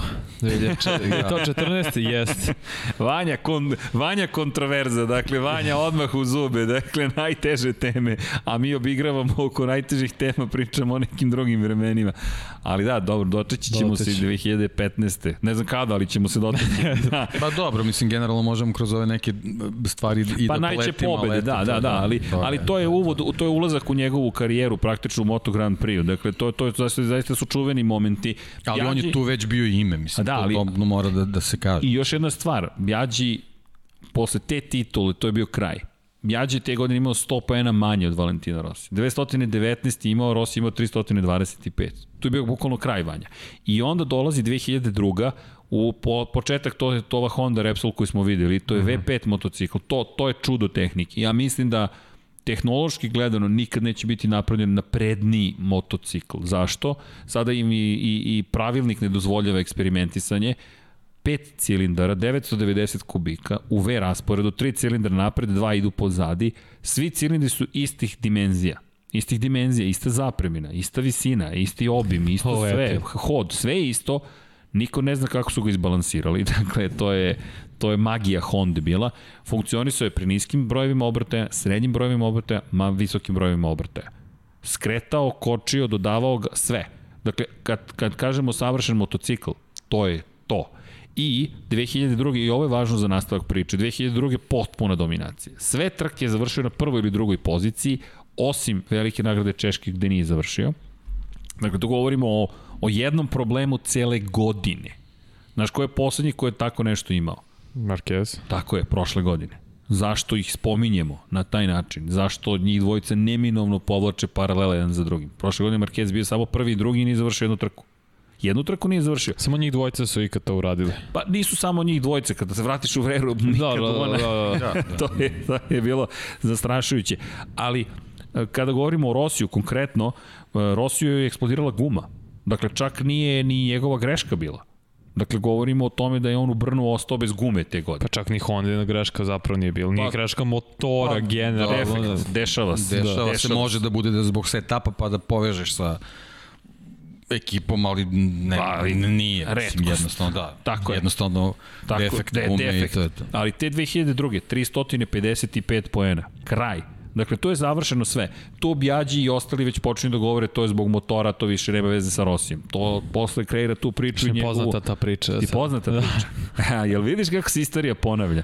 I ti sad dođeš u 2003. važna godina, veoma važna godina. Prva trka sezone, prvo je tragična. Izgubili smo Dejđira Kata. Dakle, to je baš, to je, to je jedno tako divno, svi su oni dobri, ali Dejiro Kato je jedan, jedan, jedan neverovatni šampion, čovjek koji je 2001. dominirao kategorijama 250 kubika, došao u Moto Grand Prix, bio predodređen da osvoji titulu za Japan u, u Moto Grand Prix Upravo klasi. to, o, o, Dejiro Kato je trebao da bude sledeći rival Valentina Rossi. Da, da. To se nikad nije desilo. I onda se pojavio ni kriv ni dužan njegov timski Klubski kolega, kolega, tako je. Koji upao eto tu čitavu vatru i možda ni on ovaj nije bio nije bio spreman za to. Pričamo o, o Setu Džibernau. Znači, čovek koji je došao on njegov put u kraljevsku krasu je jedna potpuna misterija, to je onako, ja ne, ne znam kako bi to nazvao, znači da, čovjek da, koji u nižim kategorijama, evo sad a, primer kao sad kad bi, ja ne znam ko je na primer sad 20 i 21 u šampionatu u Moto2 kategoriji. Stvarno. Znači, znači vozač nivo, da, tog, tog nivoa, tog kalibra da recimo sledeće godine potpisuje da ulazi u Moto Grand Prix i da jako brzo postaje da ulazi u duel za, za ovaj šampionsku titulu. Znači, jako, jako čudna priča, ali on je jednostavno bio u ekipi gde, gde, gde, gde se gde je trebao samo da bude klubski kolega pa, praktično da je džira kat. Da, ima Eto, i onda se izdešava sve šta se izdešavalo. Kod njega je kod njega ono što je imao, imao je jako zaleđeno kada je reč o sponzorima, da, da. ali opet znaš sponzori su dovoljni do jedne do jednog nivoa da ti sada budeš neko ko se bori protiv Valentina Rosija, to je bilo nije neočekivano, to je bilo nemoguće. On je zabeležio jednu pobedu do tada. I to je bila Valencija 2001. na Suzukiju, Da, kada da, je, da, da. inače komentar, to, to, to se baš sjećam, to mi je ostalo u glavi, Mika Duona za Sete je bio, kada bismo sve trke vozili u Španiji, ovaj čovjek bi bio da, šampion. Da, da, to je bilo tipično za njega. Madrid, treći. Da, Katalonija... Da, da su sad kao ove sezone, ove španske da, trke, Sete Đibernau je bio šampion. Samo dobri rezultati da. u Španiji. Da. Treći u Madridu, treći u Herezu, treći u Kataloniji, samo to, sve ostalo. Deseti, deveti, 21. 11. sedmi. Znaš, nikakve, nikakve veze sa tom pričom da će biti šampion sveta. Međutim, E sad, opet da se vratimo na samopouzdanje, da se vratimo na tu priču. Šta se događa 2003. Gubimo da je Đira Kata. Druga trka sezone, Velika nagrada Južnoafričke republike. Sete beleži pobedu. Niko ne zamera na toj pobedi. Penje se na podijum, da je Giro Broj broj, je, 74 odmah, je tu. odmah se deo publike okreće ka njemu. Tako je. Vidi. Ubira simpatiju, simpatija, on inače generalno simpatičan čovjek, namerno. stalno nasmejan, znaš, Tako je. vrlo, vrlo pozitivan lik i onda odjednom se pojavljuje neki vozač koji dolazi na metu. Valentina Rossi. Si, ali pazi sad ovo, šta su sad nijanse? U Južnoj Afričkoj republici svi smo srećni. Dakle, svi smo srećni. Neko je iz Dajđirovog tima pobedio. Wow, to je sreć, tu nema rivalsa. Rossi ga ne gleda kao, nikoga ne Ne, gleda. ne, ne, taj, taj, taj početni, ta inicijalna samo, ta pobeda. Samo ljubav. Da. To je baš Da, da, da, ljubav, jer to je ono što nam je bilo potrebno. Zaista nam je bukvalno bilo potrebno da kažemo da, da kažemo, ok, vidi, da i Giro je tu. Znači super, da Giro je tu. I broj 74 od tog momenta, danas ćeš ga vidjeti često na, na, na kombinizonima, pogotovo japanskih vozača, i broj 48 Shoei Tomizawa, koji izgubio život, nažalost, 2010. Prvog pobednika, inače u Moto2 klasi. Ti vidiš 74 i 48 i 74 tad počinje da dobije neku svoju priču. Bukvalno neku, neku svoju priču. To je, to je sad u čast da Iđira Kata. Mi sad pričamo o nečem potpuno desetom. Znaš, to je, to je neka inspiracija. Ajde, to je nebeska inspiracija. Da ne ulazim da, dalje u tu priču, ali sve je okej. Okay. Rossi na konferenciji za medije priča o STU. Zapamti detalj, priča o STU. Međutim, sledeća trka, Rossi pobeđuje, odlazi se u Francusku. U Francuskoj, u poslednjem krugu, Sete pobeđuje Valentina Rosija. U... U... I na konferenciji za medije, to više nije Sete, to je sada Gibernau. Drugačiji ton. Nema više imena. Samo prezime se Nismo više na ti. To je bio komentar naših kolega Julijana Rajdera i, i Tobija Mudija na Eurosportu. Prešao je na prezime. To je kraj. Ti sada već znaš psihološki moment šta još radi Rossi u to vreme, obrati pažnju, kada pobedi, ako si mu rival, ako te smatra zaista rival, leđe su mu uvek okrenuta ka tebi. To je ti klasično u psihologiji, najveća vid agresije ti je ignorisanje. Rossi okreće leđa konstantno i ne želi uopšte da te vidi. Ti moraš da priđeš da bi ti čestito ili da bi ti njemu čestitao. Dominacija. Dakle, potpuna dominacija. I Sete upada u neku priču u kojoj koji nije, nije trebao da bude. On je jednostavno bio momak koji je želeo da se trka i da konačno pobeđuje, da poka pokaže svoj talent, ili čak ni u prethodnim kategorijama to nije radio. potpuna dominacija. I od tog momenta oni postaju ljuti rivali. I, I bilo je se to- Španija. Da. Dešava, to je 2005. Da, To je 2005. da. Da. Do, dobro, doći da, ćemo, ali, da, ali ali, dobro, ali, okej, da, ali samo da. jedna stvar. Između te, između 2003. i 4. Šta Rossi radi? Jer mu tada svi ispočitavaju da zapravo njegove pobede dolaze zahvaljujući čin- činjenici da je on na Hondi i da je zapravo on na Hondi, međutim sad se pojavljuje ko? Šta još vozi Sete Gibernau? Možeš da pogodiš? Honda. Honda. Hondu. I Max Bjađe te godine na Hondi. Odjednom ima par trka u kojima je on treći. Aha, jel vidiš, drugi kad imaju motor koji ti imaš, mogu da te pobede. Drugi deo sezone mu pripada, međutim, on završava godinu, završava saradnju sa Hondom, potpisuje sa Yamahom. Honda kaže, nemaš pravo da testiraš do 1. januara 2004. godine, što je tada bilo redko, to je nezapamćeno, da mu zabrane. Zabranili su mu, bukvalno nije smeo da sedne na trkački motocikl do 1. januara, drugačije su bila pravila o testiranju I 2004. počinje tek njegova avantura sa Yamahom, gde dolazimo do velike trke, da, jedna od da. najvećih, Južna Afrička republika. Don Pablo, možemo da se bacimo i na taj pogled. Dakle, ovo je taj period Yamahe, dakle, ovo su već kasnije godine, kada je Fiat postao sponsor, ali ovo su scene koje su već prepoznative. Inače, da, da se... Treba jedno, e, vratimo- lepa e, plava. E, to, Ne, to, to. ova, ova. Ovo ti je prva Yamaha Valentina Rosija. Šta je bitno za tu Yamahu? Izgleda neko kako treba. Evo ga navijač. Ali da, iz ove perspektive, da, zapamti inače golo Az i tu imaš ozbiljnu priču. Ono što primećujem piše doktor. Piše doktor, tako je, to je počelo da piše da. par godina ranije, umesto Rossi Fumi, The Doktor. I da, on je već dobio titul Da, kad se priča ozbiljila, The Doktor, Da. jeste.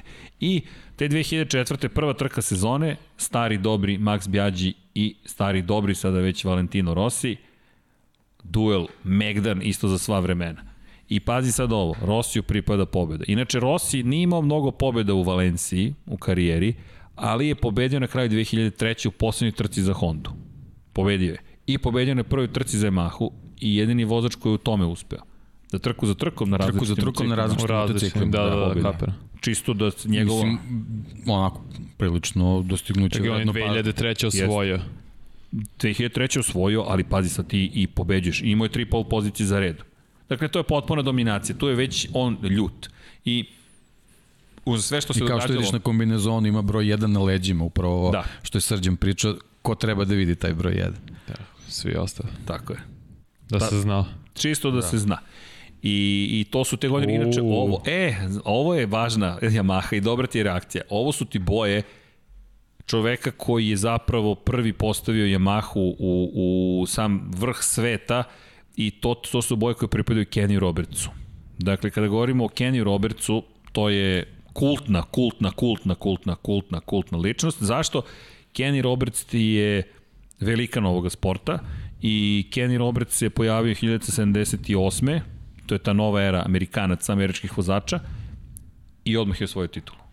Odmah je osvojio titulu, on je jedan Kao novi... Novajlija. Kao Novajlija. I prvi, znaš ko je prvi posle njega da je osvojio titulu? Kao Novajlija. Marquez. Tako je. E, Razumeš kako se priča prepliće.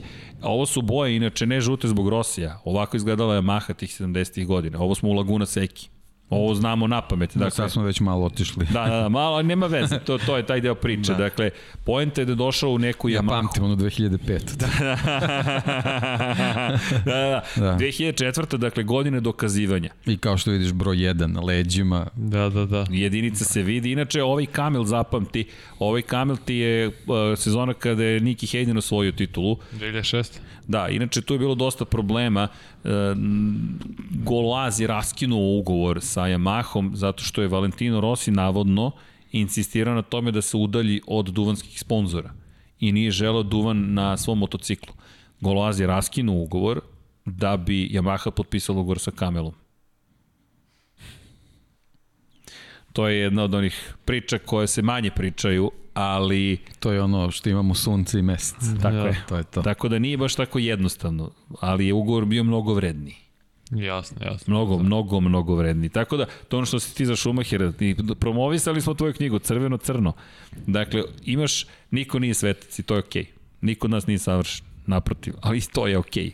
I kada govorimo o tom periodu, dakle 2004. osvaja titulu, bilo je tu tih nevjerojatnih trka, ta u Južnoafričkoj republici se pamti njegov poljubac sa Yamahom, to je moment koji... Da, sedanje na ovaj, uz ogradu. Uz ogradu, tako Baš na, na ovom jednom od poslednjih Tako. Zoom intervjua bilo je pitanje ovaj, pošto postoji ta scena kako, kako, kako sedi, naslonio je ruke na, na kolena i stavio glavu iz, između ruku i bilo je pitanje kolegi iz Južne Afrike, kaže, molim te, zanima me, da li si možda plakao ovaj, kao u tom trenutku, pošto bukvalno tako izgleda, kaže, ne, kaže, smejao sam se i sve glas.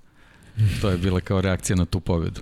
Da, ovo je, ovo je, i to su ti momenti, znaš, ispod ove kacige su ljudi. Oni vrište, raduju se, urlaju. Imaju emocije. Tako je, tako je. Zato ja ne želim mikrofon u kacigi. Neka Da, ostane to neka njihovo, ostane, neka ostane da, misterija. Ja ne želim da se sve zna. Ne želim, dajte, pustite nas da nešto ne znamo. I ovo za kvartarara što su ga prikazivali, uplakanog, Da. pustite ga na miru. Da, znam, sve to treba se, to je sve deo, pustite ga na miru. Šta, nije mu dovoljno što, što ga neko Pa i Quartararo i na Kagami. Pregazio. Jednostavno. Nema potrebe nema za potrebe, tim. Da. ali Rossi, dakle, u tom momentu pobeđuje, međutim, pazi sad, to kapletiti se priča, 2004. četvrti je na sledećoj trci, četvrti je na sledećoj trci. To su takozvane bronzane, to su drvene medalje u Italiji. I dolazi u Mugello, to su njegove čuvene kacige. Zbog autorskih prava ne možemo da vam prikažemo sve kacige, poštujemo autorska prava. Dakle, šta se događa sa kacigama? Događa se da je zapravo, kada je reč o, o, o, o kacigama, nacrtao drvenu medalju sebi na kacigi kad je došao u Mugello. Zato što u Italiji za četvrto mesto dobiješ drvenu medalju. Zlatna, O, srebrna, bronzana i dobiješ drvenu. Ins, inspiriše samog Šta sebe. misliš, koji je bio u. Mugello? Pa prvi, mora. To je služio kao podstica i samom sebi. Kao. Pa da. I to ti je odgovor. I, jel se sećaš one priče s početka kada smo govorili njegov period sezone? Dobro. To... Šta misliš? Šta je period sezone? Ko beleži pobede na, na sledećim trkama. Pa Rossi, Rossi, Tako Rossi. je. I ti dolaziš opet u tu situaciju da zapravo pričaš o, da pričamo, o, suštinski pričamo o tome da je to postao taj, taj, taj prepoznatljivi moment u kojem on, iako loše počne godine, se zna da će pobeđivati i nastavak sezone je bilo uspona Da, padova. ali to je nekako preslikano na trkama. Znaš, loše počne trka, ali onda je finiš je njegov bio. Tako je bila i sezona. Bukvalno mm -hmm, je. nekako je preslikana bila priča i, i to je ono što je Srđan rekao, ti sedneš i znaš ko će pobediti. Tako je. Znaš, to je, to je ono kao, kao scenariju već da je bio napisan. Ali ću ti pročitati takođe 2004. godine šta se događalo u, u nižim kategorijama. Dakle, ako se vratimo u 2004. godinu, Andrea Dovizioso osvaja titulu. Lorenzo je ovaj. Čekaj, čekaj. Andrea Dovizioso osvaja titulu. Pazi sad gde smo mi. Rossi u to vreme dominira Yamahom. Andrea Dovizioso beleži pobedu ispred Hectora Barbere, koga više skoro niko ni ne pamti, Roberta Locatelija i Jorge Lorenza, Casey Stonera, Pablo Nieto, pazi, Pablo Nieto kojem je danas šef ekipe, Pablo Nieto, čisto da se zna, Alvara Bautista, Steva Jenknera i tako dalje i tako dalje. Dakle, mi govorimo sada o periodu, inače Dani Pedrosa je u to vreme bio šampion sveta u 250 kubika, sezonu ranije 2003. osvojio titulu u 125. Zašto vredi spomenuti, Dani Pedrosa je danas u penziji, čisto da se razumemo, da. tad je bio u 125. Rossi je tada osvajao titule na Hondi, sada osvaja titulu na Yamahi, Doviciozo postaje prvak sveta u 125, Dani Pedrosa ispred Sebastijana Porta i Randija Deponija u 250 kubika. Sve je povezano. Dakle, kako je povezano? Kroz ovog čoveka. Da, i Doviciozo se tek penje, a danas je ovaj već da kažemo A Doviciozo odlazi u penziju. U nekoj penziji, a ovaj čovjek je potpisao ugovor na, Na još jednu sezonu. na još jednu, recimo, možda čak i dve. Neverovatno. Da, da, Ali da. bukvalno neverovatno, da. Neverovatna I, priča. I dolazi ti te 2004. velika nagrada Katara, za oni koji ne znaju, velika nagrada Katara, odsudna trka za sudbinu Sete Džibernaua. Pred početak trke je Rossi pomeren na zadnju poziciju, zato što su je njegov tim uhvaćen tokom večeri da je čistio Da, startno asfalt mesto, da. na startnom mestu Valentina Rosija. Sete Gibernau i Fausto Gresini su ih prijavili, prijavili su ih i pomerili su na zadnju poziciju.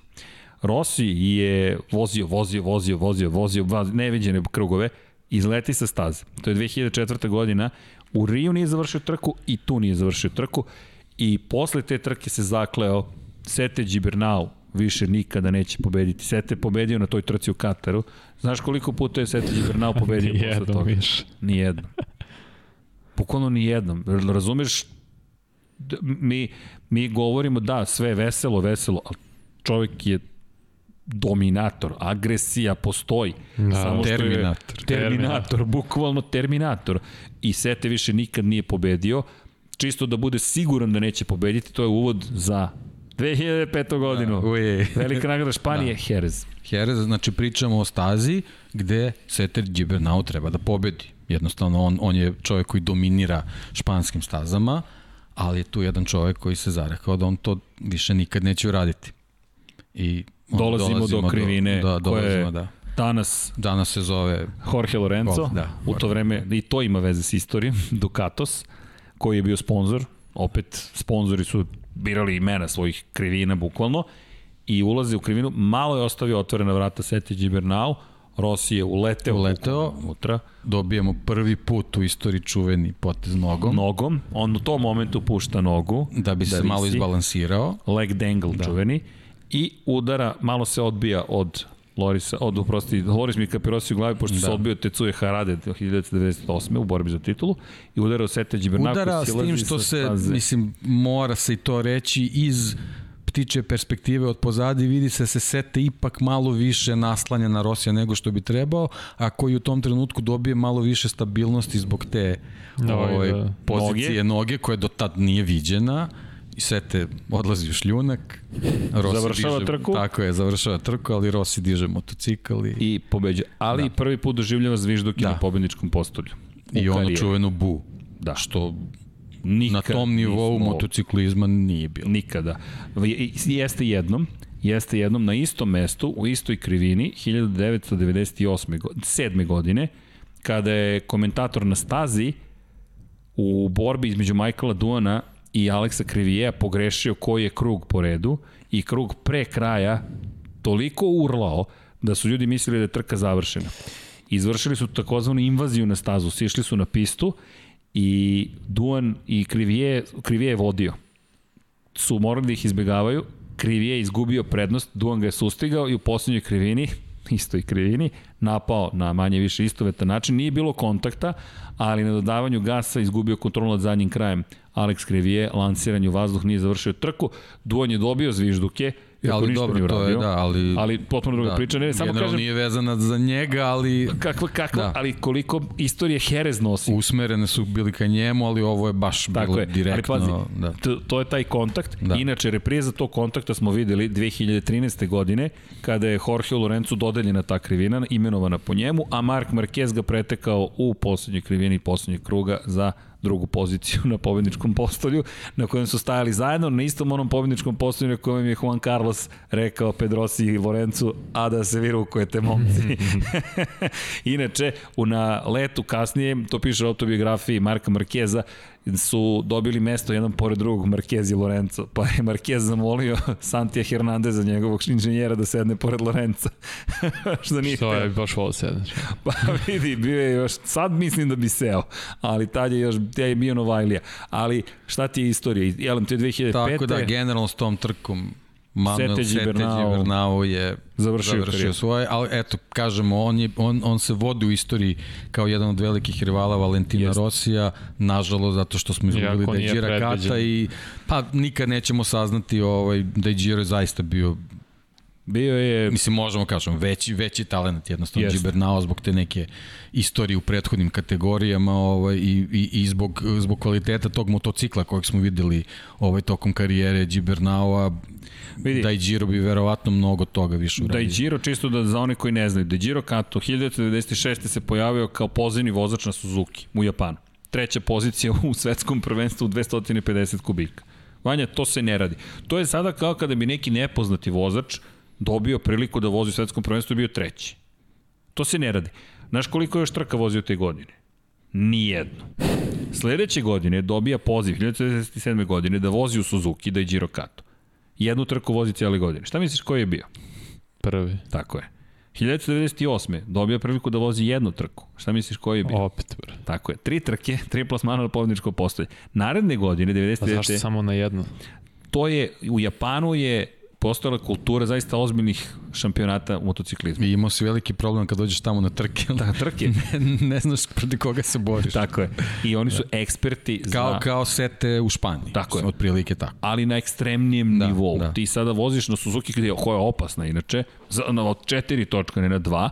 Dakle, inače Ernst Degner je dobio svoju krivinu zato što je imao nesreću kod, da, kod, kod, kod da. nadvožnjaka. Dakle, da je preživeo, preživeo, ali posledice te nesreće su da bilo dugoročne.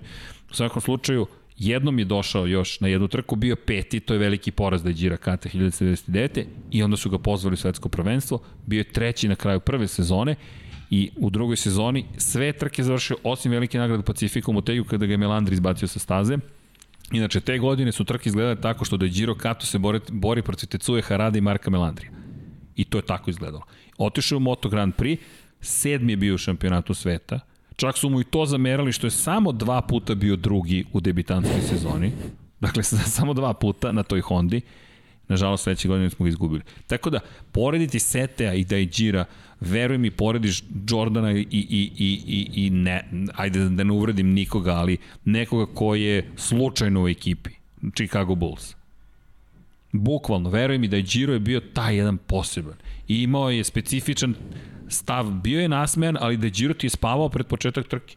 Njega da, bude. Da Giro, da Giro izgledao kao, kao lik iz nekih japanskih crtača tako sa onom frizurom, krupnim tako očima. Je, tako je. Jako simpatičan momak, tako ovaj, ali je bio baš specifična ličnost. I spava pred trku, zaista. On spava, on ovako leži, sedi na stolici, spava i oni ga probude, on izađe na stazu i odi wow. pobedi.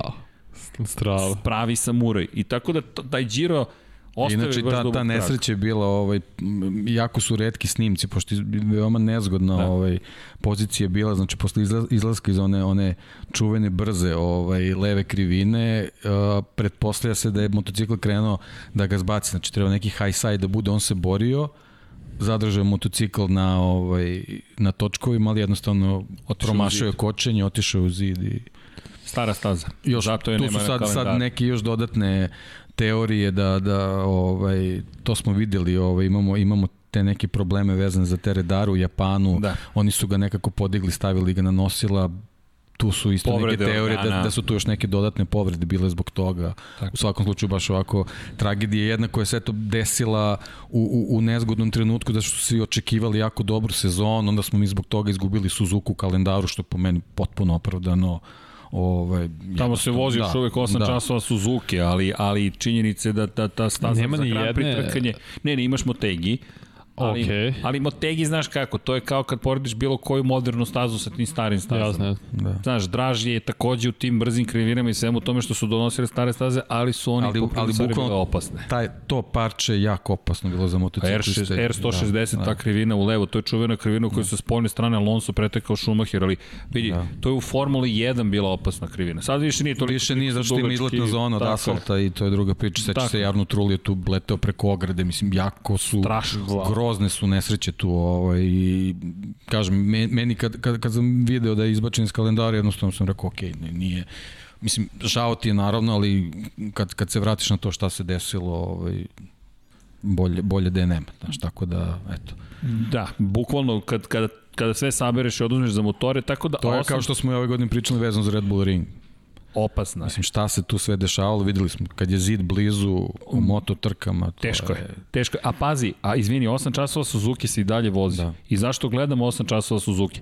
8 časova delo, pa kao 8 časova imaš i 24 časa trke, ball door i tako I dalje. generalno izazov za, za ovaj velike vozače da se pojave na, Tako na, na toj stazi. A i tu ćemo da se dotaknemo jedne priče koju smo zaboravili. Valentino Rossi je inače pobedio na 8 časova Suzuki. Koje godine? 2002. Ako se ja dobro sećam, na 8 časova Suzuki. Znaš komu je bio suvozač? Se sećate? Pa ja sigurno ne sjećam. Colin Edwards. Colin Edwards, dakle čovek koji inače ima blisku istoriju sa Hondom, zašto je važna Honda u toj priči, da se vratimo na svetski šampionat u Superbajku, Ducati 996 čuveni, jel te? Ko je porazio Ducati 99? U, čekaj, nisam, mi smo, po, po publiku nismo ispratili. Ljudi, sećate ko je pobedio? Evo pitanje. Da li se, dakle, neko seća koji motocikl je pobedio 996-icu Karla Fogarty. To je kasnije Troje Baileysa. Ti znaš, smeješ se, ali Ne znaju ljudi sigurno. ja se nadam Kultni da... motocikl. Kultni motocikl. I po izgledu i po... To je motor koji ja i dan danas obožavam. Kao što dakle, je Repsol Honda u Moto Grand Prix, tamo je bila jedna druga, bela, lepa. Dakle, to je, evo, evo pustit ćemo vas malo da, da, da odgovorite, ali čisto pitanje za vas, da li se sećate. Inače, evo, proverit ćemo za Suzuku, hvala Dom Pablo. Suzuka, dakle, ko Valentino Rossi, već pogrešio sam, 2001. Ali evo im podatka koji nisam znao, moram da priznam. Znate ko je pobedio 2002.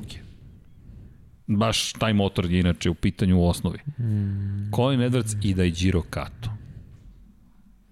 E, to bih volao da, Da, to, sam je, gledao. to je elita Hondinih vozača, Elita. vidiš, vidiš kako je birano. elita. Bukvalno. I, I to je taj jedan Znači, period. šampion Moto Grand Prix-a. Superbike, budući šampion i velika zvezda u Superbajku i budući možda potencijalni šampion u Evo ga i odgovor. Milan Pajtin, VTR. Dakle, kada govorimo o, o, o, o, o VTR-u, to je motor, ja ga obožavam. Moram Castrol da Honda. ali obožavam ga.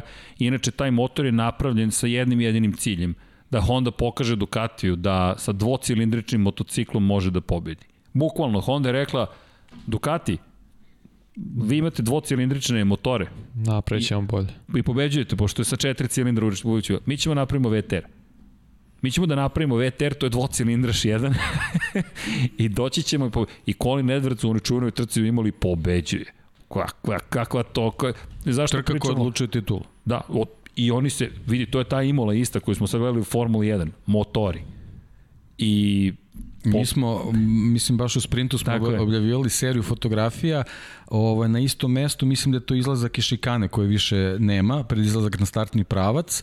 Uh, ista je pozicija fotografije, vidiš dva motocikla, ali na, u svakom krugu je napredi Ducati iza je Honda, pa je napred Honda, iza je Ducati, bukvalno iz kruga u krug. Fenomenalna trka je bila Jeste. stvarno. Jeste, u svakom slučaju sa VTR-om su oni došli do, do tih uspeha i VTR je korišćen posle CBR prešao, 2004. su prešli na CBR, ali VTR je tih godina dominirao četiri pobjede za redom na, na, na Suzuki, dakle to je to je nešto zaista ajde da kažeš posebno, zaista vanja I posebno. onda pogledaš na što je dominacija i u Moto Grand Prix i Superbike. Tako je. I onda ti taj jedan Valentino Rossi kaže, a ja zbog vas pobeđujem.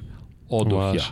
Oduh ja. Inače, Yamaha nije pobedila do pre pet godina, nije mogla da pobedi na Suzuki. Dakle, Yamaha nije pobedila sa Colin Edwards, inače sa Noriyukim Hagom pobedio 1996. i to je bila poslednja, pazi, Noriyuki Haga, kakva imena.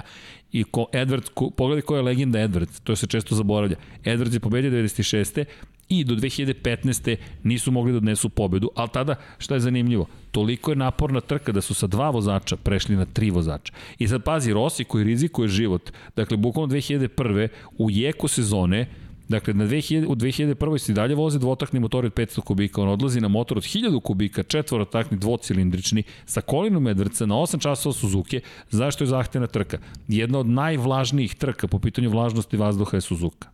Vozi se u sred leta. Jedna od najnapornijih za, za, za, za fizičku izdržljivost vozača. Između ostalog po noći. Pa kao. Bukvalno, i oni, oni uspevaju tome da pobede. Inače, ta pobednička ekipa 2015. Bradley Smith, Pole Espargaro, čisto da ne zaboravimo, Pole Espargaro, tako je, i Katsuyuki Nakasuga. Katsuyuki koji je posle postao legenda praktično, koji juri, ja mislim, osmu pobedu sada. Ali eto, koliko je Rossi ispove, ispovezivan na milion načina sa, sa istorijom i koliko se stvari kroz Rosija događaju zapravo. I ta 2005. Kako da ne bude?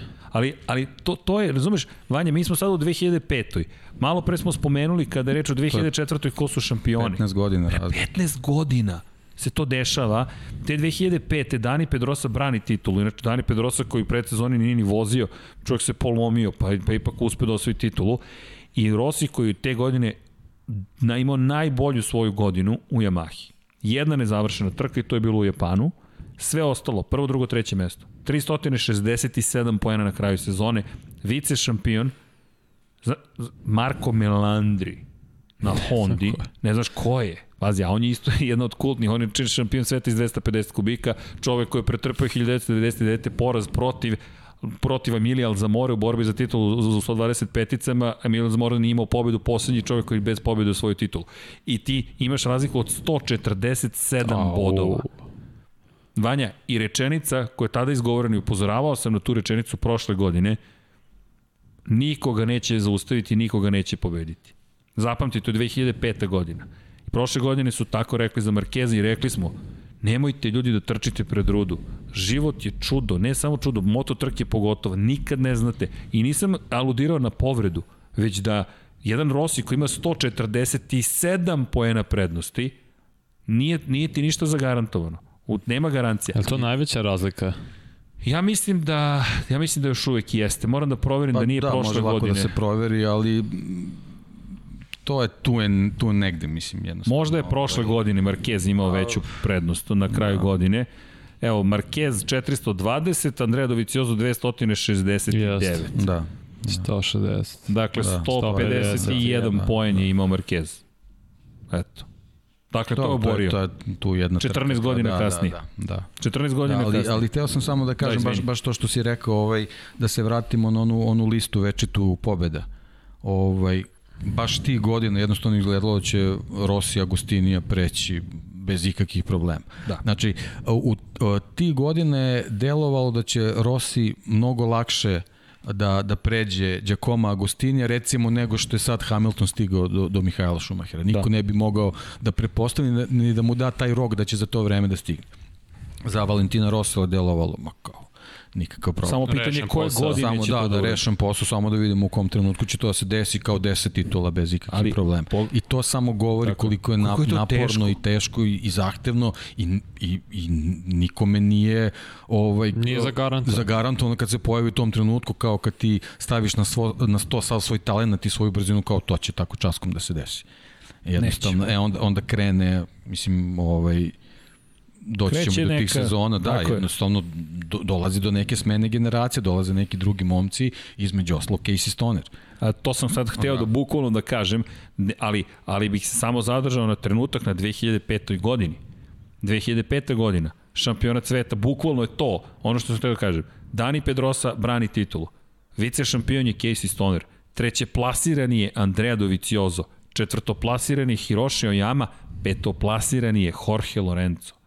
Ljudi, Nova generacija. u 250 kubika te godine Pedrosa, Stoner, Dovizioso i Aoyama koji je postao prvak sveta 2009 250 kubika i Jorge Lorenzo. Nova garda dolazi. Bukvalno. Garda koji je prilično mlađi od Rosije već u tom trenutku, Tako je. koji dalje on u punoj snazi. Koji je koliko, znači izdominirao. pričamo godine koliko on tu ima, to je već 20, 27, 26 godina znači za to je otprilike kao Mark Marquez Sada, 27. godinu je napuni. To je ono što smo To pričali, ta poređenja na početku Da. sezone kada se poredio. U 27. godini života, 2006. godina, početak sezone, prva trka godine, Toni Elias izbacuje Rosija sa staze, vraća se ipak na stazu, završava na 14. poziciji, osvaja dva poena. Svaka čast. Inače, to je taj prelaz sa Goloaza na Kamel. To je taj prelaz sa Goloaza na Kamel. Inače, Kamel je dugi niz godina bio sponsor Maxa Bjađe. Da. Čisto da, da spojimo i tu priču. I 2006. Rossi to započinje, dakle, tek u Kataru beleži pobedu, u Turskoj je četvrti, nije bila dobra trka. Međutim, u Kini kvar, u Francuskoj kvar, katastrofa, ali na šta te podsjeća? Da li te podsjeća? Mene na 250 kubika. Ok, to se dešavalo. Nije u Moto Grand Prix, ali već smo to viđali. Znaš koje trke dolaze? Ne znam, slušaj. Italija. Katalonija, tako je, Muđelo. Još jedna pobjeda. Inače, čuveni moment kada su mu rekli tebi srce više nije... Ne, naredne godine su mu rekli srce ti nije više u Moto Grand Prix, pa je zalepio srce na kacigu i rekao, ok, da vidite šta ja mogu. Evo ih te neke... Ovo je inače Yamaha, ako se ja dobro sećam, iz 2007. godine. Možete da prepoznate po nekoliko stvari. Dakle, mi koji smo to čak i prenosili, čak i prenosili 2007. Ovo je velika nagrada Holandije. Dakle, 2007. godine velika nagrada Holandije, tada je pobedio Casey Stonera. To je lansiranje novog Fiata 500. Inače, kako možete lako da znate da je da je ta godina, ima nekoliko detalja vrlo važnih. Obratite pažnju na, možemo ostanemo, izvinjam se na onom kadru, Dom Pablo, Dakle, obratite pažnju na par stvari. Prvo, Michelinov znak, dakle, zato znate da je 2007 to jest da je pre 2008. period. Zatim, na leđima, na leđima broj 46 je od zečije kože, to jest od zečijeg krzna. Zašto to znam? Zato što je bilo nemoguće saznati zašto mu je na početku godine 2007. to krzno na leđima. Nosio je cele godine krzno na leđima, rekavši da je možda vreme da izvuče zečiju šapicu iz šešira i da je možda prestalo, prestao da ima sreće. To inače, da, po tome, se, po tome, to, po tome pamtim tu, ta, taj konkretno ovaj kombinezon i u sticam okolnosti znam da je ovo vozio u Holandiji. Tad je zabeležio pobedu, jedna od redkih pobeda 2007. Dakle, to malo smo skočili na, četvrt, na četiri pobjede, sad zabeležio, vratit ćemo se na 2006. Ali već tada se pojavljuje upravo ta nova generacija, doktor je i dalje tu, i dalje je doktor doktor, ali nije tako jednostavno. Inače, pre, u predsezoni je na kacigi imao nacrtan Excalibur. Excalibur i rekao je vadim mač iz kamena. Međutim, nije bio kralj Artur te sezone, Casey Stoner je bio kralj Artur, ali 2006. geneza kreće još 2006. Dakle, posle tih problema, pobeda Italije Katalonija, Katalonija je jedna od najvažnijih trka 2006. godine i tu je Sete Gibernau odigrao možda i svoju poslednju veliku ulogu kada je reč o šampionatu sveta. Veliki incident na početku trke u kojem se desila kolizija u sudar zapravo između, kontakt između Marka Melandrija, se sećaš vice šampiona iz prethodne sezone, na Hondi i dalje, Fortuna Honda čuvena, fabričkog vozača Ducatija Sete Gibernau i fabričkog vozača Ducatija Lorisa Capirosija. Zašto je važno? Valentin Rossi jeste zabeležio upečatljivu pobedu, ali važno iz perspektive toga... Hayden otvorila vrata. Ne toliko, Hayden je već imao svoju priču, Hayden je bio vrlo konstantan, ali je Loris Capirosi bio povređen. I Loris Capirosi, zahvaljujući toj povredi, dakle u 2006. godini, je ostao bez šanse da postane prvi šampion Ducatija, inače pobedu je odneo par godina ranije, te 2006. dakle posle te Katalonije, dok se oporavio, bio je 15. 9. i tako dalje i tako dalje. Zašto je to važno? Na kraju sezone je Loris Capirosi bio u prilici da se bori za titulu prvaka sveta i ponestali su mu upravo ti poeni. Dakle, na kraju godine 5 bodova je bila prednost Nike Hejdena na kraju sezone. Valentino Rossi je zaostajao, dakle, 5 bodova, međutim, Loris Capirosi 23 pojena bio iza. A velike su šanse da ne bi bio toliko iza da nije bilo tog čuvenog. Da, inače pa ne, baš Sete se tu teško povredio. On Jeste. Čitao godinu i po dana nije vozio, vratio se nešto. Jeste. Kratko. Kratko i bilo je opet neka serija padova i onda je shvatio da, da to više nije to. Ne, ja sam mislio da je da. zbog da. tog pada te trojice Hayden nadoknadio neka mesta. Ne, Hayden ti je već bio, već je, Hayden, Niki Hayden je već u to vreme svoje radio beležio svoje dobre rezultate. Mm -hmm. Dakle, Niki Hayden je neko ko je... Bio je konstant, da tako da je. tako kažem. Tako da, je. Jel ti da. zvuči poznato? Pa da, da. ti zvuči to poznato. To je taj neki ključ, da. Ti zvuči poznato kad je da. reč o ovoj sezoni. Dakle, Nikijevi rezultati 2006. Treći, drugi, treći, drugi, peti, treći, drugi i onda dolazi, pazi sad, vraćamo se na Colina Edwardsa na kolina Edwardsa dolazi velika nagrada Holandije. Nekoliko stvari se dešava. U stvari to je ispalo da je ključno. Pazi, pazi sad ovo, da, da neverovatno. Da, da. Dakle, dolazimo na kolina Edwardsa, spomenuli smo ga, legend, mm -hmm. s Yamahom, sa Hondom, osvajao titulu Superbike-u, dve titule. Colin Edwards, u Hol inače nikad nije zabeležio pobedu u Moto Grand Prix. 2006. dve stvari se dešavaju. To je ono, izvini, to je ono što smo pričali koliko je teško kad velike zvezde Superbike-a dolaze u Moto Grand Prix. Jeste. Baš je gotovo kako nemoguće. Je, ovaj, kako je teško naći vozača koji briljira u obe kategorije. I sad šta se dešava? Ali Colin Edwards je jedan od onih koji ostaju veći trag u Moto Grand Prix-u pa i, po dolasku iz jeste, Superbike. I da. jedan od omiljenih da. vozača, jedan dugi period, pošto taj Teksaški tornado donio sa sobom tu jednu kulturu potpuno da, drugačiju da. i uvijek je bio zabavan i brz i moćan razvojni vozač, pogotovo kada je reč o gumama. Mišeli nije htio da ga se odrekne ni za živu glavu. Ali 2006. se desilo još nekoliko stvari. Rossi je pao u treningu po kiši i povredio se. Toliko se povredio ozbiljno da je završio na osmoj poziciji u Holandiji. U upravo momentu kada je zabeležio dve pobede, pad u Holandiji i još gora situacija. Colin Edwards, njegov klubski kolega u to vreme u Yamahi, se bori za pobedu. I u šikani pravi jednu od najvećih, najbizarnijih grešaka ikada u istoriji motosporta, pada s motora motor nastavlja pravo u zid, pa, pao je s motora, dakle sišao je sa staze, pao s motora, motor je nastavio pravo, udario u zaštitne ogradu, Niki Hayden pobedio. Prva pobeda te sezone Niki Haydena. Zabeležio još jednu zasluženu lugu na Seki. Čekaj, čekaj, i to je onda zapravo tih presudnih pet, pet. I da su bili izjednočeni. Da, da. Rossi bio za, zbog broje, pa... Va... Pri tom, verovatno ne bi imao toliki pritisak u Valenciji koji je imao. Tako Sada hejtujem Colin Edwards. ne, ne, ne. Ali, pazi ja kako... mislim da oni dalje ali... ovaj, se budi u noćnim morama. To, to, taj pad. Taj pad, da. Taj pad, da. Taj pad. Što najgore u Asenu sam ga intervjuisao dve godine kasnije i pitao, dobro, kada ćeš da pobediš? On počeo se smeje, kaže, ne znam, i pio pivo dan pre trke, naravno. Ali dobro, to je bio Colin Edwards. To jeste to je kao da. Brazil 2006 kad je, ne, za masu i nije šest, osma. 2008. misliš na tima Glocka, Luisa da, da, da, Hamiltona, pa vidi, samo što ovde kod Rosije drugačija sezona, pazi, u Kataru, to jest ne u Kataru, u, u Herezu ga obara Tony Elias. Nije završena 2006. To je dramatična Slušam. godina. Imaš dva kvara. Imaš pad u Holandiji, imaš pad klubskog kolege u Holandiji koji gubi 5 poena. Zatim, u Americi ti otkazuje motocikl. On je u Nemačkoj bio drugi, pobedio na sledećoj trci, dolaze u Ameriku. Posle velike nagrade Nemačke pobede, njemu otkazuje Maha ponovo ponovo mu otkazuje Yamaha. Imali su inače problema puno u Turskoj sa takozvanim podrhtavanjem prednjeg kraja, četiri. I je takav bio da je uništavao, e, nije mogao da upravlja motociklom, dok to nisu rešili. Vibracije i, i zapravo trougao, koji to, to je uvijek objašnjava Jeremy Burgess, koji je prednji točak, zadnji točak i vrh motora, kada formiraju trougao, ta geometrija čuvena koju tražiš. Jer to ti je, na primjer, i priča s početka podcasta o Olinsu i zadnjem oslanjanju. Što koja je svrha zadnjeg oslanjanja? Dakle, prenese silu na, na, na jedan proračunat način, izračunat način i utiče na visinu zapravo samog motocikla. I ta visina ti formira tu geometriju, taj trougao o kojem je pričao Burgess dok to nisu rešili, dok ta rezonanca koju su pogodili nisu mogli da, da, da reše probleme s motorom. Elem, eksplodira motor u Americi, Nicky Hayden pobedi. 50 pojena i više prednosti, dolazi ostatak sezone. Ostatak sezone je šest trka. Manje više deluje da je sve završeno. Međutim, drugi u Brnu, Malezi prvi, treći u Australiji, u Japanu drugi i onda velika nagrada Portugalije. Dve velike stvari. Pričali smo o Daniju Pedrosi, gde je Dani Pedrosa u tom trenutku, šta se događa. 2006. Dani Pedrosa potpisuje ugovor za Repsol Hondu kao nova buduća velika zvezda Honda. Jedna titula u 125, dve u 250. Dolazi Dani Pedrosa. I kažu Daniju Pedrosi, ti si taj.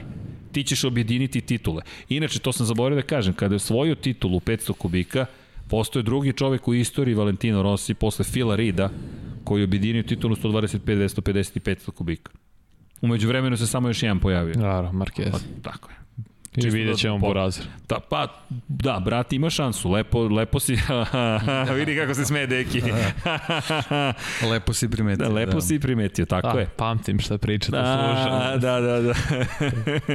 Ali vidi sad ovo. Dakle, Dani Pedrosa je stigao. I sad Dani Pedrosa svoj egla vori se za sebe u Portugaliji. Sa staze izbacuju, znaš koga? To upravo Rossi. Ne, Nikija Hejdena. Uuu. Nikija Hejdena, u sred trke. Činimo uslugu. Rosiju. Da, a to mu je klubski kolega koji je izbacio sa staze. Da, da, da, kapira. Dakle, Repsol Honda koja gleda Best. kako čovek koji treba da im vrati, da joj vrati titulu, da skine mrskog Rosija iz njene perspektive u tom momentu sa vrha sveta, kako njen budući zlatni momak eliminiše vodećeg u šampionatu sveta. I Rossi, I Rossi počinje da vodi trku. Počinje da vodi u trci. Ali. Međutim, ko se pojavljuje? Hmm. Tony Elias. Opet. Opet. I pobeđuje na kraju trke u velik, velikoj regli Portugaliji. To je predposlednja trka sezone. Prednost Tony Eliasa, da li želiš da ti pročitam kolika je bila? 0.00 79. Ne, 0.002. Dva hiljadita da. dela sekunde. I to ti je razlika od 5 poena. 5 poena. Čisto da znaš. Strašno. Dakle, Elias dva put. U, Elias. Ja, e, inače, Eliasa nismo spomenuli, on je vice šampion američkog superbike. Da. Znači, zaboravili Eto, smo to da smo, ga to treba da spomenemo. Da. Toni, I dalje, i dalje vozi. Toni, Eliasa, Toni, da, Toni je i da. prvi šampion Moto2 Da, klase. da, da, da. Kasnije ali Toni vozi trke svog, trku svog života, pobeđuje u Portugaliji, Sad je naš. ali pazi sad ovo, ali ta, koliko si ti iskren, Da. fenomenalno. Dakle, Portugalija i šta Pa, se dešava? Rossi je imao kroz karijeru problem što su mnogi vozili trke života. Života protiv njega, da. Pa da, kad da. si najbolji, to ti je uslov kad si mislim, najbolji, da, da, tako je. To je ona dodatna Tako je. motivacija. Znaš. Tako je. Prosto žu, ljudi žele da. Da. te pobede. Prosto to je to je cilj. Dakle, i da, evo, nula, da odgovaraju ljudi, pozdrav za Boška, 0-0-0-2, da, tako je ljudi. Dakle, Čekaj, čekaj, ko, ko, gde smo vremenski? Gde smo vremena, nemam pojma gde smo Ne, sad vremenski. je. Vanja, ne znam da li je iko više Sad tu još uvijek, sad da li još uvijek ljudi prati. Gde smo? Još 26 U. minuta imamo do 4 sata i 6 minuta. Čekaj, 20 26 minuta Rossi i još- 6 minuta I za, ili 6 20 minuta za Rossi ili dva, ajde ti odluči. pa ne, pa, pa vidi, posvetili smo ovaj deo Rosiju. Da, ali ćemo tek smo do 13, 13, 2006. te- morat ću da ubrzam, da. da ubrzaš Pa mislim da malo, ćemo da. morati da imamo još po- podcast Da. istorijskih, legendary. Čekaj, 26 Pedrosa. ali, da, pa Pa, da, ali... treba kažeš Ali, Pablo još broj Pedrosa. Ali, evo, evo samo, ali mislim da se sublimira sve u ovome. O, ovoliko ne možeš da pričaš o Daniju Pedrosi. Ovoliko veza ne možeš da nađeš za Jorge Lorenza. Ovoliko Jasno. veza ne možeš da nađeš za Nikija Hejdena, koliko god da ga Znači, volim. i svaka sezona imala nešto upečatljivo i drugačije. Stonera, da. Iako, iako ljudima kad pogledaju deluje kako je to sve bilo easy i, i lako. Iz, da, easy, da, da sve, to, sve to lako jer je to neko drugi uradio. Ali Kako zašto? je čovjek pobedio, kako je. smo rekli, na hiljadu trka, on je pobedio. Na hiljadu trka čovek da. ima 115 pobjeda. Vidi, Vanja, ja ne mogu ni da koncipiram u svojoj glavi. Ja sam to napisao, tweetovo sam svoje vremena. Moja mama drži moju diplomu sa Travoltijade iz 1986 iz bola na Braču, kako sam bio treći na Travoltijade. Čekaj, ovaj čovjek ima 115 trofeja samo pobedničkih. 115 trofeja. Vidi, Vanja, mi imamo jedan ovde. Hvala, dobili smo jedan Da, trofej. trofej, a šta čovjek Trofej. skuplja Ne, sve? pobednički trofej. Da, ali, pobe... da, a, ali on a za drugo i treće mesto nismo ni rekli. kacige, Kacige. ove štitnike za kolena, za za, za, za laktove. Ček, razumeš, 115 Čarape, pobeda. pretpostavljam, ne znam ni ja. Pobeda. Zečije šapice, sve skuplje. Pa, pazi, ali 115 pobeda. Ja, ja to ne mogu da zamislim. Da. Znaš, mi, mi radimo te prenosi. Ja ne znam koliko trka smo prenosili. Ali za koga god da budemo pripremili specijal, vrlo teško Nije će se približiti tome. Dakle, zašto je... I zbog, e, zbog čega sve ovo što, što radimo s ovakvim ushićenjem, što gledamo ko je tome doprinuo u novije Tako je. vreme. Tako je. Znaš, To je, to je ta, Marquez ta veličina njegova. ima 82 pobjede. To čovjek je fascinantan. Njegova priča je takođe fascinantna. Na drugi način. On je sad u nekoj drugoj eri koju je kreirao Valentino Rossi. To ne umanjuje značaj. Jel, znaš kako? Samo je drugačije. Kad pogledaš, ti imaš Maksa Bjađija i Marka Markeza, koje povezuje Valentino Rossi. Ili ako hoćeš Mika Duana Da. i Marka Markeza. Pazi, to su, mi sada pričamo, vidi Vanja, ti se nisi rodio. Nisi se rodio kada je Rossi vozio u svetskom prvenstvu. Znaš, to je, zato je meni fenomenalno što si ti za stolom. Ti se nisi rodio Dobro, ni njegov čovjek. brat nije daleko. Ako ćemo da... Pa Luka Marini imao 21 dan, bukvalno, hvala, lepo rečeno, kada, se rod, kada, je, kada je Rossi osvojio prvu Sledeće godine će voziti u istom šampionatu. Da. Razumeš? da se nađeš. Vidi, ti si umeđu vremenu stasao ozbiljnog čoveka. On, čo, čovjek je već vozio. Imao prvu pobedu u karijeri, prve pobede. Ja baš zvuči, nerealno zvuči. Nerealno, da, o tome i govorimo. Tako da svaki specijal će biti poseban. Zaista će biti poseban. Ali Ne kao ovaj. ovo je istorija motociklizma. Čovek koji ga inače zovu, Motorsport magazin ga zove 9,9888%. To mu je naziv. Jer toliko je zapravo, mislim, čovjek je toliko pobjede zabeležio u istoriji sporta. Da nije realno, nije stvarno. Nije realno, ni za nije Agustinija, pa ni za Markeza, vidi.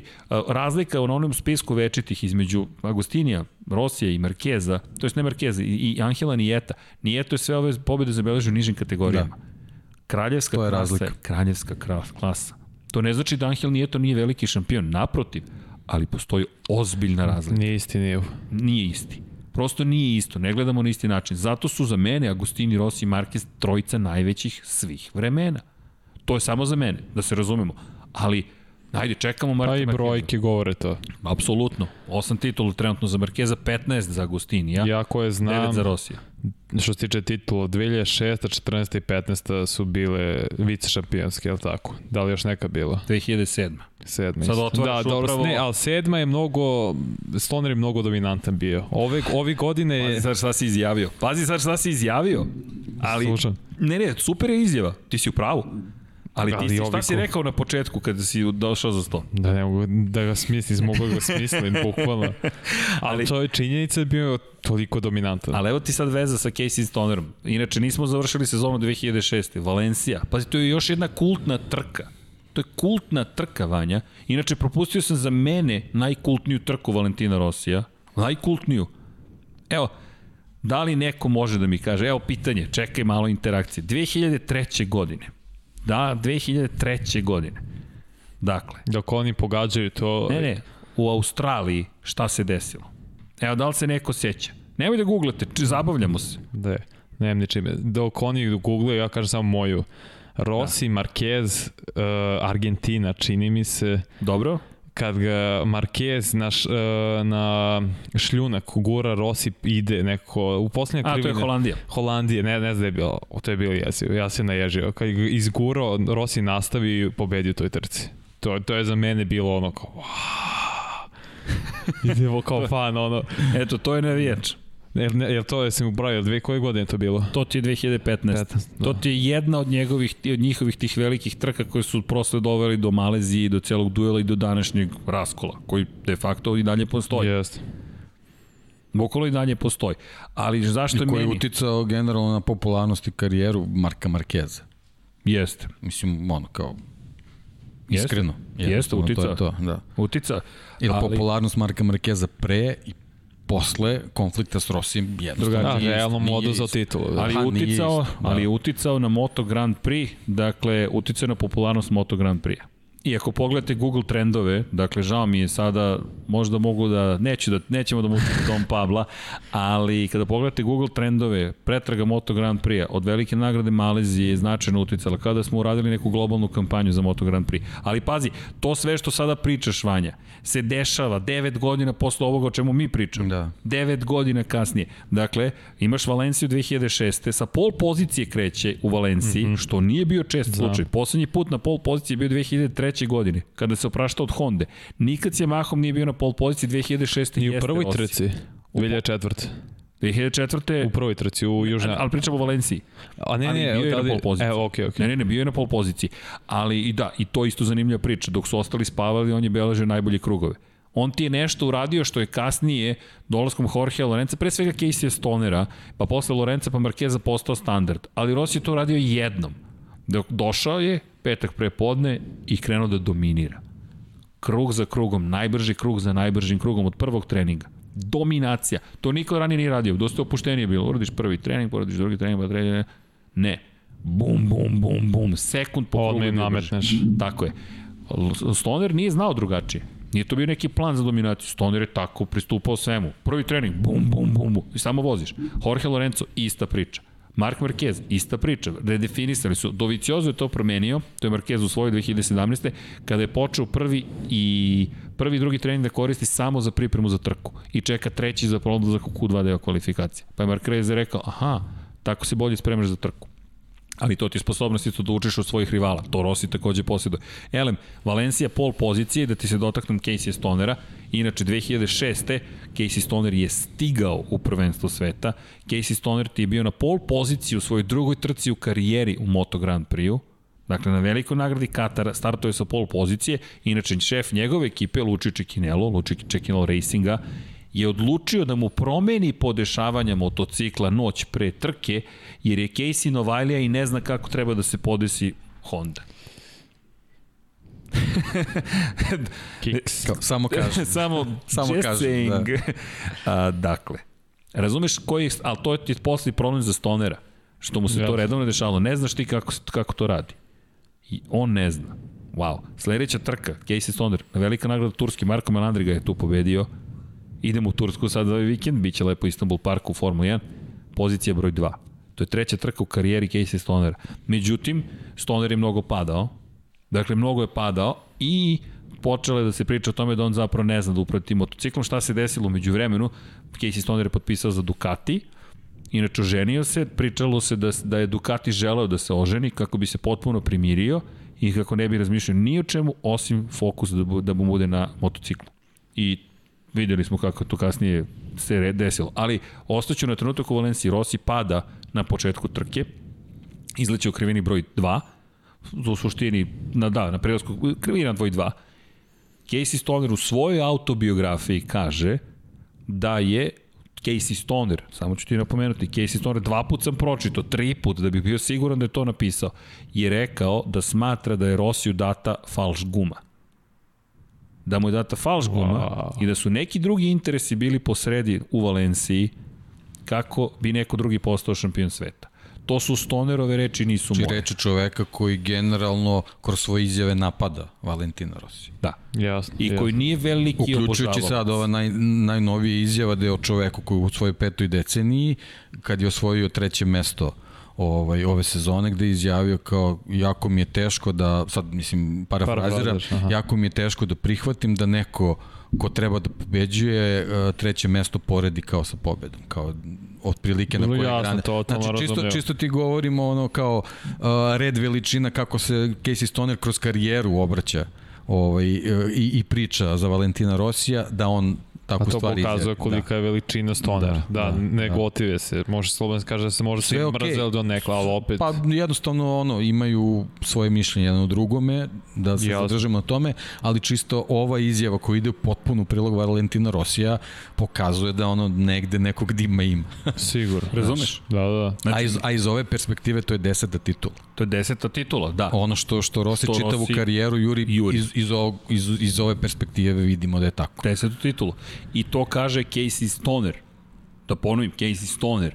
A znamo kako detektuje probleme. On sluša motor i kaže, a, otišlo je kvačilo. Otišlo je on u Australiji, sedi čovjek peca i detektuje probleme. Da Otišlo pustiš mu preko telefona i kaže šta je. šta je ovde bilo? Bike whisperer. Tako je. Bukvalno je bike whisperer. E, super si ga nazvao, usvojit ćemo to.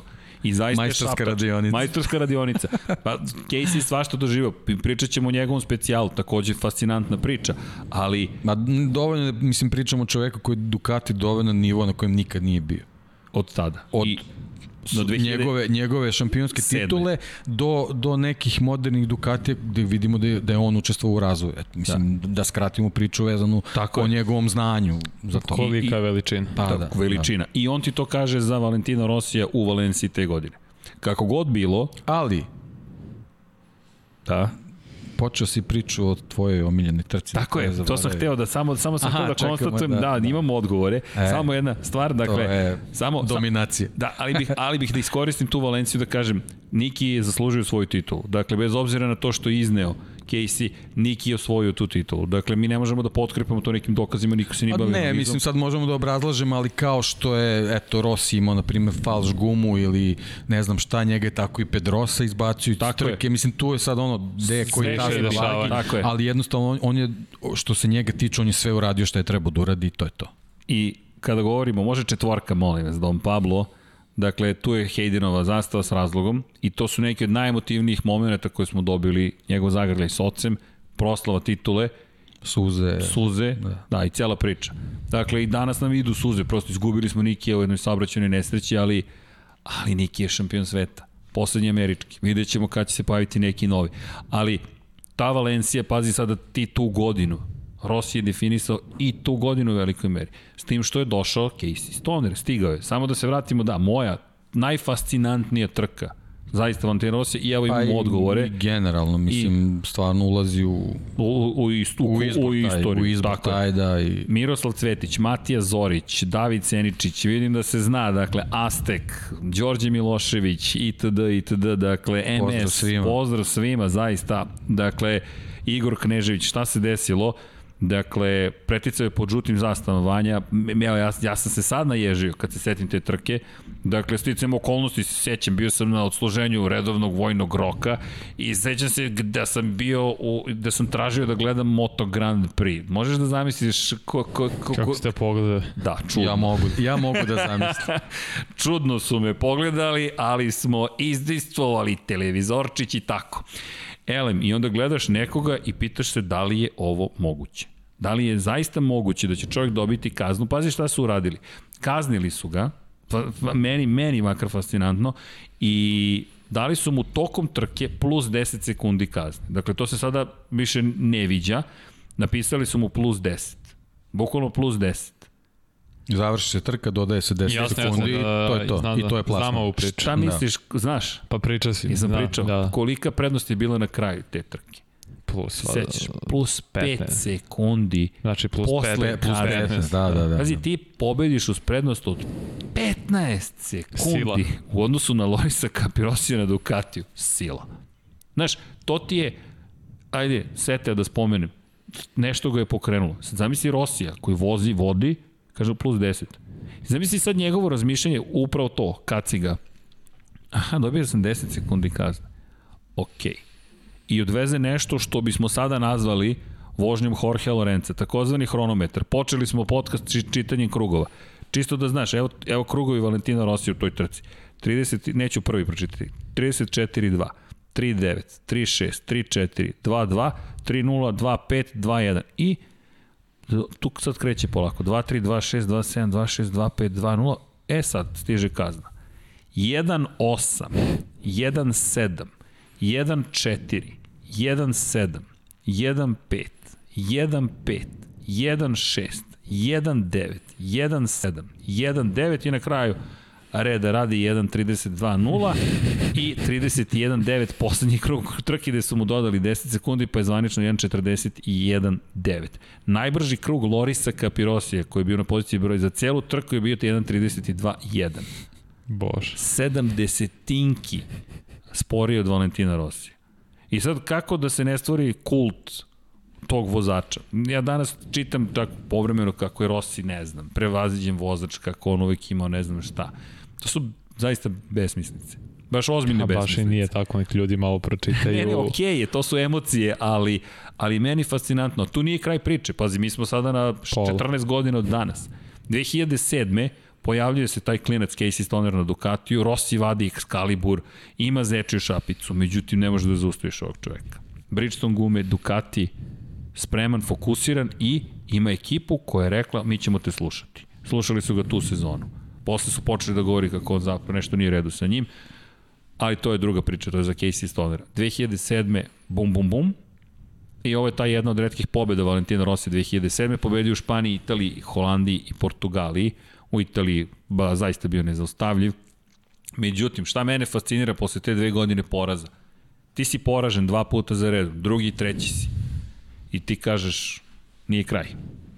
Hoću Bridgestonove gume. Bridgestonove gume, pri čemu, šta se još desilo te 2007. godine, veoma važan moment, 2005 dakle 2006. Dani Pedrosa, Jorge Lorenzo. 2007. godine Jorge Lorenzo u svojoj kategoriji 250 kubika od, bio branio titulu, odbranio titulu, Andrea Doviciozo bio drugi i oni stižu 2008. u šampionat sveta. Stiže ti ekipa za koju je kasnije Rossi rekao da nije mogao da prihvati da je Maha potpisala ugovor sa tako jakim vozačem kakav je Jorge Lorenzo i dovela ga u de facto njegov tim. Jedan od vanzemaljaca. Jedan od vanzemaljaca. Ali kako je Rossi na to reagovao? Prešao je na Bridgestonove gume i te godine, znaš koliko je, ne, dobro sad pitanje suludo, 373 poena imao na kraju sezone. Znači, posle svih problema koje je imao, ne mogu da je nazovem tu sezonu dominacijom, ali u jednom momentu imao pet pobjeda za redom. Bukvalno je rekao, ne, sada ćete da vidite šta ja mogu. Inače, taj serijal od pet pobjeda je počeo na Laguna Seki 2008. Da, De Lorenzo ima baš onaj nezgodan pad. Jeste. A Casey Stoner doživio jedan od najtežih poraza u da. svojoj karijeri. To je čuvena trka, Stoner protiv Dakle, evo, poruka, ne prekidamo 4.06. Ma ne prekidam. Evo Ivan te... kaže do 4 6 do 4 sata i 6 minuta, ali u jednom momentu ćemo morati da završimo. Prosto gde, ne znam kada, ali pet pobjeda, Laguna Seka i taj moment Casey se tada nije složio s Rossi i rekao to je bilo previše opasno, to nije trkanje, ali Rossi mu odgovori that's racing. Inače u tom momentu je nanizao tri pobjede za redom Casey, u svakom treningu je skoro sekund po krugu bio brži od Rosija i ostalih u treninzima. Rossi izveo jednu od najvećih taktičkih trka svih vremena. Zaustavio Casey-a, ali njihovi dueli, preticanje sa spoljne strane, odbrane, kako su vozili, to je danas masterclass ne u, u, u pobedi, nego u tome šta su njih dvojica uradili.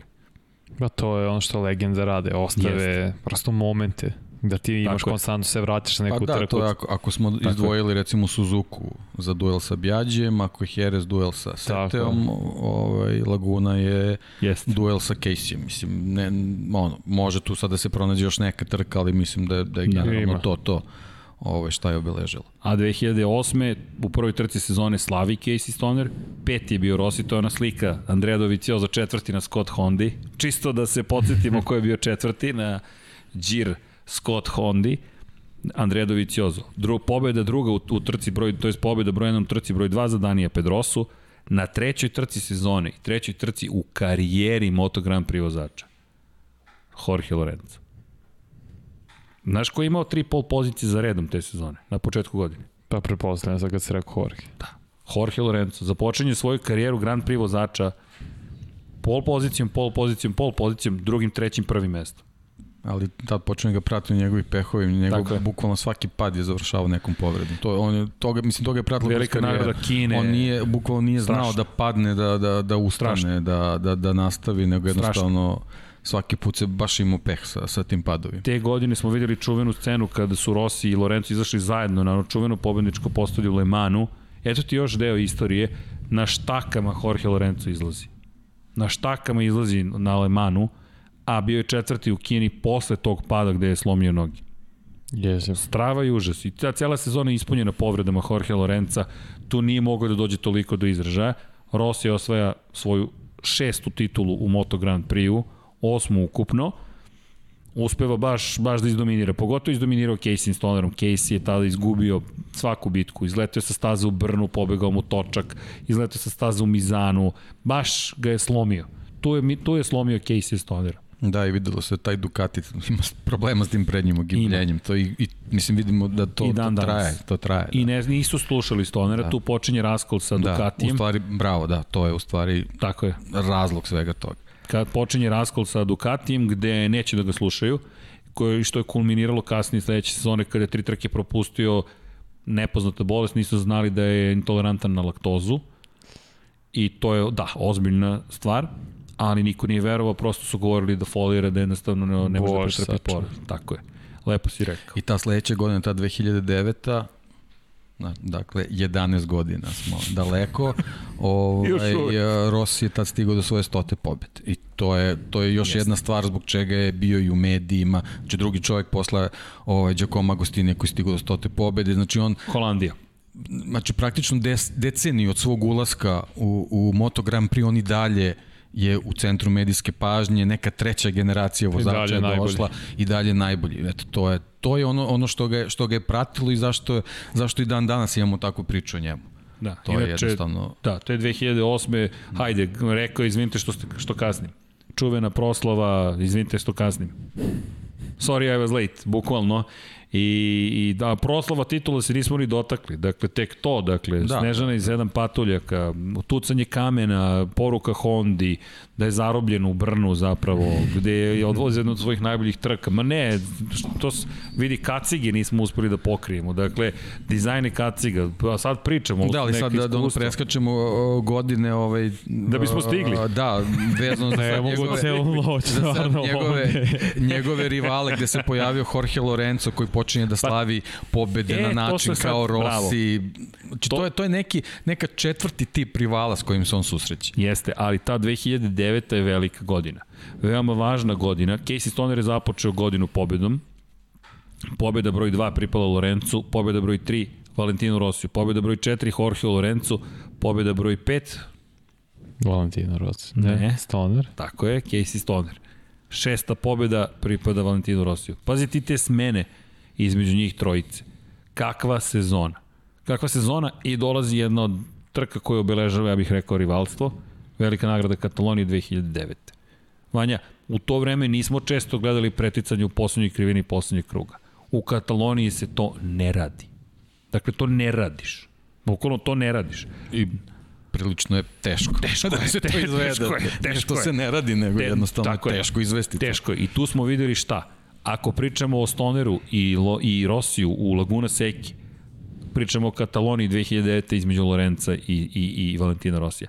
Njegovo sklanjanje kolena, dakle, kako ovako, juri praktično, dakle, spušta se ka prvoj krivini i u momentu kada je sa spoljne strane nalazi se Lorenzo ovde, Rossi ovde. Ako je moj lakat zapravo Rossijevo koleno, sprema se za ulazak u krivinu udesno, prva krivina, on sklanja lakat, dakle pušta kočnicu i ponovo je hvata da bi ušao u krivinu da bi izbjegao Lorenza. Vanja, ja to nikada u životu do tada nisam video, a to je borba dva Moto Grand Prix vozača za prvo mesto. Ulazi u krivinu još jedan krug, pokušava isto, Lorenzo mu to blokira i kreće potpuni haos. Potpuni haos i Rossi u momentu imaš, kad izađeš tada, te stare desete krivine, imaš krivine još Dakle, imaš još tri krivine u desno. Zapravo četiri. Ide prva, 11. u to vreme, pa 12. Mm, da li sam pogrešio? Jedna, da, da, tri. Ideš 12. i tu je kraj. Više nema preticanja. On u 12. skače ispred Jorge Lorenza, otvara gas, beži mu zadnji kraj, on uspeo da ga zauzblada, podiže prednji kraj i slavi pobedu time što mlati ceo motocikl i to je 99. pobeda. Zašto je još važna? Broj koji je nosio Jorge Lorenzo na toj trci je 99 i pokazao je ovako. Psihološki rad se nastavlja. nastavlja se. Iko neko da. iconic. Baš iconic, da. tako znači, je. neumoran je sa četvrtim velikim rivalom. Peti već ne znam. Ne znam ja više koji. Da, smo tako. Ali recimo četvrti. Da. Recimo četvrti da. veliki. I, da kažemo, Vjađi, Gibernau, o, Stoner, Stoner A Niki? Pa dobro, nije više, nije rival. Niki nije klasičan nije... rival. Da. Niki nije klasičan rival. Niki je Niki. Niki je nikad da. nije bio Pri takav klasičan rival. On je, on je Niki jednostavno želeo recimo za timsku kolegu Ducatiju. Znači, verovatno njihov jeste. odnos je malo drugačiji, tako da ne možemo da ga svrstamo u tu grupu rivala. Jeste, jeste. I, i on je Adverca želeo u svojim redima. Zanimljivo, Amerikance je uvek tražio da. kao klubski kolega. Da, Edwards verovatno iz tog vremena 8 sati Suzuki, verovatno tu, tu je primetio taj njegov hemiju. kvalitet, da, da, da, i, i ta I čuva gume i razvija da, ih moguće, i tako da, da. Ali da. zabeležio pobedu broj 100 kasnije na sledećoj trci u Holandiji. To je, to je baš bio isto veliki medijski bum. Jest. Kada je stigao da se. Posebno što je 99. Ovaj, na taj način postignuto i, i Spektakularno. Tako, i, Tako i je. tu je već, već je ušao u, ovaj, u, novi neki centar pažnje i onda brzo stiže ta stota pobeda i to je već ovaj, on, Znači ulaziš u anal, ulaziš u istoriju tamo gde, gde kad, je, kad je krenula karijera, to ti je bio cilj da uradiš. Da, a Giacomo Agostini je inače svoju karijeru završio tako otprilike kad sam se ja rodio. Da. Dakle, govorimo o 70. godinama i govorimo o tome da je Giacomo Agostini... sećam se tog trenutka kad je kad je stigao te stote pobede koliko je dostižno ovaj tad delovao taj Agustinijev rekord. Da, delovalo je kao da je da. zaista pitanje hajde da kažeš, trenutka kada da. će se to desiti. A sto, s tim što treba napomenuti, velika razlika između Agostinija i Rosija i Markeza. Giacomo Agostini je vozio paralelno u dve kategorije, ono što je s druge strane takođe činjenica bilo je mnogo manje trka u kalendaru. Da. Tako da se to negde da kažemo anulira, uslovno rečeno, ali eto, čisto Giacomo Agostini 1975. 75. dakle godinu pre nego što se ja rodio i osvojio svoju poslednju titulu. I to s Yamahom. Pazi, s da, Yamahom. Da, a sve ostale su bile na Augusti. Da, da na MV Augusti. I postoje zaštitni znak Yamahe kasnije, da, to ti je tek. Da, Kao Dani Pedrosa da. danas KTM-a, iako je vozio konstantno Hondu. Ali, eto, to ti je 2009 i onda dolazimo do jedne od najvažnijih godina u njegovoj Pa da, ja mislim da je to u stvari ta 2010. Da. je ta povreda. Pa da. Prekretnica sve. Jer pazi, to je da. i zanimljiv je ta, ta, ta sezona je zanimljiva. Otvorio je sezonu pobedom, međutim u Herezu, iako je vodio, na kraju je izgubio izgubio i to je, ta, to je, to je bukvalno ta trka dakle, u kojoj Jorge Lorenzo uspio da ga pobedi, Dani Pedrosa sa njim bio, u sekundi su bili na kraju, to je to čuveno i rukovanje i, i pomirenje uslovno činjeno među Lorenzo i Pedrosa, ali Lorenzo je preokrenuo tu trku u svoju korist. U jednom momentu je gubio i činilo se da će nastaviti da gubi protiv Rosija Pričaš svi ostali. za Španiju? Tako je, tako je.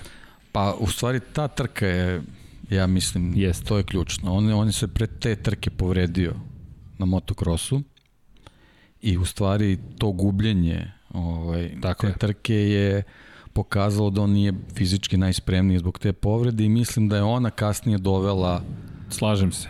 Jer do, do one ključnije povrede i teže povrede koje je potpuno tu poremetila to karijere. Jer šta se desilo na sledećoj trci, velikoj nagradi Francuske? 5 sekundi prednosti imao Lorenzo na kraju trke ispred Rosija. To ne prihvataš tek tako. Dakle, I tu, je, tu se Tako pokazalo je. da nešto sad Nešto nije, u redu. Da. Pa, tu se desilo prvi put da neko izdominira Valentinom Rosijem. Do tada su svi porazi koje si trpio, trpeo nekako su i mogli da se prihvate, ali... Čak da i od Stonera. Pa znaš šta, drugi motocikl, drugačije. Ti sad deliš garažu s ovim, s ovim momkom.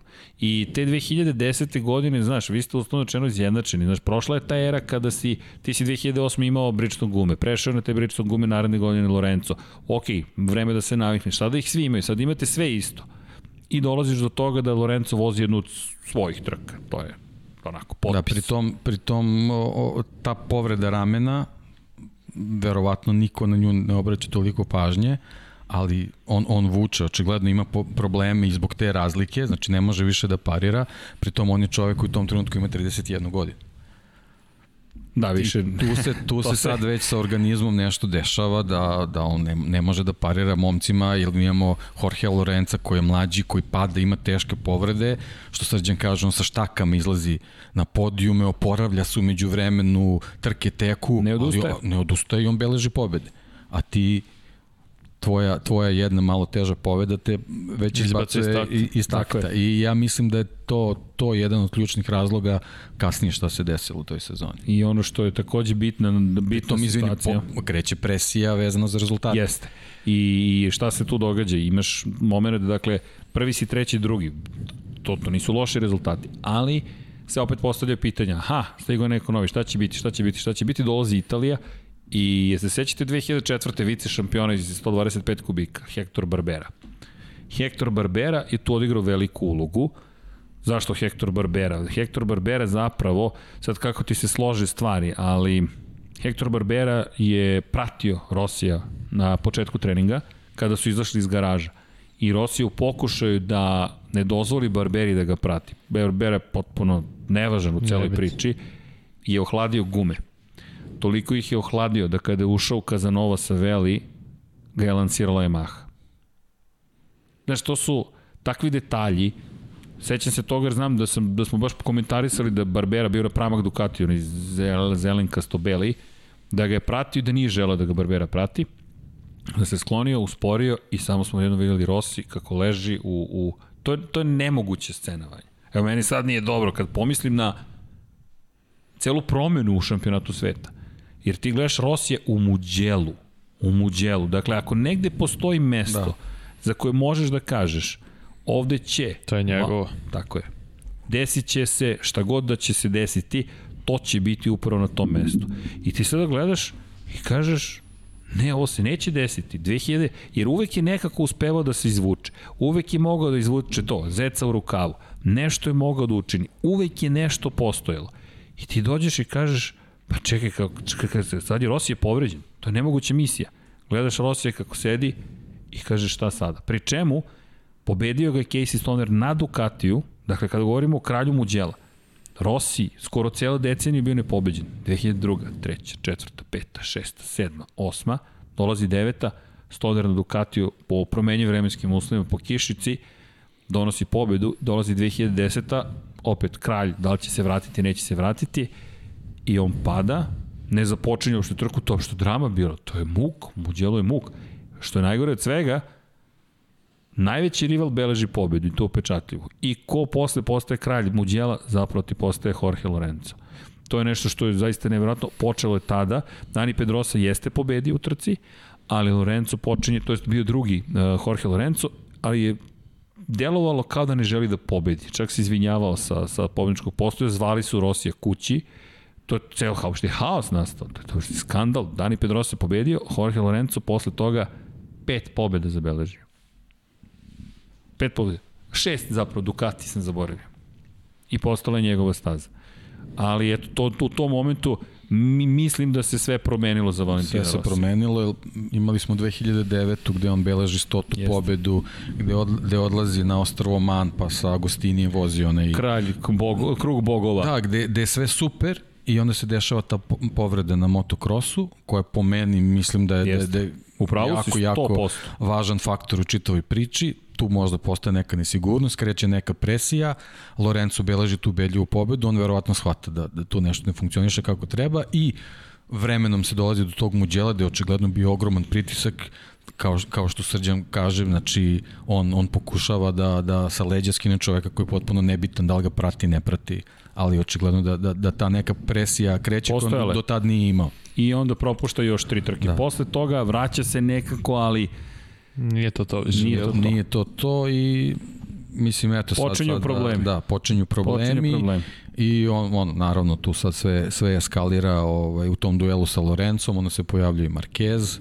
Vreda. Rossi da, već, već kreću ima, godine i to je ovaj, ali, sad, mislim sad da, da baš ne skratimo ne, ne, ovako ne, ne, tu priču, ali, ali, ovaj... Ali ima jedna, izvini, samo bitna stvar za tu 2010. i to sad ne mogu da nađem ko je prokomentarisao, ali 46. pobjeda za Yamahu je zabeležena na velikoj nagradi Malezije te sezone. To je poslednja pobjeda u toj prvoj eri sa Yamahom. Inače, žestok duel su imali i u Japanu trku pre, bukvalno čovek na čoveka Lorenzo protiv Rosije i u Maleziji tada je osvojio titulu, dakle na toj trci je osvojio titulu Jorge Lorenzo, ali 46. pobedu na Yamahi zabeležio Rossi i tekako simbolično se oprostio, tada smo znali već da odlazi u Ducati.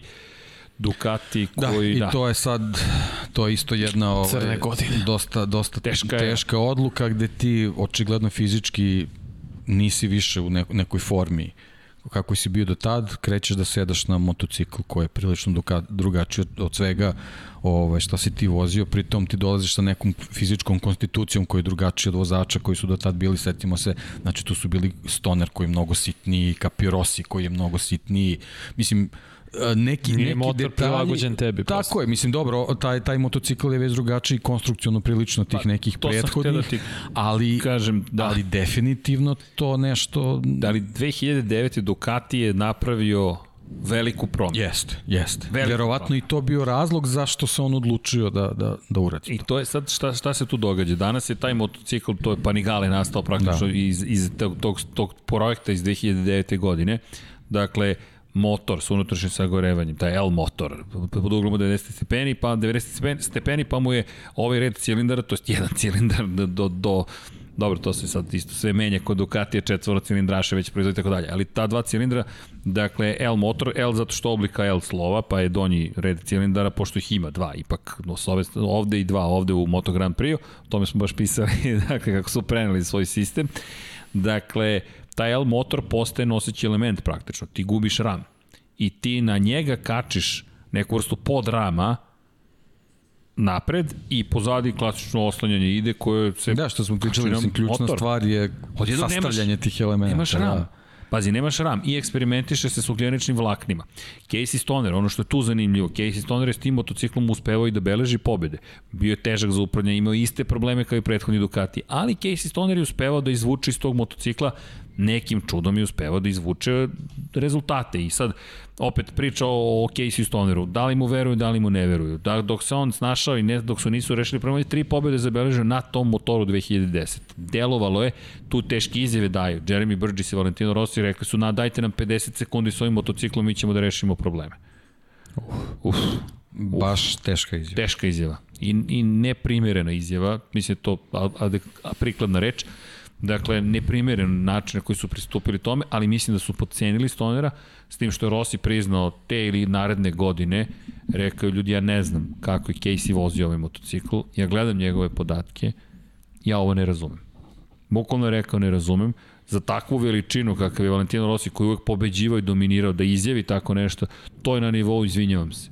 To je na nivou, ja se zaista pa, izvinjavam. Uh to je sve možda kulminiralo ovaj, ono što si pričao kako je Rossi ukretao ovaj, leđa rivalima Tako svojim je. povedama. Ta, to je bila prva godina da je on ulazio u boks, izvinjavao, izvinjavao se Casey Stoner. 2011. Da. čuvena trka gde ti vidiš vidiš neko izdanje Valentina Rosija koje očekuješ. Kao ajde. malo hladnije vreme dolazi, taj Ducati će da funkcioniše, vidiš neke rezultate i onda Jer Rossi tu trku završio na petoj da, poziciji, da, minut da. iza pobednika, ali je imao šansu da se bori za pobedu. Izbacio je Casey Stonera sa staze, to je inače prva Caseyeva godina u Hondi, Dakle, on, on je otišao u Hondu koja ga je zvala i rekla hoćemo s tom da sarađujemo. Honda koja od Haydena ne može da se vrati na tron, čak ni nije u igri. Dakle, zahvaljujući činjenici se Stoner, Lorenzo i, i Rossi bore za titul, dovodi Stonera, seda na Ducati s druge strane Rossi i po kiši odjednom liči na sebe vozi, vodi, po, znaš, ide ka nečemu što Tu je bilo čekaš. neko saznanje da će taj motocikl funkcionišati kad je hladno vreme, Tako, kad je vlažno, kiša, a sve nešto. drugo jednostavno potpuni outsideri. U njegovim potpuni rukama outsideri. nisu mogli da se snađu. Da. Niki Hayden je povremeno uspevao da bude brz, ali generalno puno problema. Jedino je Stoner i dalje ostao čovjek koji je znao da upravlja tim Ducatim. Inače, zaboravili smo Marka Melandre, 2008. je bio klubski kolega. Inače, Casey Stoneru, bio je često poslednji na kvalifikacijama dok je Stoner osvajao pol pozicije. Marko Melandri koji je bio vice šampion Moto Grand Prix, tako je šampion 250 kubika. Bazi kako se opet sve slažu kockice. Mislim generalno jedna zvezda šampionata zvezda. ranije godine. Tako je, nema šta. Baš je bio zvezda da. i, to je buduća potencijalni budući potencijalni italijanski šampion. Elem i Rossi koji na toj stazi u, u Herezu to je čuveni moment, odlazi da se rukuje sa, da se izvini da Stoneru i Stoner mu kaže I guess your talent I outweighs your ambition. Kako ti je rame? Da, da. I to izjava da. je, pretpostavljeno, tvoj talent prevazilazi tvoju ambiciju.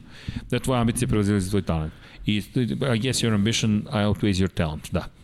I to je izjava, inače kasnije smo to saznali, to, to, to nam je, to je David Emmet objasnio, inače naš kolega s motometra.com, kaže ljudi, to je uzrčica u Australiji, to je australijski način komunikacije koji je dosta siroviji nego da. što je... Nije Rossi u prvom trenutku čak ni razumeo. Nije razumeo. Prišao je, onako približio mu. Šta Nije. si rekao? Ali opet, eto ti još jedna da. kultna scena u kojoj Rossi pokušava, kaže, i ulazi u garažu Honda i pruža pa, ruku. Da, ali to je ono, ono, ono što si rekao, znači to je možda i neki trenutak tek promene njegovog karaktera. Jeste. I... Da i on počinje da. drugačije da pristupa stvarima. Pa zreli.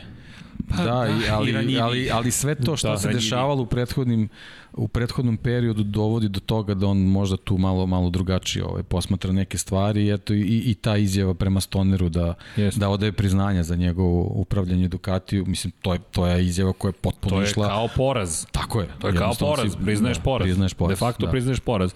Inače je bio peti na sledećoj trci, pa treći u Francuskoj gde je opet neki zraci i nešto. Međutim, koji problemi su postali? Kulturološki pre svega između Ducatija i Rosija. Rossi velika zvezda, Ducati velika zvezda. Ducati uvijek dolazi na prvo mesto slično Ferrariju. Ducati ispred vozača, Ferrari ispred vozača. Ovde imaš zvezdu koju ne možeš da kažeš ispred si, ali možeš kako? Tako što zapravo kažeš važi i onda se ne desi to što ste se dogovorili ili ne onako kako ste se dogovorili. I Ali obrnuto. sabotiraš samog sebe. Pa sad, to je ta filozofija to je jednostavno tako Tako funkcioniše. Inače, reš, probleme koje su rešavali Burgess, Rossi i kompanija su bili na nivou da ti koristiš tri zavrtnja da, da postaviš deo na, na motocikl, dok je Yamaha davno prešla na jedan zavrtanj. Zašto? Zato što kubiš vreme. Treba ti da o tri puta odvrneš, tri puta zavrneš, to su, to su prelazili. Mi kada govorimo o ozbiljnoj organizaciji tima, to deluje sve savršeno upeglano. To je rad, rad, rad, rad. Dugogodišnji napredak i procedure, gde alat koji imaš je prilagođen tome što ti je potrebno. Yamaha je pravila specijalni alat koji će omogućiti da radi brze promene.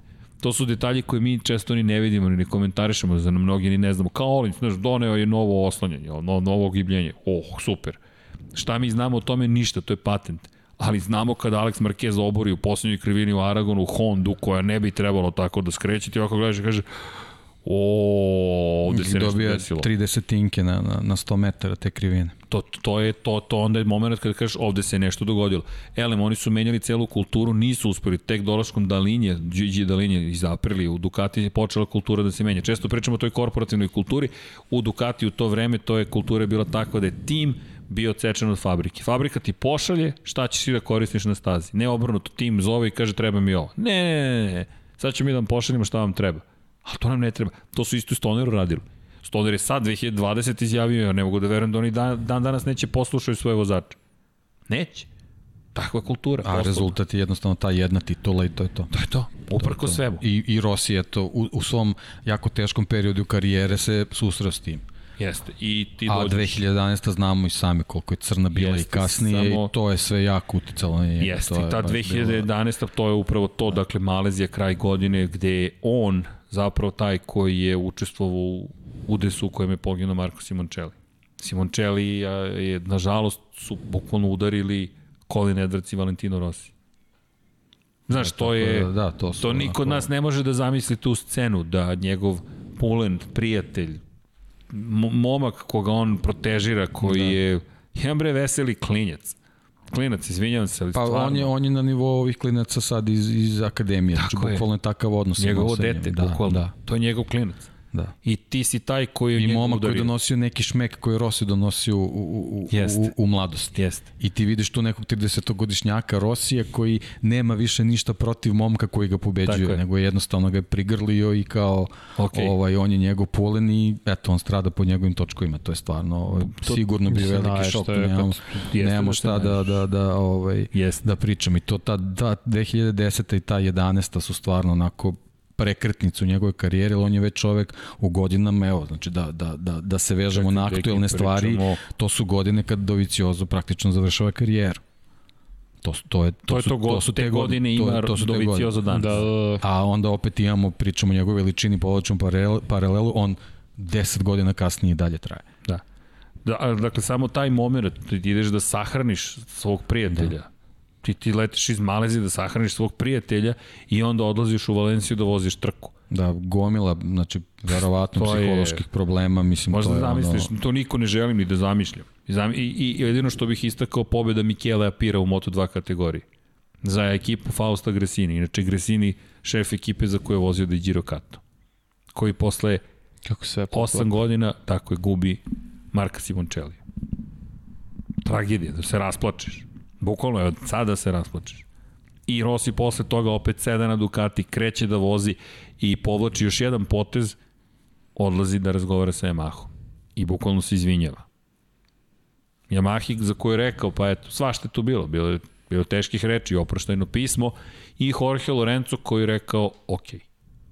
Jorge Lorenzo je imao čak pra, mogućnost u tom momentu da se pobune, on je rekao ok, neka se vrati Rossi. Ne kažem da je to učinio iz dubine svog srca ili da je bio... Ne, više da pokaže... Tako je. To je moja pretpostavka. Nek budemo jednaki, ali sad ćete pobediti. Tako, i pobedio ga. I sad kreće jedna nova era. Pa jedne godine Pablo. ne mogu stvarno to dakle, da mu do, dam tu titulu. ok, dolazimo, da, polako i tamo, ali vidi, 2011. 12. su prve godine u kojima on nema pobede u karijeri. I dolazi onda 2013. Jedna pobeda, velika nagrada Holandije, problemi za Markeza, čudena trka, ali bez obzira, ti dolaziš u Holandiju i beležiš pobedu, od Malezije nisi pobedio. 2010. godine, 2013. ti beležiš pobedu. Samo da se vratimo, stota pobeda Holandije 2009. 101. Nemačka, 102. Češka, 103. Mizano, 104. Katar, 105. Malezija i onda dolazi Holandija, to je 106. pobeda. To je ono što si rekao, tako lako je delovalo, međutim ti četiri godine od svoje stote pobede beležiš 106. pobedu. Kako su se stvari dramatično promenile, ali to je neki znak da još uvek možeš. Da, i, i veliki, e, veliki trenutak gde, gde se vidi kolika je njegova ovaj, popularnost na kom nivou se i dalje nalazi. Ja mislim da to isto bio jedan veliki vetar u leđa da, da on nastavi dalje. Ovaj, upravo ta pobjeda u Asenu. Jeste. Jeste veoma, veoma, veoma, veoma značajna pobjeda. Mislim da, da je taj trenutak možda i, i, i bio prelomni da, da odluči da, da nastavi ovaj, sa karijerom. Verovatno on ima neke planove koje ćemo saznati ovaj kasnije dokle misli da traje. Pa ovaj sad da. digresija da. njegov tim uh, Sky Racing. Sve sve je to okej, okay, nego sad je samo e, pitanje koliko on može da sedi na motociklu još. To tako je, ali ali, ali, ali lepo pogodio eru. Dakle da. tim je osnovan 2014. godine. Tako je. Dakle, ja, znaš kako, ako nije prelomio da prekine posle ovoga šta se desilo na Red Bull ringu ove godine, Nikad znači, ne, on definitivno ne, on ima neki vozi do plan. 46. Nam, da, da, da. vozi dok traje ovaj podcast. Da. ne, ovaj, znači za uvek. Dajde, da. ne mogu da sedim da. više. Polako vanje, ima još malo. Doći ćemo do tvoje omiljene 2015. Ali 2014. Dakle, četvrti je bio u šampionatu 2013. u povratku, inače u Ducatiju sedmi i šesti pričati o eri Ducatija, možemo pričati o marketingu, on je doneo mnogo novca Ducatiju, dakle... Ali su bile svako crne jo. godine za njega. Jesu, ali, ne, ali vidi, sada pričamo o jednom vrlo važnom aspektu iz druge perspektive. Dakle, 2013. je važna iz, i 2012. i 2013. su važne iz, iz još jednog razloga. 2012. Casey Stoner se penzionisao. To, to nije mala stvar. Da, Casey je rekao da taj incident sa, sa, sa da, da pogibje Marka Simoncelli. Ali još jedna stvar. Još jedna stvar. Shuei Nakamoto, ja ne mogu, ja ne mogu da se pomirim sa izjavama Shuei Nakamoto iz 2011. Nakamoto je, pošto je Marko Simoncelli zauzeo drugu poziciju, svoju prvu pobjedičku postavio u karijeri u Brnu, popeo se na drugom mestu, mu je rekao možeš ti i bolje. Taj pritisak kome je Marko bio izložen, niko nije zaslužio. Apsolutno niko nije zaslužio. Ja duboko verujem, nažalost, da je sve to dovelo, ne krivim direktno Nakamotoa, ali svakako nije pomogao Marku da, da, da lakše prođe kroz sve to. Ogroman pritisak je vršen na Marka Simončelija. Toliki da na kraju nije pustio motocikl. Nije pustio motocikl. On je taj koji je držao motocikl u momentu kad više nema kontrolu nad njim. Da, bukvalno se izborio sa inercijom. On je, on je praktično trebalo na, dru, na drugu da stranu da, da ode. Tako da. je. Ne da se vrati da. na stazu, na trkačku, na tr... mislim, strašno. Ali to je nešto što je Stoner, to inače smatram da je to najbolji intervju ko, ko, koji smo ikada radili i rekao, oni od nas žele da budemo samo, da. pa, praktično, samo neke lutke ne ljudi, nego tako. Pri da, 2011. sezona da, da imao par onako baš dominantnih nastupa Znači, i dalje je. nije imao razloga da, da, ovaj, ne. da, da, ne, ne. da takve izjave, ali jednostavno toga je pritiskalo i ja mislim da on mnogo ranije već odlučio da Jest. on osvojit ću titulu Jest. i idem da pecam. Tako je. I, I on je, je u Francuskoj 2012. Da. to je početak sezone, četvrta trka sezone, rekao ljudi, Da, to je već Radi, doviđenje. Mislim da on Tako davno, je. davno to Tako reši. Je. A u to vreme jedno novo lice se pojavilo u 125, osvojilo titulu, 10 pobjeda te godine, 2010. Marko Munjevito. Marquez, Munjevito. 2011. u malo nije osvojio titulu Moto2, 2012. Ja pamtim to zato što 2011. smo ga intervjuisali, Mark Marquez u Mugello. Da, vi ste tada i krenuli sa prenosima. Tako je. Tako, da, ne, mi smo da. 2009. krenuli, ali mi smo, morate pridati... Formula krenula 2011. Jeste, ali, da. ali nešto se desilo 2011. Cok i ja smo rešili da idemo na trke. I bukvalno smo otišli kod direktora i rekli, mi odosmo na trke. E, to je bilo sve, on je rekao, šta ćete na trkama, mi ćemo ti napravimo pred dopise, intervjue, emisije, šta god.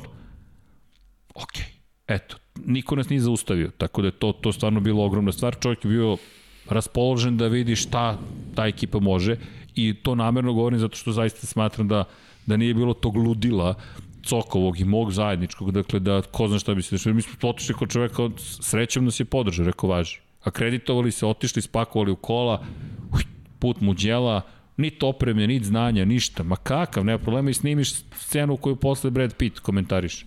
A to se tako radi, eto, pozivam se, zaista, ne pričam vam bajku, to se desilo. To se bukvalno desilo. Dobili smo intervju s Rosijem, to su snovi, tako ih ostvarujemo. Kako? Pa ajmo da radimo nešto. Ajde napravimo studiju. Haj. Eto, bukvalno, hajde, evo, evo, još jedan, hajde. Evo, Dom Pablo, Ivan, Milica, ti. Dakle, to je neko kreativno ludilo, mora da postoji. Ali to je ono čemu se divimo kod ovih ljudi. I taj isti Mark Marquez, niko nije hteo da ga intervjuiše. Niko, dočekao nas je Julija Marquez. O, vi ste ekipa koja će intervjuiše Marka. E, mi smo ekipa koja će intervjuiše Marka. Koji u tom momentu 81 poen zaostaje u, za Štefanom Bradlom. I svi su ga se već odrekli, ma nije on taj. A Cok, gleda ga na prvoj krivini, dolazi k mene Sergio. Štefan Bradl, ovaj što ga Tako menja. je, Šte, Štefan Bradl koji ga danas menja, da. Da. Inače, Mark Marquez koji je vozio sa Cameronom Bobijeom dve godine da. ranije, što kaže Šampionom Vacić. Superbike. Šampionom su, razumeš? I sad ti dolaziš, dočekujete ekipa koja se raduje što bilo ko hoće da ga intervjuiše, jer on je već otpisan, brzo se to brzo te otpišu, nema veze, rezultati stari se ne pamte i to se sećam i znam da je Coko otišao, mislim da je u prvu krivinu otišao i došao i rekao Serđo, ovaj mali će sve da ih odere. Bukvalno, onda, onda smo išli u krivine da gledamo št, št, kako vozi uživo i ti kažeš, ok, ovaj mali će sve da ih odere. Bukvalno, to je bio ceo komentar. 2012. dobili smo intervju, ali u Muđelu saopšteno da je potpisao za Repsol Hondu i nije mogu da priča sa nama. Imali smo 10 sekundi između 24 mikrofona, ovako smo držali. Rekao, da li, da, da li nas Da, se se seća, to promeni, tužna da. priča. to, sećaš se nas, sećaš se nas. Ne, ali, ali imamo njegovu izjavu iz 2011. kad smo ga pitali da li bi vozio električne motocikle. Ne.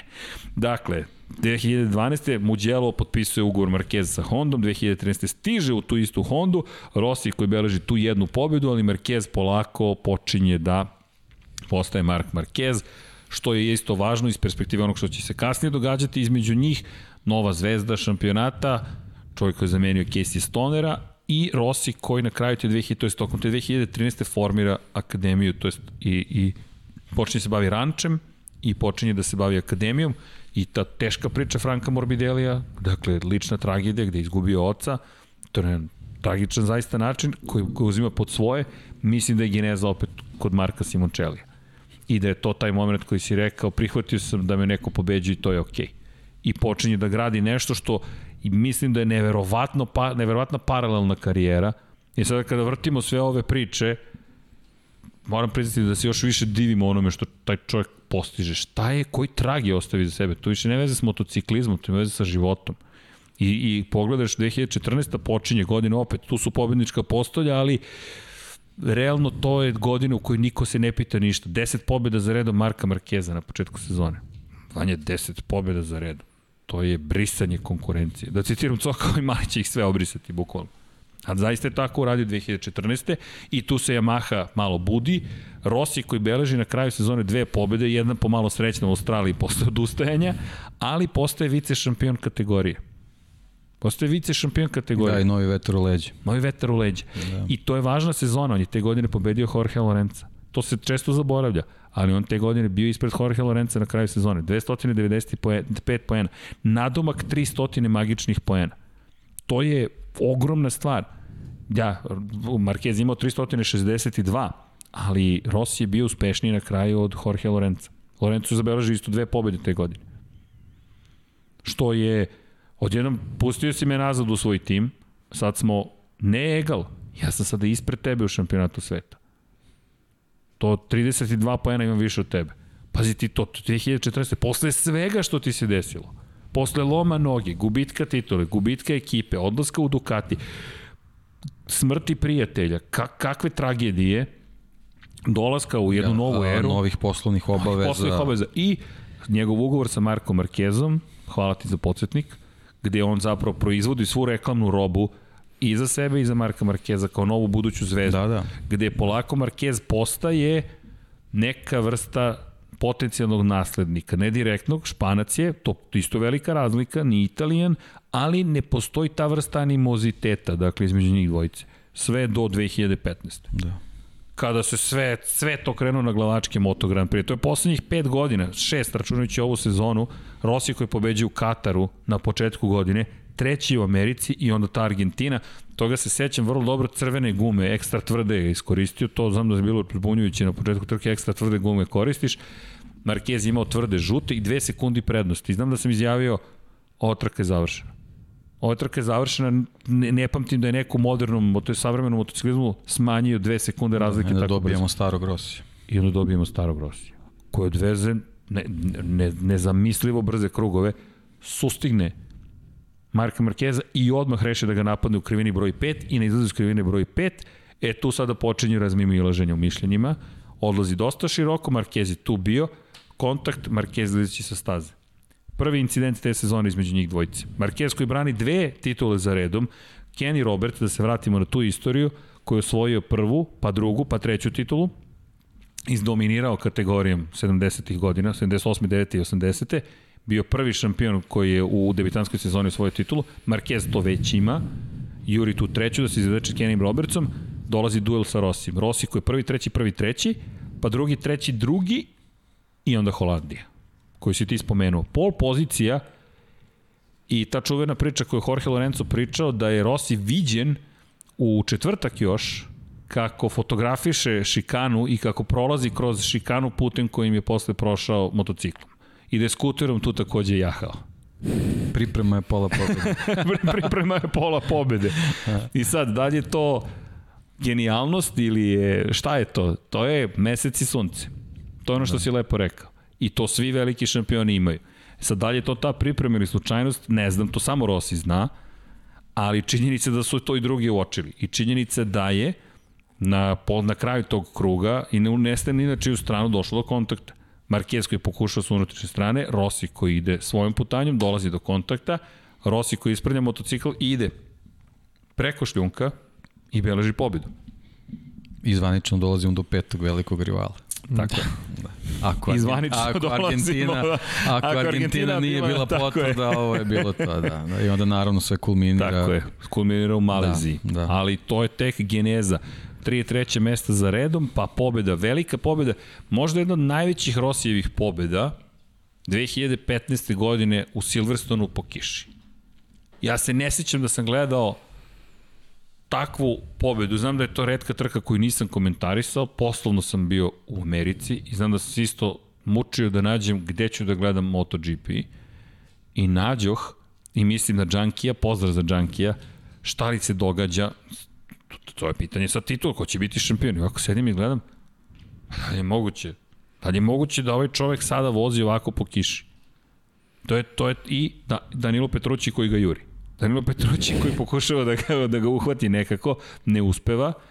Je prvi poku, jedan od prvih pokušaja Petrući da bude, da bude šampion, ali mu nije pošlo za rukom. I to je zanimljivo da pobednik. Jorge Lorenzo je peti, Mark Marquez ni ne sjećam se gde je završio, ali znam da mislim da, da nije ni stigao do cilja, ali znam da Rossi tu beleži pobedu i deluje kao da je to to. To je ta deseta titula, jer šta, šta sad sledi? Sledi Mizano i jedna od najvećih trka, kakav sled sada trka ide, dolazi Mizano, ne sluša svoju ekipu prilikom promene motocikala, koja kaže uđi na zamenu motocikala, već nastavlja da vozi svoje krugove, vodi, Lorenzo odlazi krug ranije, e, Marquez prvi menja, znači Scott Redding je tada bio na pobedničkom postolju, ako se dobro sećam, i Bradley Smith. Da, mislim da su Bradley Smith i Scott Redding. I i Lorenzo koji, koji odlazi krug ranije, međutim Lorenzo pada. Lorenzo pada, Rossi međutim je prekasno promenio motocikl, Marquez beleži pobedu, peti je Rossi, ponovo ćemo pet pojena nedostajati na kraju sezone. Da. Peti je Rossi i ta trka koja je sad. Da Lorenzo nije pao, da je otišao ranije na zamenu guma, ko zna šta bi bilo, ali činjenica da je peti u Mizanu i to mu je najloši plasman te cele godine. Te cele godine, peta pozicija. I onda dolazi Aragon i Dani Pedrosa. Nikad nisam vidio Dani Pedrosa da je tako agresivno vozio. To je ono što si ti rekao. Ko te najviše inspiriše? Najveći šampioni. I vozio je žestoko. Dani je zabeležio na kraju prednost od desetinke, ali nije osvojio tu poziciju 2. To su četiri poena. Ne kažem da bi se drugačije nešto završilo, ali je bilo fascinantno opet kako je nalazi na neke nove rivale. Odlazimo u Japan, gde je na poziciji broj 2, dakle nije loša trka naprotiv, ali čak možemo reći da je sjajna trka iz perspektive šampionata za njega, s obzirom na činjenicu pobedio Lorenza, Danije Pedroso niko nije mogao da pobedi, to je Danijev period, i onda ne Malezija, već Australija. I do Malezije smo pričali samo o Australiji kakva trka, kakva trka, kakva trka, borba između Jorge Lorenza, Marka Markeza, Andreja Janonea, s kojim smo isto započeli podcast, na Ducatiju fabričkom i Valentina Rosija. Smenjivaše se, smenjivaše, smenjivaše. Rossi završi četvrti. Posle najvećeg duela zapravo sa Janoneom, ali ono što se dešavalo kasnije je Puh, sad, šta se kasnije dešavalo? Rossi u četvrtak u Maleziji kaže da ga je Mark Marquez namerno sprečio da Dakle, šta smo... Aha, Tom Pablo ubacuje nam, vratio nam je chat. Dakle, čas istorije, aha. Dakle, da, pozdrav svima, ali eto, još uvijek ste tu, to je dobro videti. dakle, i dolazimo u situaciju da gledamo jednu, jednu od najvećih trka svih vremena. Mnogi su to poredili sa 89. Dakle, to je period kada se Austrofili pojavilo u kalendaru. Međutim, Rossi u četvrtak iznosi informaciju da kada pogledate krugove, Marquez namerno puštao gas i zapravo kontrolisao trku. Na kraju ga sprečio da zabeleži pobedu. Šta je istina, čujte, to, je, to, to će, nadam se da će neka autobiografija kada oni da, budu nekim, sede. nekim godinama koje slede. Da, da, da, da, da će nam reći jedan i drugi, pre svega Marquez, ali činjenica da je Rossi izneo tu optužbu i da se odjednom napravio haos, potpuni, gde ima osnova za to što je rekao, ali ima i osnova da to nema mnogo smisla, s obzirom na činjenicu da je Marquez na kraju bio drugi, pobedio je Lorenzo, a da je Andrea Janone najviše uticao zapravo na konačni ishod, to jest na konačni plasman Valentina Rosija. Šta je istina, kažem, ne, ne, ne, ne, nemam adekvatni količinu informacija, podataka da bih mogao da razlučim, ali onda dolazimo do Malezije, gde je već, to, to je do trke u Maleziji, gde počinje ozbiljan duel između njih dvojice, gde gde se vidi duel između Markeza. Njega Markez koji se suštinski nije branio protiv Jorge Lorenza, započinju duel i ono što je, što je bilo simptomatično Markezove putanje kada je išao u duel sa Rosijem, išao više nego agresivnu odbranu pozicije, pogotovo što je vodeći motocikl, svaki put kada tako skrećete da zatvorite prednji točak onome ko vas napada, ona iza vas ona garantovano pada, što dosta podsjeća na Argentinu s početka sezone i onda onaj čuveni moment kada parkira motocikl pokraji Marka Markeza Valentino Rossi dolazi do kolena čuvenog, gde je sad, zavisi koga pitate, naslonio se Marquez, šutno ga je Rossi, nije ga šutno, već instinktivna reakcija i tako dalje, kažem, nemoguća misija, čujte, traći nam podcast još duplo ovoliko ako otvorimo Maleziju 2015 ali je činjenica da smo dobili scenu koju nikad ranije nismo videli. Dakle, pričali smo o Bjađiju, lakat, udarac, uletanje, koleno koje visi, lagunu seku, ne znam šta sve nismo videli. I posle svih, svega toga, mi evo u 2015. dolazimo do nečeg što još nismo videli i Rossi opet u celoj toj priči. Završava trku, Marquez pada, treći je, Jorge Lorenzo na pobjedničkom postolju pokazuje da je to nesportski, traži diskvalifikaciju, pa odustaje od toga, ipak mu je klubski kolega, ali čuvena ali je poslao poruku. Poslao je poruku, tako je. I vratimo se na Mizano, kvalifikacija u Mizanu, kada je izblokirao Jorge Lorenza u brzom krugu, dobio je kazneni poen Valentino Rossi, koji je bio kazneni poen, koji je doveo do toga kada je dobio dodatne kaznene poene, ne u šampionatu, već na svojoj dozvoli, trkačkoj, doveo do toga da zapravo bude primoran da startuje sa poslednje pozicije u Valenciji. Trk. Videli smo evo i sad kako to izgleda. kako to izgleda, nemoguća da. misija. Završio je četvrti, inače bili smo tamo, pamtim, pamtim taj, to, to je, sad šta je drugačija situacija, četiri godine kasnije ulazimo u kancelariju direktora sport kluba i on me ovako gleda, to je jutro, seća se, seća se da je sve poludilo u, u, u nedelju, dakle završili smo prenos i ja nisam mogao da izađem iz kabine naredna tri sata, skoro, koliko poruka sam dobio. Koliko poruka sam Ti si radio dobio. neki CSI, ima na YouTube-u, čini mi se. Šta Ma jeste, se desilo, nešto smo pokušavali je. da uradimo, da, da, da. vidi, ja kad sebe vidim znam, još znam. one košulji, rado bih obrisao taj nešto snimak sa YouTube-a, ja ekrana, čini mi se. Vidi, da, nismo da, imali da, studiju, nismo imali ništa što bi moglo da... Nema veze, mogući... mislim, ali to što kažeš, počeli su za to da se interesuju neki ljudi koji to nisu pratili i ponovo je Valentino Rossi zaslužen za to. ali pazi sad ovo, posle Mnogo godina. Tako je, posle 20 da. godina bavljanja, to je njegova 20. sezona u šampionatu, gde odlazimo u ponedeljak ujutro, bukvalno 3 sata sam odgovarao samo na poruke. Nisam znači, znao pričamo o, o srednjem prstu, Maksu Bjađi i došli smo do, do Marka Markeza. Da. I dođe smo do toga da, da odlazim, kažem ti, u ponedeljak u kancelariju kod direktora, koji se šeta kroz hodnik. Ne, ne, došao sam kod njega, kuco, rekao idemo u Valenciju. A znam da je to već, već je kasno iz akreditacije za sve. Nemoguća misija. Kažem, ako mi idemo u Valenciju. Ne idemo u Valenciju. On me gleda, kaže, idete u Valenciju. Kao još ste tu. ne, ne, to bukvalno. Samo ja sam rekao, idete u Valenciju. Nis, jedva smo se akreditovali. To je takva gužva. Znam da, da, da me Peđa Sarić pozdrav za glavnog odgovornog urednika sportskog žurnala zvao. Nismo mogli da, iz, da izdecujemo akreditacije za sportski žurnal. E, šta god da smo molili, kumili, pretili, ne. Nije bilo mesta više. I još jedna stvar, kada smo izašli iz kancelarije zajedno, šeta hodnikom sport kluba i kaže MotoGP popularniji od futbola. Ovo je nemoguće. To, ali gledanost, reprize i svega i količina poruka i e-mailova koje je dobio, samo je prokomentarisao MotoGP popularni od futbola, ovo je nemoguće. Naravno, rekao sam mu naravno da je moguće šta se očekivao. Gde je ponovo jedan aktera čovjek u tom trenutku ima 36 godina. 36 godina. Potpuno, to je, to je ta njegova veličina. Mislim, je. eto, to je bez obzira da su ti, da kažemo, i negativni ovaj trenuci ili, ili mnogo pozitivnih. Jednostavno, on je gradio svoj kult, gradio tu harizmu. A, neke situacije verovatno nije baš planirao da će da se desa, ali, ali jednostavno i svega toga, samo je Moto Grand Prix zajednica imala, imala korist i to je u stvari ta njegova veličina. Znači, bez obzira na ovu situaciju na koju stranu stranu se ko stavlja. Vidi, to je to, jednostavno to, to, potpuno posvetimo celo, celo podcast, da. ne bi bilo dovoljno. Kažem, kad izađe... Pa ne, viš koliko ovo traje, ti si samo praktično nabrajao te neke uspehe po neku trku iz neke sezone, mi smo već... Nemoguće, mi smo u petom satu. Znaš, ali, da, ovaj... ali, ali, ali, ali, imam sli, Ili ima neki imam rekord za ovo? Ne znam, ne znam. Pa daj, daj nekako si mi upišemo neku istoriju. Vreme. ali vidi, ima, ima, ima tu još jedna stvar. Dakle, zašto, mi, zašto bih spomenuo tu Valenciju? Ta Valencija je istorijska trka. I kako god da se završila, bila bi istorijska. Vozači koji se sklanjaju Rosiju, neki koji se ne sklanjaju Rosiju.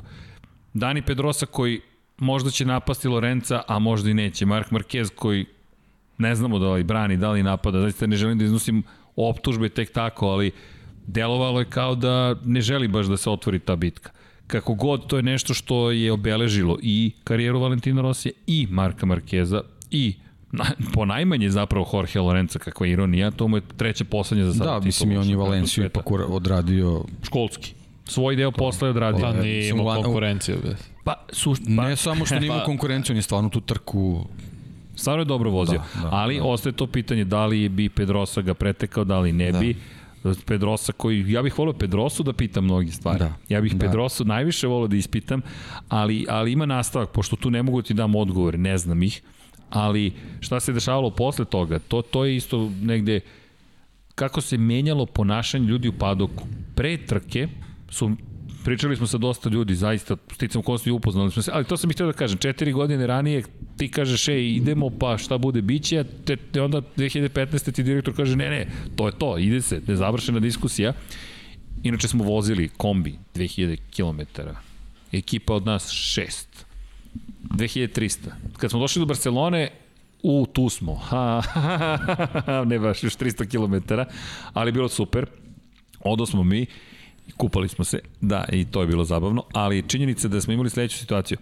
u padoku do početka trke. Mnogi su govorili kako više ne mogu da poštuju Valentina Rosija. Kako zbog šuta koji su videli u Maleziji. Kada se završila trka, bilo je situacija da su ljudi spaljivali majicu Marka Markeza. Baš zbog toga što je delovalo kao da je sprečio Danija Pedrosu da napadne Jorge Lorenza. Emocije koje smo mogli da vidimo nikada ranije, nikad posle toga.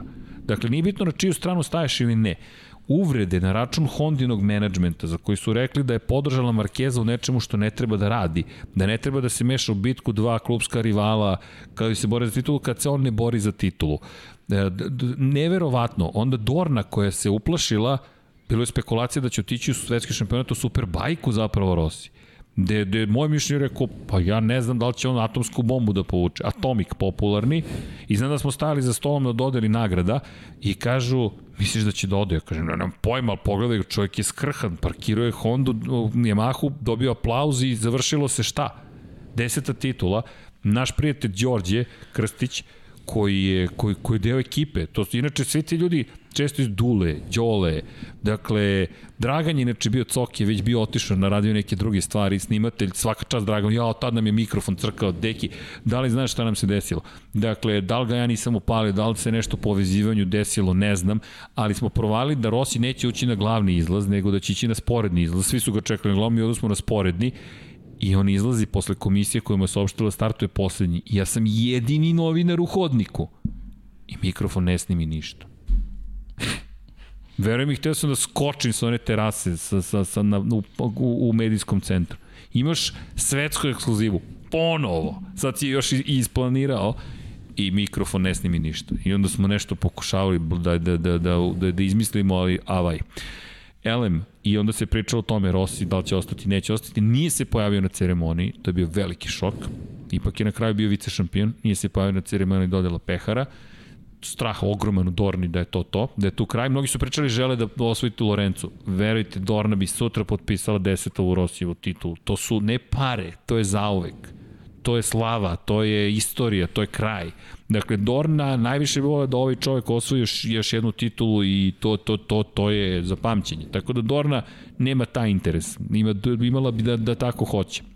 Ali takođe zna da poleči čudne poteze, no ljudi su tamo i gledaš, gledaš kako otprilike svi se pitaju šta će sada biti sa, sa, sa Rosim. To, to je zaista veliki utisak ostavilo na, na, na sve nas. I priča Đole koji je navijač Valentina Rosija, koji nosi žutu majicu, Jo Stokom Vale, ulazimo na dodelu ceremonije, kasnimo, naravno, tradicionalno, dok smo parkirali i sad čekaju Lorenza i njegovu devojku, mi silazimo iz eskalator i kamera Dornina se pali i vidi naš četvoricu kako se spuštamo i mi, uh, izvinite, sad ćemo se skloniti, svi beži, beži, beži, beži odatle, stajemo sa strane i kaže, aj sačekajte tu da prođu Lorenzo i njegova devojka, pa se spustite, reko važi. Dolazi Lorenzo, evo pružam ruku, reko čestitam, osvena titula, prilazi mu Đole sa žutom majicom i ostokom vale i sa kom, pruža ruku i Lorenzo ovako ha, ha, i Đole, ha, to mi žao što nismo snimili, ali i Lorenzo koji samo u trenutku povukao ruku, a, okej. Okay. To jest, Đole, ne znam ko je povukao ruku, ali to je ta čuvene anegdote iza kulisa. Elem, šta se desilo takođe, Yamaha nije proslavila tu titulu, otkazala je proslavu, iako je njen vozač svoju titulu i Lorenzo se pitao, ok, ja sam vaš vozač, osvojio sam titulu, zašto se ne slavi? I 2016 veliki fajt između Rosija i, i Lorenza koji kulminira time da zapravo beleži dve pobede Rossi, čuvena pobeda u Herezu sa pol pozicije, u Kataloniji nažalost tragični vikend kada smo izgubili Luisa Saloma, njegov ogromni duel sa Markom Markezom i pobedu u direktnom duelu. Lorenzo koji kaže ja odoh u Ducati, to je to što se mene tiče i počinje sada ova era sa dolaskom Maverika Vinjalesa koja nije donela mnogo toga, donela agoniju s kojom smo počeli zapravo podcast, da. u kojem ti ne slušaš ono što se takođe desilo 2015. To je poslednja trka sa Bridgestoneom. I od kada su od kada je stigao Michelin, koliko god se činilo da će Michelin odgovarati Yamahi i Suzuki, to se sada već i dešava. Na kraju Yamaha nije moglo ništa da učini s time. Rossi je zabeležio 2017. za sada svoju poslednju pobedu, velika nagrada Holandije, 115. pobeda. I došli smo sad u ovu novu eru u kojoj inače vice šampion bio tri godine za redom, dakle te 2016. je ponovo da, to ne treba šampion. zaboraviti, da. A to je veoma važno, pobedio je ponovo Jorge Lorenza i bio samo iza Marka Markeza pre nego što je Doviciozo postao trostruki vice šampion. Mark Marquez koji je preuzeo dominaciju, 2017. okrenuo sezonu, 2018. na sličan način, mada ga tu Rossi više nije ugrozavao. I 2019. godine, kada je reč o Rosiju, jedna baš teška godina. Baš teška godina. Inače, šta bih istakao 2016. Možda pa jedna od većih trka za Rosija, ali na loš način, velika nagrada Italije u Muđelu, kada mu je otkazala Yamaha. Kada se činilo da ima pobedu u rukama, otkazala je Mah. Ko zna kako bi izgledala te sezona da je u Muđelu došao do cilja. I u Holandiji izletao sa staze, potom baš je bila Jur, Jurnjev u Holandiji, nije, nije ni dobro vozio. I 2017. bih istokao veliku nagradu Francuske, treći, drugi, drugi, deseti je bio u Herezu, to je ono mučenje sa gumama po, po, po visokoj temperaturi, i dolazimo do velike nagrade Francuske kada je započeo poslednji krug kao vodeći ispred Maverika Vinjalesa i seća se da sam rekao ovo je prosija pobede ili da je osvo ili da pobedi ili da izgubi. I kad telemetrija pokazala da je u osmoj krivini, dole kod muzeja, je kočio metar kasnije nego u prethodnim krugovima, otišao je preduboko, Vinjales prošao na prvu poziciju, pokušao da se vrati na prvo mesto, izletao sa stadija, to je načuveni moment kada dete plače kada se ne dečko hvata za glavu, ali opet to je početak sezone. Da je tu bilo drugačije, ko zna kako bi izgledao ostatak sezone. Ne kažem da bi svoj titul, ali ko zna da, kako nažalost, u, u ovih poslednjih eto par sezona kad se to spomenuo, bilo je dosta tih grešaka vezanih za kočenje. Ovaj, tako da o, tu, tu su ovaj, možda bila neki trenuci da se pokazuje ta nesigurnost koja je možda vezana za performanse motocikla koje jednostavno eto, nisu takve da on možda se osjeća opušteno na, ovaj, tokom trke, ili zaista smo mnogo puta videli to ovaj, mašenje tačika kočenja, ovaj, yes.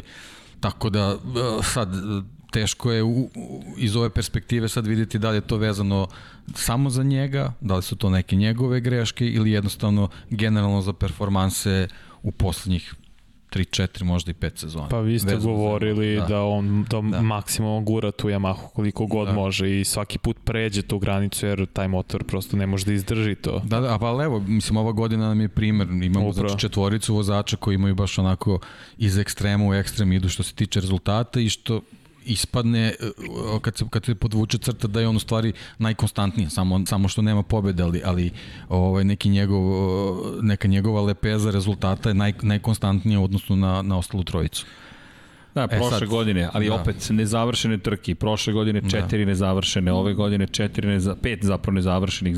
To su problemi, ima i kvarova, ima i padova, nesigurnosti. Pa, miks je, miks je, miks, nije samo, da, miks. da, nije, nije vezano samo ili za njega ili za motocikl, ali jednostavno o, o, o, o, meni je samo drago što je dosta od tih stvari, da izvučemo nešto pozitivno iz tih negativnih ovaj, elemenata, pokazuje da on i dalje ima želju i to je to je ono što je nesporno. On i dalje ima želju, e sad vidjet ćemo koliko će to moći da ga nosi i, i koliko će ova promena vezana za sledeću sezonu ovaj, doneti nešto novo u, u, u priči zvanoj Valentino Rossi, to koja traje, koja traje. četvrt veka. koja traje, pa da. pogledaj ove fotografije da. samo. Dakle, kada je reč o, o Rosiju, eto, dođe smo do 2000, istakao bih 2018. iz perspektive toga da je bio treći u šampionatu. Bio je na poziciji broj 3 u šampionatu sveta, dakle to je pre dve godine. Ti si treći u šampionatu iza Dovicioza i Marka Marquez. Čekaj, koje godine prvi je osvojio? 96 ili 7? 7 je prvo titulu osvojio. Od 7. do 16. Ima koliko devet titula i koliko od drugih... Sedme, pazi ovo, do, od, od, od 1997. do 2009. Devet titula. Devet titula i računamo onda tri vic, to jest tri druga mesta, nego samo konstantu. Da. Da, da, da, da. Od 20 je godina. I neverovatno. Da. Evo, evo ti neke brojke. 412 trka je čovek odvezao. 412 trka. U 415 je bio prijavljen, tri puta nije izašao na startni poredak, 65, 115 pobjeda, 65 puta je bio drugi, 53 puta je bio na poziciji broj 3, 199 puta na pobjedničkom postoju samo u Moto Grand Prix klasi, 235 puta je bio na pobjedničkom postolju. 235 puta. Daryl. Ne znam šta bih ti rekao. Dakle, kada pogledaš njegovu statistiku, on, on je rekorder po tome kada je zabeležio prvu pobedu i poslednju. 20 godina i 311 dana je raspon između prve i najsvežije, da se tako izrazim, da, pobede. Da, da. Velike nagrade Češke 2026. i velike nagrade Holandije 2017. U 21. državi se trkao čovjek. Znači se, inače, najviše pobeda, velika nagrada Katalonije, 10 ih ima.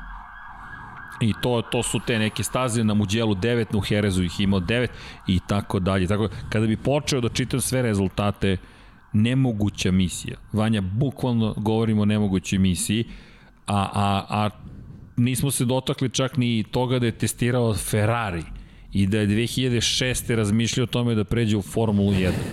Pa I... ne, inače veliki san su mu ovaj, trke automobila, on je inače, mislim, to nis, nismo ni spomenuli, on je, on je, on je kao klinac počeo tako što je vozio karting. Znači, njegova velika želja je bila da, da vozi automobile i to se kroz čitavu karijeru provlači. On, on je zaista ovaj, ono kompletna auto kompletni automoto fan, ali ovaj jednostavno u svetskom šampionatu da, reliju učestvovao. Da, da, pritom spomenuo si te testove ovaj bolida Formula 1 kako idemo unazad on, on je tri, tri ili četiri puta sad da, da ne, ne mogu tačno da, da se setim testirao ovaj najviše, najviše Ferrari, on je imao uh, prilično impozantne rezultate kad je, kad je testirao, znači to nisu bile revijalne vožnje. Izvini, smijem se ovde, pošto su se čule sirene, kažu došli da vas da. vade iz da. studija. Da. pa tu smo negde, ja mislim da smo tu negde. Zabrinuli se ste. Zabrinuli se. Da. Meni se ovde da. inače pola stvari zaglavilo, dakle na YouTube. Ali 5 sati, e, pa dobro, ja Dobre, mislim da je vreme da, da, da se da. polako opraštamo, ali eto, dođe smo 2020. i nije završeno. I we have da. to do this again. da. Moramo da ponovimo. Vanja, mislim da te Dom Pablo zove u pomoć. Ali Vanja, hvala ti. Uvek. hvala ti, ti si car. Dakle, Vanja vam je taj ključni čovek u studiju ceo studio se oslane na njegovom pogonu neverovatnoće. da. Ali sad si me doveo zapravo deki do, do čega? Do Moto2 kategorije. Pa da, moramo, nismo, moramo, ne moramo da ispoštujemo ne, ne, to. Ne, moramo dakle, to da završimo. Moto dvojke. Čekaj, pričamo o tektonskim poremećajima. Da citiram Moto Grand Prix. Sam da. Lowe's. Teško je poverovati. Šta bi? Teško je poverovati. Teško da, poverovati. Da. Vratio se koliko malo smo ga, u, u Koliko prošlost. smo ga hvalili i kako smo rekli da je njegova ekipa ta koja će ga izneti. Ekipa je sve uradila, međutim dobili smo nekog starog Sama Lowesa. I eto, mislim, ono, žao mi ga, ali eto, opet nam je donao neki novi ovaj zaplet, pa ovaj vidjet ćemo ovaj, kako će to sve da se ovaj izdešava. Ovaj, Bastianini je dobro iskoristio celu priču, ovaj, nekako možda malo i rasterećeni posle onog, onog saopštavanja ovaj, prelaska u, zvaničnog ovaj, da. prelaska u, u Moto Grand Prix imao je jako loše kvalifikacije, iš, iščupao se tokom trke, to pokazuje da je to njegov kvalitet što je ono, da kažem, neka odlika šampiona, ali nije to, mislim da nije bilo dovoljno da bude siguran da će moći da bude taj koji je koji je ovaj glavni kandidat za titulu bez obzira što vodi u, u šampionatu. To je to je to je ovaj moje mišljenje u ovom trenutku. Da i, i to je ono što čini celu priču toliko zapravo meni makar interesantno, jer ti pogledaš i kažeš čekaj u šampionatu sveta šta se sad zbiva. Da. Ko će sada da osvoji titulu? Ovaj... Bastianini ima svoje da. probleme, Lowe's ima svoje probleme, Marini ima svoje, Marko Beceki zabeležio Marko pobedu. Marko Beceki od konačno sam pogodio. To mora da se ja, notira. Da, da, da. Ovaj, žao mi je samo, ovaj, ja sam rekao ako bude suvo Beceki po kiši Dixon, žao mi je ovaj, što Dixon uopšte da, nije Dixon vozio. Je, Dixon ide da, na operaciju. Da, da, to mi je baš, ovaj, baš žao zašto sam mislio da će ova završnica sezone biti dobra za njega, da, da će uspeti da, da neke dobre rezultate ostvari. Nažalost, eto, izgubili smo ga.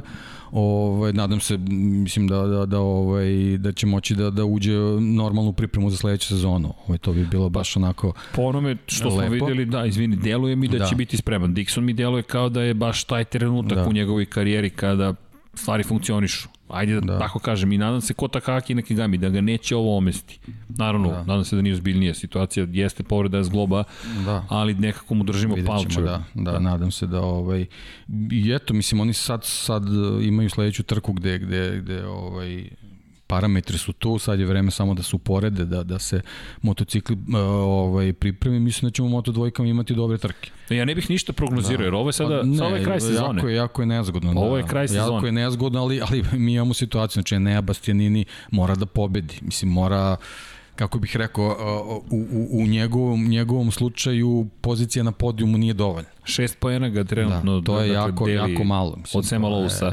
Znači, Lous, test. Lousova pobeda i tvoje treće mesto, eto, Je. to je već, već si u egalu nekako. Ali u tom slučaju imamo tri da. pojene razlike samo Da, za da, da. Portimao. Da, da, da. I, i, i moram ti da reći to da se, da, s tim, da se što, baš s tim što Beceki, eto, I vidi, neko ako dobro Beceki, izdanje i loše izdanje ove dvojice ponovo, od Beceki, to je... tako je, Da. Beceki nije van igre. Da. Ali mora da računa opet na neki problem da. kod Da, i eto, nadam Vodećih. se Marini da će ući u tu priču, čisto nam bude zanimljivije, ovaj, vezano za neko njegovo samopouzdanje, ali eto, vidimo, taj Le Mans ga je prilično, prilično poremetio, što fizički, što psihički, Ovaj, I Diđan Antoni uvek. Da, Da, i- uvek je tu, tako da eto, možemo da imamo zanimljivu trku, jer to je veliki sad dijapazon bodova, jer mi pričamo o šestoro ljudi, od prvog do šestog mesta, velika je razlika. Znaš, koga bih ja baš istakao? Tri osobe bih dodao u celu priču.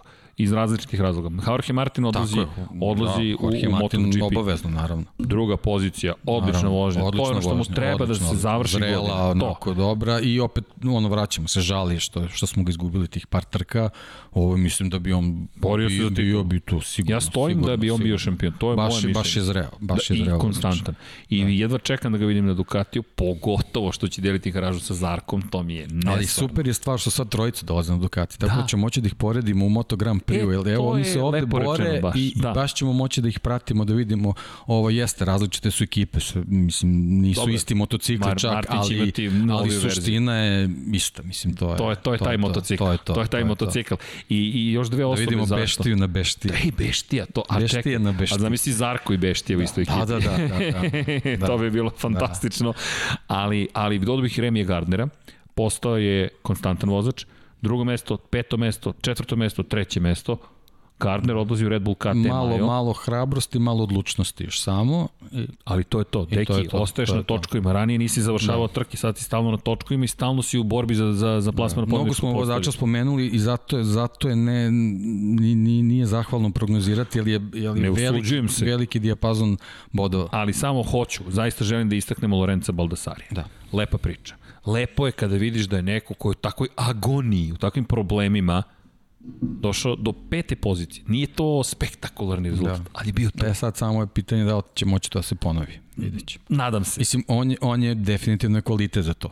Jeste. Kvalitet je za vrh, ali ovaj, da li je ovo samo jedna trka, vidjet ćemo. To ne znamo. I da. Moto trojke.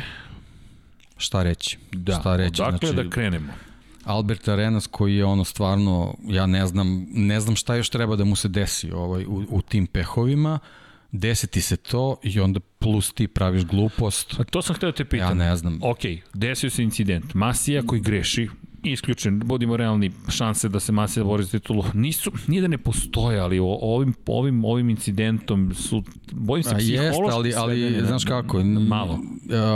teško je oslanjati se na to, ali vidiš kako se lako dešavaju incidenti u toj klasi, si u tako pravu. da ne, ne, mislim, Da ne prejudiciram ne, ništa, bolje, okej. Ne, znači, možemo stvarno da dobijemo ovaj tu stojimo spektakl. onda. Da, ok, da, da. ali izleće Masija.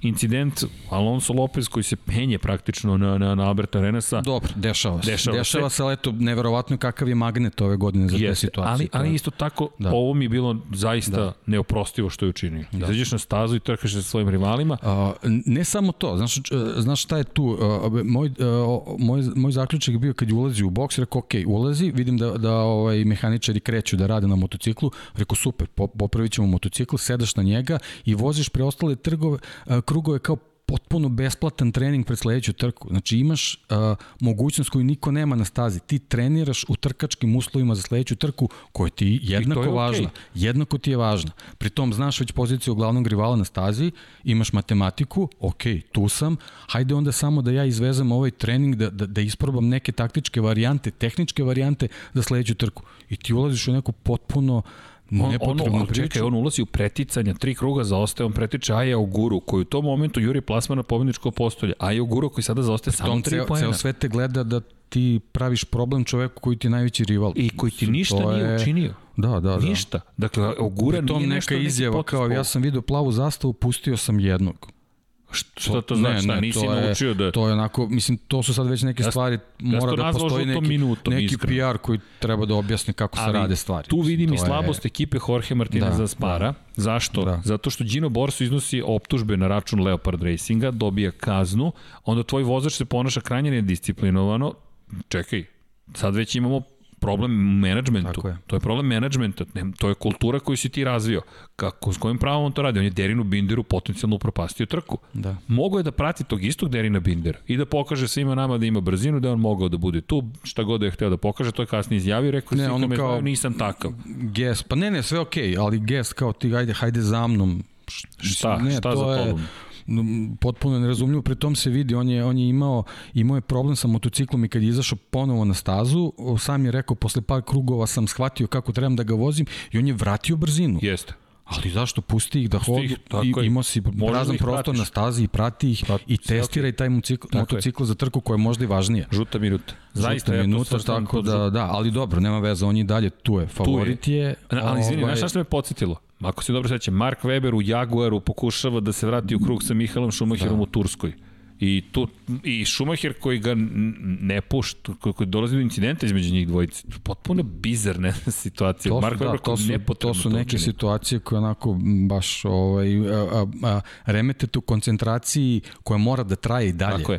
Tako ne, to- Mark Weber, ja ne Da, znam, da. ne znam kako bih ono opisao, Ne znam, potpuno, ne ne, potpuno besmisleno, ali pohvale za Raula Fernandeza, Jeste, prvo pobedu u karijeri, i bravo. Iskoristio situaciju, Tačno naravno, ono on, je, on je dobio taj, taj prostor zahvaljujući tom udesu, ali, ali trka onako baš, baš na nivou. Baš I, na I nivou. Sergio Garcia koji očigledno voli Valenciju, ko Seti da. Gibernau, pobednik prošle da. godine, prvo pobedničko postolje ove godine, Valencija 2 nam stiže, Stiže, Oguru ćemo da čekamo, da vidimo da li će treći. konačno napasti svog rivala. ali pazi, Atek je prvi put funkcionisao. da, prvi put na napad je rekao, da. ok, idemo u napad. Da. Kao da je to kraj. Pa ne, pokazali su mu. Hajde, Pazi. hajde momče vreme. Dve, Tako da- U, vidi ovaj kadar, nisam video ovaj kadar, Vanja je bio... Hvala Vanja, Vanja je promenio kadar. Dakle, da, imamo eto, dve trke do kraja, pa to, ajde momče da vidimo da. Gde, šta, kako. I samo za kraj, Vanja, možeš da nam daš kalendar, da ne zaboravimo, da ga spomenemo, da. Ja mi, idemo da spavamo, pretpostavljam. Deki, dva, a ovde je nešto isečeno. Da, ovo, A, ovo je, e, to, prvi deo, da. Vanja, hvala. Dakle, 28. marta krećemo, pa polako, do novembra. Trebalo bi bude 20 trka, uobičajene trke već Katar, Argentina, Amerika, Španija, Francuska, dakle u martu Katar, u aprilu Argentina i Amerika, u maju Španija, Francuska. Dobro, da, ovde, ovde nekako vidimo, nažalost, Italija. moramo da računamo i ovu godinu, ovo je neke, nekako može da bude kao backup vezano za COVID, Tako je. vezane su trke Tako u je. Evropi, tako da imaćemo tu i nekih termina, nadam se da, Nadam se da će sve da ostati će sve kako ostati piše. tako, i ovo mi je žao, ovaj je ovaj upitnik, ja bih volao da tu vidim Brno, ali nažalost, Samo da napomenemo, izvini, Finska je stigla, da, da. Kimi Ring, Kimi Ring, ovo, ovo, ovo levo što vidim, ovaj segment krivina, meni je to tako zanimljivo, ovaj, ja jedva čekam da vidim da, da vidim Kako ko će, će- tu snaći. Pogledaj kako to izgleda. Znači, dobro, imamo ovaj pravac, sve okej, okay, imamo ovu brzu desnu, pa Ducati ovaj zadnji pravac, čeka ovo. ali onda ovaj splet krivina, ja ovo jedva čekam Ovo da vidim samo kako će izgledati. Suzuki Da, voli. da, da, jedva čekam da vidim kako ali će da, da izgleda. inače nije toliko brza staza, ali tehnički da. Da. vidite sami veoma zahtevna. A dobro, ovaj, ovaj, sad ne znam kako ćemo ovo da zovemo, ovaj desni deo ovom trenutku, pošto ne znamo sektore, ovaj, sa ova dva pravca i ovom brzom Ovo je desnom. levi ko neki čekić. Da, da, da, ovo je baš, baš zanimljivo, baš, baš ovaj, interesantno, posebno dolazi posle Holandije koja je potpuno, vidimo, skroz drugačije. Da. Skroz Čuveni tako mada, da, da, da, severnu da. petlju nam isekoš, Ovo ali je to dobro. be decided, da. samo, da. Ajmo To je- taj upitnik, da. to je asfalt koji je u lošem stanju. Pa ne, ja ono, ono što sam vidio neka saopštenja ovaj, iz Brna, tamo je ovaj, neko drugo, druga organizacija vodi čitavu priču, ja se plašim da, da, da će oni Bojim da ispune standarde koji Moto Grand Prix zahteva, Baš se ovaj, tako da, a, a šteta, mislim, to je staza koju volimo, koja Jeste. ako bude situacija kako treba, na Vidi. koju će ići mnogo ljudi odavde i zaista je šteta da je nemamo. Spielberg je prepolovio posećenost Brna kada se pojavio Da. u kalendaru. Prepolovio ga je bukvalno. Pa to se desilo i sa Hungaroringom Formula 1, Tako je. to je To je jednostavno To je neminovno, publike, neminovno, neminovno. ali da. se i dalje održavao. Izvini, Vanja. Da. možeš samo da vratiš na sekund, molim te, zelenom bojem samo da istaknemo, Moto je šampionat. Dakle, Da. u Španiji, Francuskoj, Kataloniji, Holandiji i Austriji i na, sad u drugom delu šampionata imamo Veliku Britaniju, Aragon, San Marino, završnica šampionata sveta u Moto E klasi, u električnim motociklima, odlazimo, odlazimo iz Evrope. Japan, Tajland, da. Australija, Malezija i povratak u Valenciju. Povratak, da. Međutim, rezervne staze, Portugalija, Indonezija i Rusija. Rusija, moram priznati da iznenađenje Igora Drive, nova staza, da. Da. prošle godine otvorena, da. Tilkeova, neočekivano, relativno blizu Sankt Petersburga, relativno blizu Kimiringa, priča se da bi Igora Drive mogao da bude zapravo neko mesto koje bismo mogli da, takođe da posetimo na leto, ali okej. Okay, Pa dobro, zato što se uklapa u ono praznu poziciju o, Da, čisto inače, zbog troškova. klizni je kalendar, tako samo da. da se razumemo, Da, to da, da, nije da, da. samo avgust, to može i u julu da se desi, da. Navodno je 250 km Igora Drive, moram priznati da nisam U svakom slučaju ja navijam da to bude trka u Evropi. Kako god. Kako ovaj, god. Da, mislim, pretpostavljam da će biti, pošto se nalazi u sred te tog evropskog dela ovaj takmičenja, tako da ovaj od Portugala verovatno mnogo zavisi od ove poslednje trke. Jeste. Tako da vidimo da li će, da li će se uopšte naći, da. jer pretpostavljam da je stvar potpisivanja ugovora. Navijam da bude Tako na da. Iberijskom poluostrvu, koliko to nepopularno da. Zvučilo, to je da odemo u Portimao, to je Algarve. Ali da, pitanje je da li će Portugal to, Portugalija to dobiti. Indonezija čeka svoje mesto, tu homologaciju čeka, inače imat ćemo jednu noćnu trku, to i dalje velika nagrada Katara, da. kojom se otvara sezona Standardno, tradicionalno. Da. Nadamo se. Da, deki, završavamo emisiju, polako završavamo sezonu. Nadam se da si uživao. Ja, A meni je bilo Ja super, jesam, kažem ti, kao i uvek. Nadam se da, da, da je ekipi koja nas je slušala, da, da, da i gledala. Zanimljivo, eto, ovo je, ovo je bio pre svega ovaj, da kažemo omaž ovaj Valentino Jest. Rosiju pre svega čoveku koji koji drži ovu čitavu priču sve sve ove godine eto ovaj i, i ono velika je tema kroz sve ove naše podcaste pa eto zaslužio da je ovaj koji nosi njegov broj jednostavno bude u njegovom znaku eto i mi smo probali nešto novo pa Meni je Nadam- bilo zanimljivo, nadamo nadam se da ste- ljudima koji su nas slušali. da. Nadamo se da ste uživali. Da, evo imamo ovde, dakle, da, da ne, ne, ne završavamo. Nije valjda već kraj. Jeste kraj.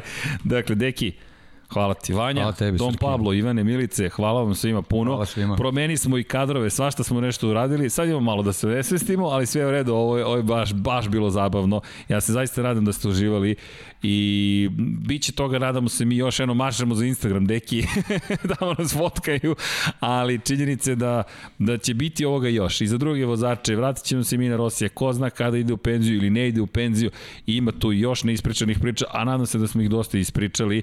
Biće i gostiju tokom međusezone, ali za sada veliki pozdrav u ime cijele ekipe Infinity Lighthouse i Lab 76, naravno budite sa nama, uživajte, volite se, mazite se, pazite se, mesec Movembar, ne zaboravimo, dakle, momci na kontrolu i Molembar, dobi smo mi sponzora, dakle, je prvog u našoj istoriji, we, like, we would like to thank our sponsors i we are very happy da smo For sure. for sure priredili ovaj podcast. Ljudi, ćao svima. Ćao svima.